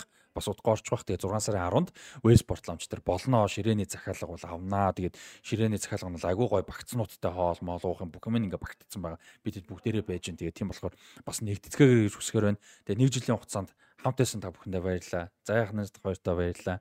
Тэгээд сонсож байгаа бүх хүмүүст баярлалаа. Тэгээд удаан олон жил бас шоу подкаст маань явах болтугай. Тийм. Тэгээд story time. За гоё юу байла. За өнөөдрийн би сторигоо бодсон. За нэгдүгээрт зочнооч бодсон. За мистер Бундслиг гэдэг нэртэй хүн штэ. За тэгээд одоо энэ удирлын Германы Бундслигийн одоо сүүлчийн тойрог юм байна тий. Сүүлийн тойрог бол үнэхээр бас гахалтай тийм тойрог болох болох гээд байна. Тэгэхээр Германы Бундслигтэй холбоотой их гоё түүх бэлдсэн. За энэ түүхийг бол манай надад бол анх ярьж өгсөн бол манай бэлгүү. Гэхдээ бэлгүү надад яг ховчилж ярьж өгөөгүй. Зургатаар бас хэд удаа ярихад би сонсоод энэ ямар гоё түүх вэ гэд өөрөө судлаад үзсэн. За Германы Бундслиг бол 1962 онд эхэлсэн. Яг үүнээс өмнө бол Германы аврах шалгаруулах тэмцээн гэдэг нэртэй бол байсан. А гэхдээ яг Бундслиг болсон нь бол 62 он. Тэгээд 2012 онд NTV телевиз нөгөө Бундслигийн 60 жилийн түүхэн нэг тийм баримт кинонууд гарч ирсэн шүү дээ бэлгүн тий. Тэгэхэд би анхын түүхийг одоо бэлгүүн л хоолойг уншижсэн яг ямар сонь түүх вэ? Өстө мэдхгүй түүх байна да гэд. Тэгээ сүүлд бол судалж үзээд ингээд өнөөдөр бэлдсэн юм байна. За энэ түүхийн нэр бол зүрхний авраг гэдэг нэртэй. За Шальке Тиг дөрөв гэж алдартай клуб байгаа. Германы бол бас алдартай цуудаг клуб. За энэ баг бол одоо Германы одоо хуучин Германы авраг шалруулах тэмцээн гэж байхад 1934, 35, 37, 39, 40, 42, 58 онд төрүүлж байсан. За 30 40 он бол бас машин жис үе шүү. За гэвч 1962 онд Бундеслиг ихсэн цагаас хойш зүрс төрүүлж үзээгүй. За энэ багийн хувьд бол Бундеслигийн аврагын цомд хамгийн ойрхон очсон яг ойрхон очсон хэд хэдэн тохиол байдаг. Гэтэ хамгийн ойрхон очсон тохиол бол 2000-аас 2001 оны удирдал байдаг. Энэ бол бүр гайхамшигтай драма болсон. За энэ удирдал юу болсон бэ гэж байгаа. За тэр удирдлын одоо 33 тойргийн дараах байдлаар одоо сүүлийн тойргийн өмнө агуу Отмар Хитцфелдтэй удирдсан Баер Мюнхен 62 оноотой нэмэх 25 гоолтой байсан. За Хүүб Стивенсийн удирсан Шалька 59 оноотой нэмэх 28 гоолтой. Өөрөөр хэлэх юм бол Баер нь 3 онооны илүү. Гэхдээ гоолоор бол Шалька 3 гол илүүтэй нэг юм нөхцөл байдал байсан. За сүүлчийн тойрогт Баер нь өөртөө хожих юм бол төрүүлнэ. А Баер нь хожигдоод Шалька цаана хожих юм бол оноо тэнцээд голын зэрэг Шалька анх удаа бүнцлийг төрүүлэх нэг тийм маш сонин тийм одоо тохиолдол бүрдсэн байсан. За тэр үлрэл бол Шальке бол өөртөө Баер нэг бол 2 удаа тараа 2 хожигдсан байсан. Хавар нь 3-1-ээр хожоод алдарт Эбес Санд хэтрик хийцэн байсан. Тийм үе байгаа. За ингээд сүүлийн төргийн тоглолт нэгэн зэрэг боллоо. Өстө нийл драма болсон байна. За тэгээд тухайд одоо Унтер Хахинг гэж клуб бол дийдлэгт байсан. Шальке бол өөрсдийн талбайд Унтер Хахинг клубтад тоглож байгаад хожигдж эхлээд бас нэлээд эвгүй байж байгаа. Тэгээд 89 минутанд Эбес Санд гол хийгээд 5-3-аар хожоод гисэн. Онооны 0-2 болчихсон. Шальке бол үндсэндээ одоо үндсэн цаг дуусах чинь те 89 минут. Шальке бол хожих болсон. Хожих нь бол үндсэндээ ойлгомжтой болсон. За яг энэ мөчид Баер нь бол Хамбург клубтэй бол одоо Хамбургийн талбай дээр тухайн Бундслигийн бас хатуу самруудын Хамбургийн талбай дээр очиж тоглож исэн.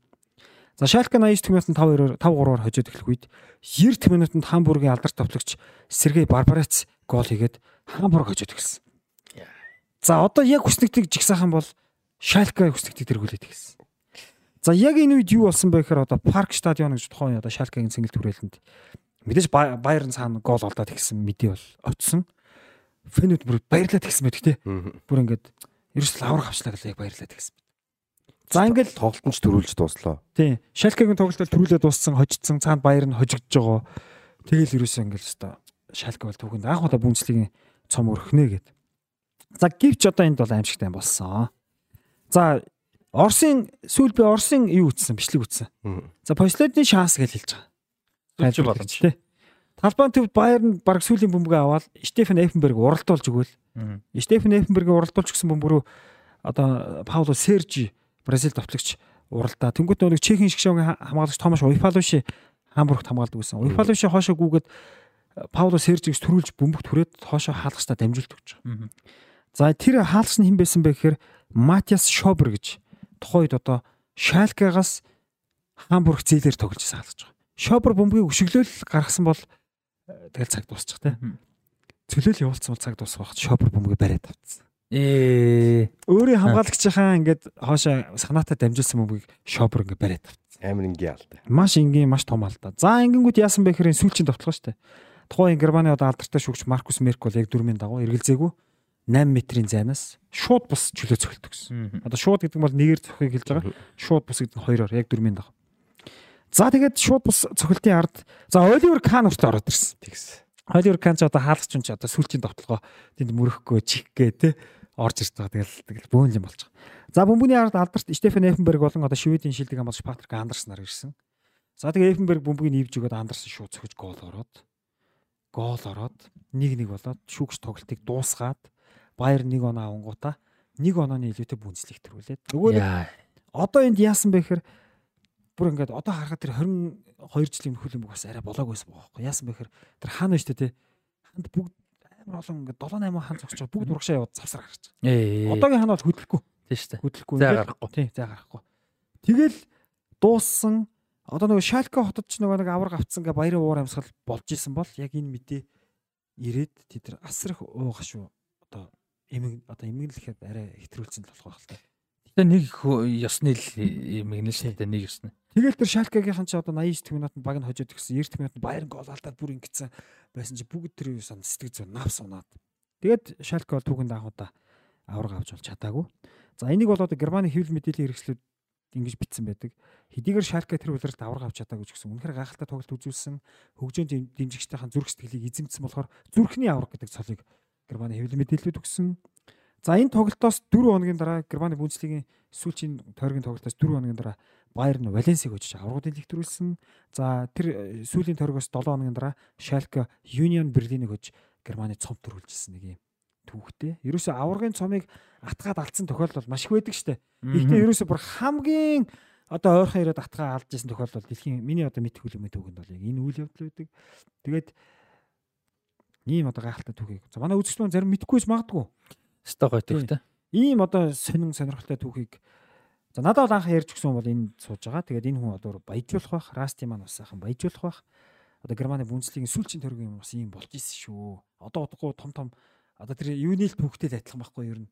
Манчестер Ситигийн нэг тий. Тийм яг нөгөө нэг юм сүүлчийн мөчөд хоцсон, эргэсэн одоо хувь зай эргэсэн гэдэг дээр бол яалчгүй Манчестер Сити хүмүүс илүү сайн мэдэх бах, илүү анхааралд одоо сэтгэл нь үлдсэн байх. Ялчгүй ч мундаг л да. За тэнгууд Ситигээс ялгаатай нь энэ болохоор хоёр багийн ингээд тийм зэрэг яг болоод. Тийм яг зэрэг те.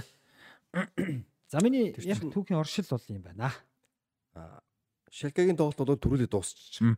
Нөгөө тэр нэг заваарсан юмнаас ч болоод 2 минут чинь давж тоглож. Тэгээ Шалка бол ер нь баг төрүүлсэн. Талбай дээр нь хөгж дэмжигчд нь орж ирээд чинь баг аврагын баяр баяраа тэмдэглээ, тамижтай үнсэж өмхөө зүгээр бөө юм болоод. Тэгээд тэр гол орхоос орох хүртэл 2 минут баярлсан. Цэнгэлдэгтэй яриа. Гэлзикэрхэнч бүгд баярлж байгаа. Тэгээ баярлаад тэр гол ороод нэг нэг болоод тэнцээд тэгээд нөгөө Шалкагийн замнал төрсөлтөгч Дортмундын фанатууд одоо хүртэл цэнгэлдэхэд Шалка бол ердөө 2 минутын бүнцлийг аврах гэж доромжиж дуулдаг юм. Яас. Бас муухай сэтгэл нь муухай хүн дээ. Сэтгэлтэй. Хоёр талаас тэгэл тоглолтын явц идэр чинь зүгээр хэлийн ойлгох юм бол баян бодвол ингээл тэгээд муухай үгрээдэл тэгэл дууцгаа л байдаг те.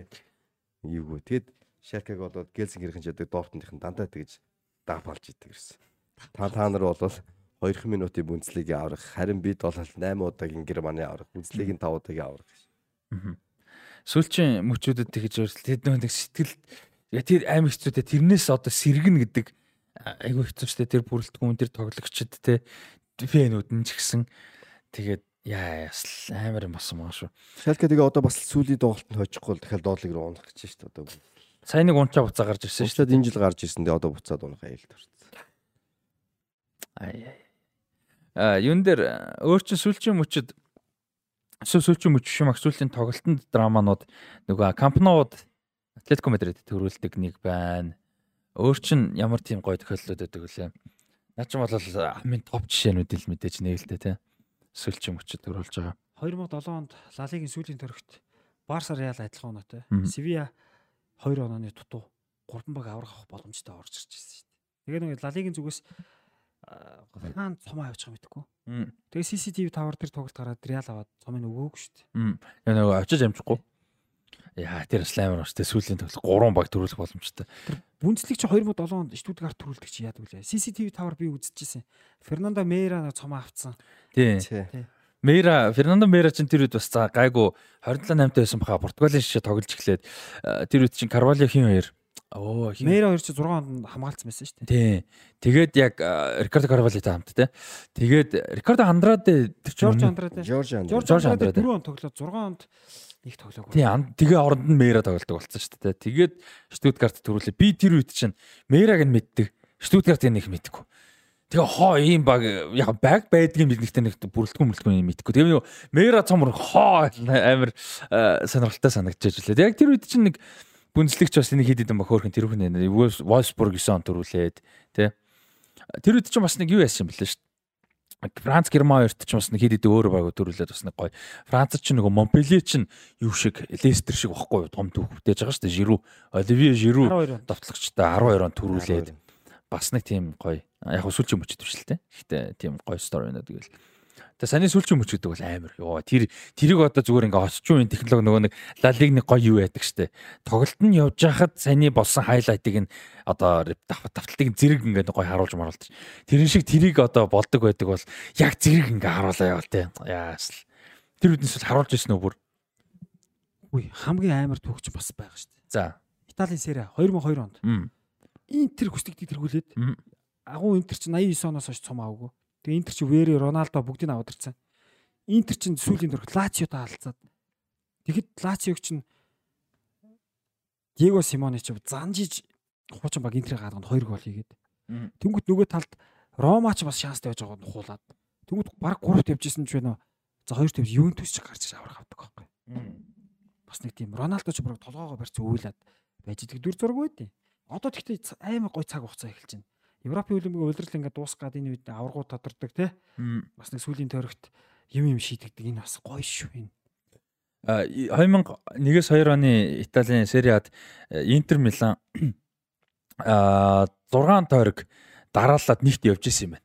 34 тойрогтой байсан шүү дээ тэр чинь. Тэгээ 18 багтай. Тэгээд а, юу яаж яагаад 33 дугаар тойрог одоо 34 дахь тойрог эхлэхэд нэгт эхлээд хожигдоод Рома тэнцээд Ювентус очоод 71 оноотой Ювентус төрүүлж исэн байт юм байна. Хамгийн сүүлийн тойрогт Интер Милан өөртөө хожигдсон бол төрүүлэх байсан. Лацио Лациод хожигдож байгаа. Симоне Инзаги хамгийн сүүлийн голыг хийжсэн шүү дээ. Одоо Интер Миланыг аврагууд лигийн финалд дасгалжуулах байгаа, дасгалжуулж байгаа Симоне Инзаги.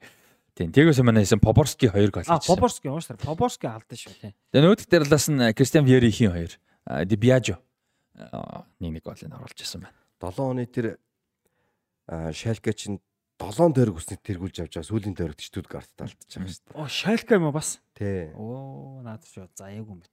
Стаазгүй тий. Тэр юуны Ливеркулсэн ч одоо хамгийн ойрчсэн тэр нөгөө нэг амар домогт үлрэл лөө. Тонх төлөв. Нэгээс 2 он тий. Нэгээс 2 он лөө. Хүн биз. Тийм үү? Тийм үн тий. Гол мөг те. Тийм 3 мөнгөтэй. Тэр бас нэг домогт удирал байна тий.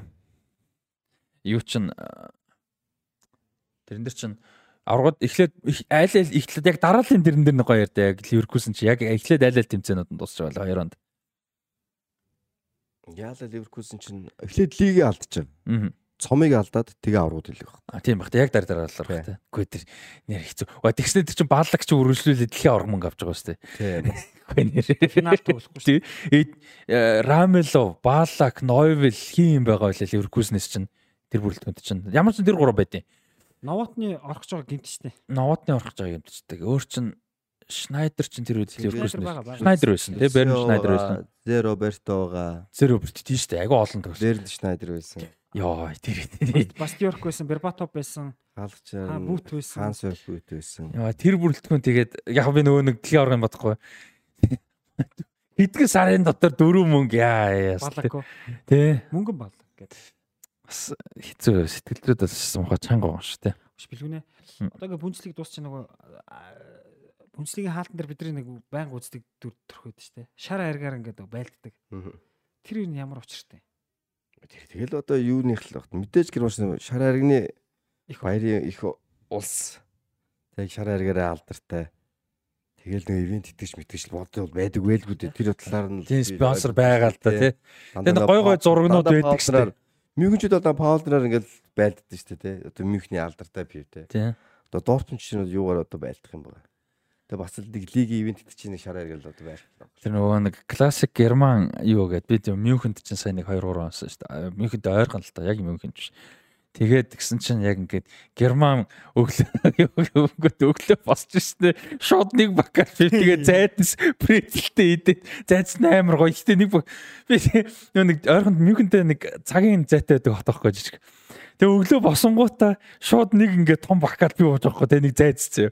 Тэгээ ингээд идсэн чинь нөгөө мюнхен лөө машинд нэг цаг явахцаач шаас өгт толгойд өгдлээс болтгоо өстө гач юмсан шүү дээ. Өглөө босоогоод тэр шинэ чанга юм байлээ ёо. А тэгтээ тэр зайдсан л тасрах юм байлээ ёо. Тэр байгаа юм бэл. Тэр нөгөө Мюнхний цэнгэлтгэр явсан чинь тэр Мюнхний цэнгэлтгийг танилцуулж байгаа нөхрөөс амар баярны фэн баг.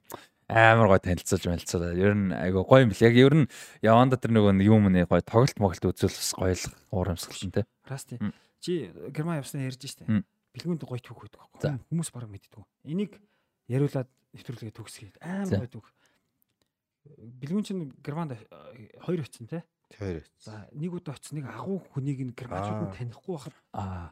за энэ бол агуу түүхээр ингээд энэ э, гоё нэвтрүүлгийг бас төгсгөлийн хийлгүүл гоё баг. Тэгээ нэг Бундслигийг дамжуулж ирсэн телевизийн үед нэг манай ойд Отонбаатар бид нар ойд гэдэг. Тэгээд яг ДФЛ-ээс ураад бид Германд хоёр удаа явсан. Тэгээд яг Мюнхний Алианс Аренад бид нарт чинь яг VIP судал бид гуравт ч одоо тэр үед манай телевизэн захирал Улаанбаатар их байсан. Тэгээд ойд явсан. Тэгээд бид гурав яг VIP судал дээр 500 евро ч илүү 400 еврогийн судал дээр үнэтэй санал дээр.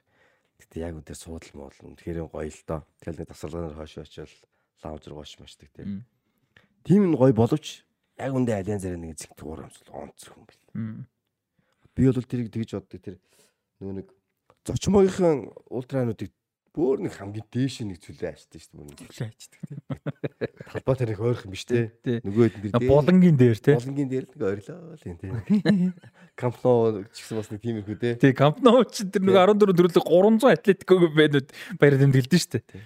Түүнээс нь бол нөгөө талд одоо фестивал нийтэр ч юм бол яг талбайд хажууд л те. Мм. Нөгөө тал хаалгах нөгөө талаа баг нөгөө багтаа өгч мөгч гоё те. Тэгээ цэнгэлэг уураас л учраас шар ус босдог байхгүй. Байрныхан ч тийм биш дандаа нэг тийм экстецүү сугуулсан тийм байдаг. Тэгээд нэг Франкфурт тэр үед нэг тоглосон юм а. Франкфурт Байерны тоглолтод яг таарсан. Аа тэгэл нэг бөө нэг томчууд чинь Мюнхен чинь бас баячууд олон тийм шиг ганд. Бөө Симбис амт идэл. Анх удаа тийм цэнгэлтэд орсон. Ингээл ангаагаал толгой эргээ хардсан чи хойно нэг нүдний шилдэ буурлах одоо үгүй яг шатны хажууд яг захалсан суудал дээр сууж. Тэгэл ойд руугаа хэллээ.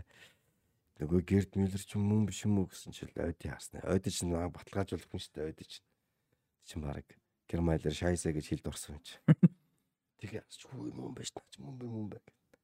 Герд Мюллер шүү дээ. Герд Мюллер шүү дээ. Гэрд мэлэр. Тэгээд Герд Мюллер дээр очиод би тэд очиод гуруулаа очиод нэг нэгээрээ зураг авахуллаа. Мм. Цэмбэрүүч хөдөлг аа нэг гурван А цаг яриад энэ хинтээ зураг авахад байгаа гэсэн бодолтой хараадс.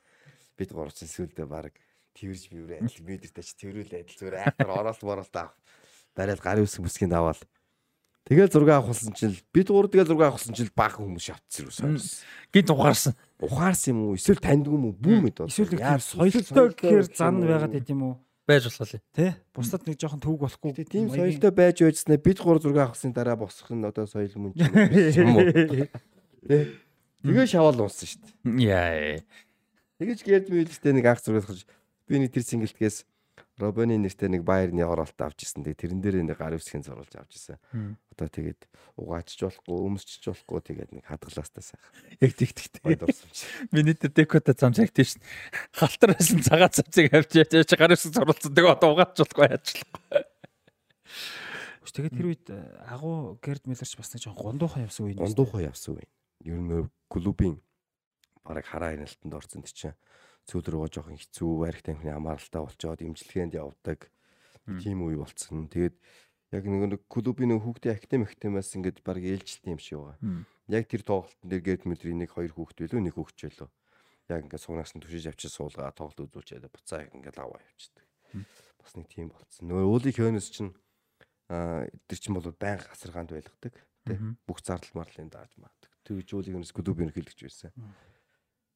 Тийм байсан байх. Тэр Ален Царана яг үзээ явж байгаа ялч үнэхээр тэгээд нөгөө нэг баг хугацаанд явсан болохоор тухтаа бүр үнэхээр тухтаа явъя явъя гэж чинь нэг өдөр дамжихгүй юм байл л те. Яг нөгөө яг би намайг очдөг үед Ален Цараныг 10 жил яваа гэдэг. Дээрээс нь нөгөө юуны өлийн хоноос зориулсан гэд бүр юм тусгай хэсэг гаргацсан байсан. Бүр хүүхэд наснаас нь ингээ одоо хүртэл ингээ бүр дөрвөн том хэсэгтэй нөгөө хүүхэд нас нь мэржлийн карьер нь дасалжуулагч карьер дөө ерөнхийдөө. Тийм ингээ тийм. Тэгээ тэрийг үнэхээр болдог бол бүгдийн бүтэн уншаад ингмээр л исэн. Дааж одоо тэгээд хугацаа үнэхээр арай л амжихааргүй л байсан л та. Тэр бол айгүй гоё ш. Тэгээд зураг яваа яваад л тааш тэгээд заа заа гэл. Нэг хид хид юм уншаал л өнгөрөөсөн. да. Расти нэг амар юм ирсэн шүү дээ. Намар яг Алианс аренаг үзчихэд ирэхтэй. Өө Бүнцлигийн цомоор баг хан босгосон бай. Тэгээд Тийм тийм юм бэлээ. Ален Царанагийн мөзөө чинь тийм юм бэлээ. Ингээд зүүн талд янз бүрийн гоё юмнууд ноошт хуучин өмсгөл өмсгөлтэй түүх мөх. Баруун талд ингээд аврагууд дэлийн цомнууд нь те 3 3-аар нь ингээд тавьж мавцсан сүртэй. Тэгээд тэр чинь нэлээд урт ингээд мөзөө байгаа байхгүй. Эхлээс нь дуустал нь зүгээр бүнцлигийн цом. Ингээд тавгнуудаараа Тань тавгнуудаар зүгээр шилэн оргон тавгнууд голтно. Тэг зүгээр ингээ хана ерөөсө. Тэг нэгэнтэн зураг тийш ингээ зургийг авч дуусахгүй урт зүгээр ингээ хана бүнцлигийн тавгаар хана ийц. Тэр бол ч амар юм бэл. тэр музик үзсэн бол зүгээр агуу баяр нэг сүрдэл бишрээл мөргөөл гарч ирэх юм уу? Хөлбөмбөг мэдгүй хүн шүү шинээр хөлж байгаа тэр цэнгэлтийг үзээ тэр ялангуяа тэр музейг нь үзээ гарч зүгээр баяр нь улаан цагаан ногоон фэм болоо гарч ирнэ. Яг би бол аль хэдийн биш учраас агуу багийг мэдээж мэднэ те. Яг тэр цэнгэлтийг үзэж байгаагүй ч гэсэн за өстө үнэхээр амар баг шүү гэж бодоол гарч ирж байгаа байхгүй тэрийг үзэл ямар амар юм бэ гээл. Тэгэхээр би шүтээд гарч ирэхгүй шүү дээ. Тэгтээ За уушлаарай расти. За бэлгүүнийг орсноор ганцхан маш товчхон ярилч. Мм. Дортмунд баяр баяр Дортмунд нэг дампуурах жахт одоо энэ сүүн сүүлийн төрөлт үзэх гээд штэ. Дортмунд нэг дампуурж жахт баяр нь яалаа. Тэрийг нэг бэлгүүнийг дээр битсэн байсан штэ. Энэ маш сонин шүү. Мэдхгүй хүн зөндөө байгаа. Тий. Бэлгүүнтэй бүгд Facebook найз биш штэ. Яг зөв Баерн ганцхан Дортмундд ч биш те. Бусад дампуурч исэн бүх багуудад л ерөн зүгээр лигийн толгой баг, баян баг гэдэг утгаараа байнга бол ингэж халамжлаа респект үзүүлжтэй бүгдэнд нь бол ингэж хүнд хэцүү үед нь бас мөнгө төргөний хувьд ч юм уу те ингэж зээлж өгч өгчсэн юм их тохиолдол байдаг. Тэгээд хамгийн гол өрсөлдөгч Дортмундтай тэгж өгчсэн нэг тохиолдол бол байсан юм байлээ. Нэг хэдэн сая орчимчлээ бас би ч бичснээр марцсан байна шүү дээ. Тэгээд 3 сая орчим баха. Яг 20 жилийн өмнө 2003 онд Дортмунд ер нь жоохон мяарцсан байхгүй. тийм яарцанд чинь нэг хувьцаа гаргаад нөгөөт нь дампуураад тэгээд тэр чинь яг банкнд тэр мөнгийг өгөхгүй л олвол тэр клуб нөө түрүүний клуб шиг самтор бүр баг самтуур шиг байхгүй болох гээд. Яг тийм хэцүү цаг үед мөнгө олдохгүй байх үед банк итгэж мөнгө өгөхгүй зээлэхгүй үед Байер Мюнхен тэр 2 сая еврог бол гаргаж өгч ирсэн. Тэгжиж Боруссия Дортмунд амьд үлдчихсэн.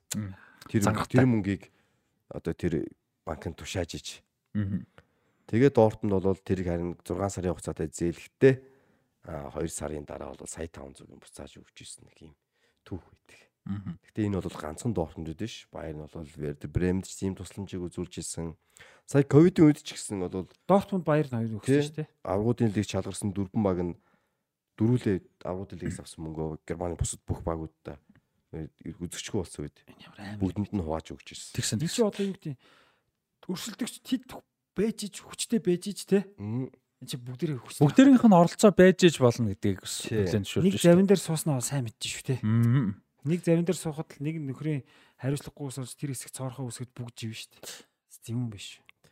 За тэгээ энэгээр аа дуусах уу? Тэгээ. За, Жаговрэнтэй шоу подкастын 47 дахь дугаарынхүү аа өндөрлж जैन тэгээ өмнөх дугаар болон өнөөдрийн дугаарт аа зочноор болцсон бэлгэн хата маш их баярлаа. Яг үнэхээр сонирхолтой гоё ярианууд гарлаа. Тэгээд бүнцлэг гэлтгүү тэ мэдээж. А тэгээ тайлбарын тайлбарлагчийн бас ярьдаг хэсэг үнэхээр надад бол таалагдлаа гоё байлаа. Та хоёрыг сонсох гоё байсан. Тэгээд эхний хэсэг таалагдсан найз чинь, хоёр дахь хэсэг, гурав дахь хэсэг бүгдээр таалагдсан гэсэн найз чинь. Тэгээд Жаговрэнтэй шоу подкастыг та бүхэн дэмжихийг хүсвэл а хаан банкны 500 500 something Хас банк үстэй. хас банк өө яана би нөгөө нэг ядардаг нь эхэлж шүү Миний даасыг хэлж гээд. Хаспанк мөө. Яа би хамбаг биш шүү гэжсэн ухаантай л бахта одоо бодвол. За. За Хаспанкны 500 556 29 78 гэсэн тансаар 5 хүн донешн нээж дэмжих боломжтой байгаа. А ивент тэтгэгчээр 5 сараас эхэлж ивент тэтгэгчээр ажиллаж байгаа Westport Lounge хамт олондоо баярлалаа. Season 1-ийн ерөнхий ивент тэтгэгч MMS-ийн хамт олонд маш их баярлалаа. Бид нар удахгүй MMS Green Building төслөөс одоо зураг авалтаа хийж нэг дугаарыг 5 хүндээс хөргөнөө сонирхолтой байна гэж найдаж байна. За тэгээд танд баярлалаа. А дараад 7 хоногийн дугаараараа эргээд уулзтлаа баяртай дараа 7 хоногт Бундслигийн аваргууд тодорхой нь магадгүй Францын лигийн аваргууд бас тодорхой хаа. Ерөнхий ивент гэгч MMS The Future is Electric. Ерөнхий ивент гэгч MMS Green Building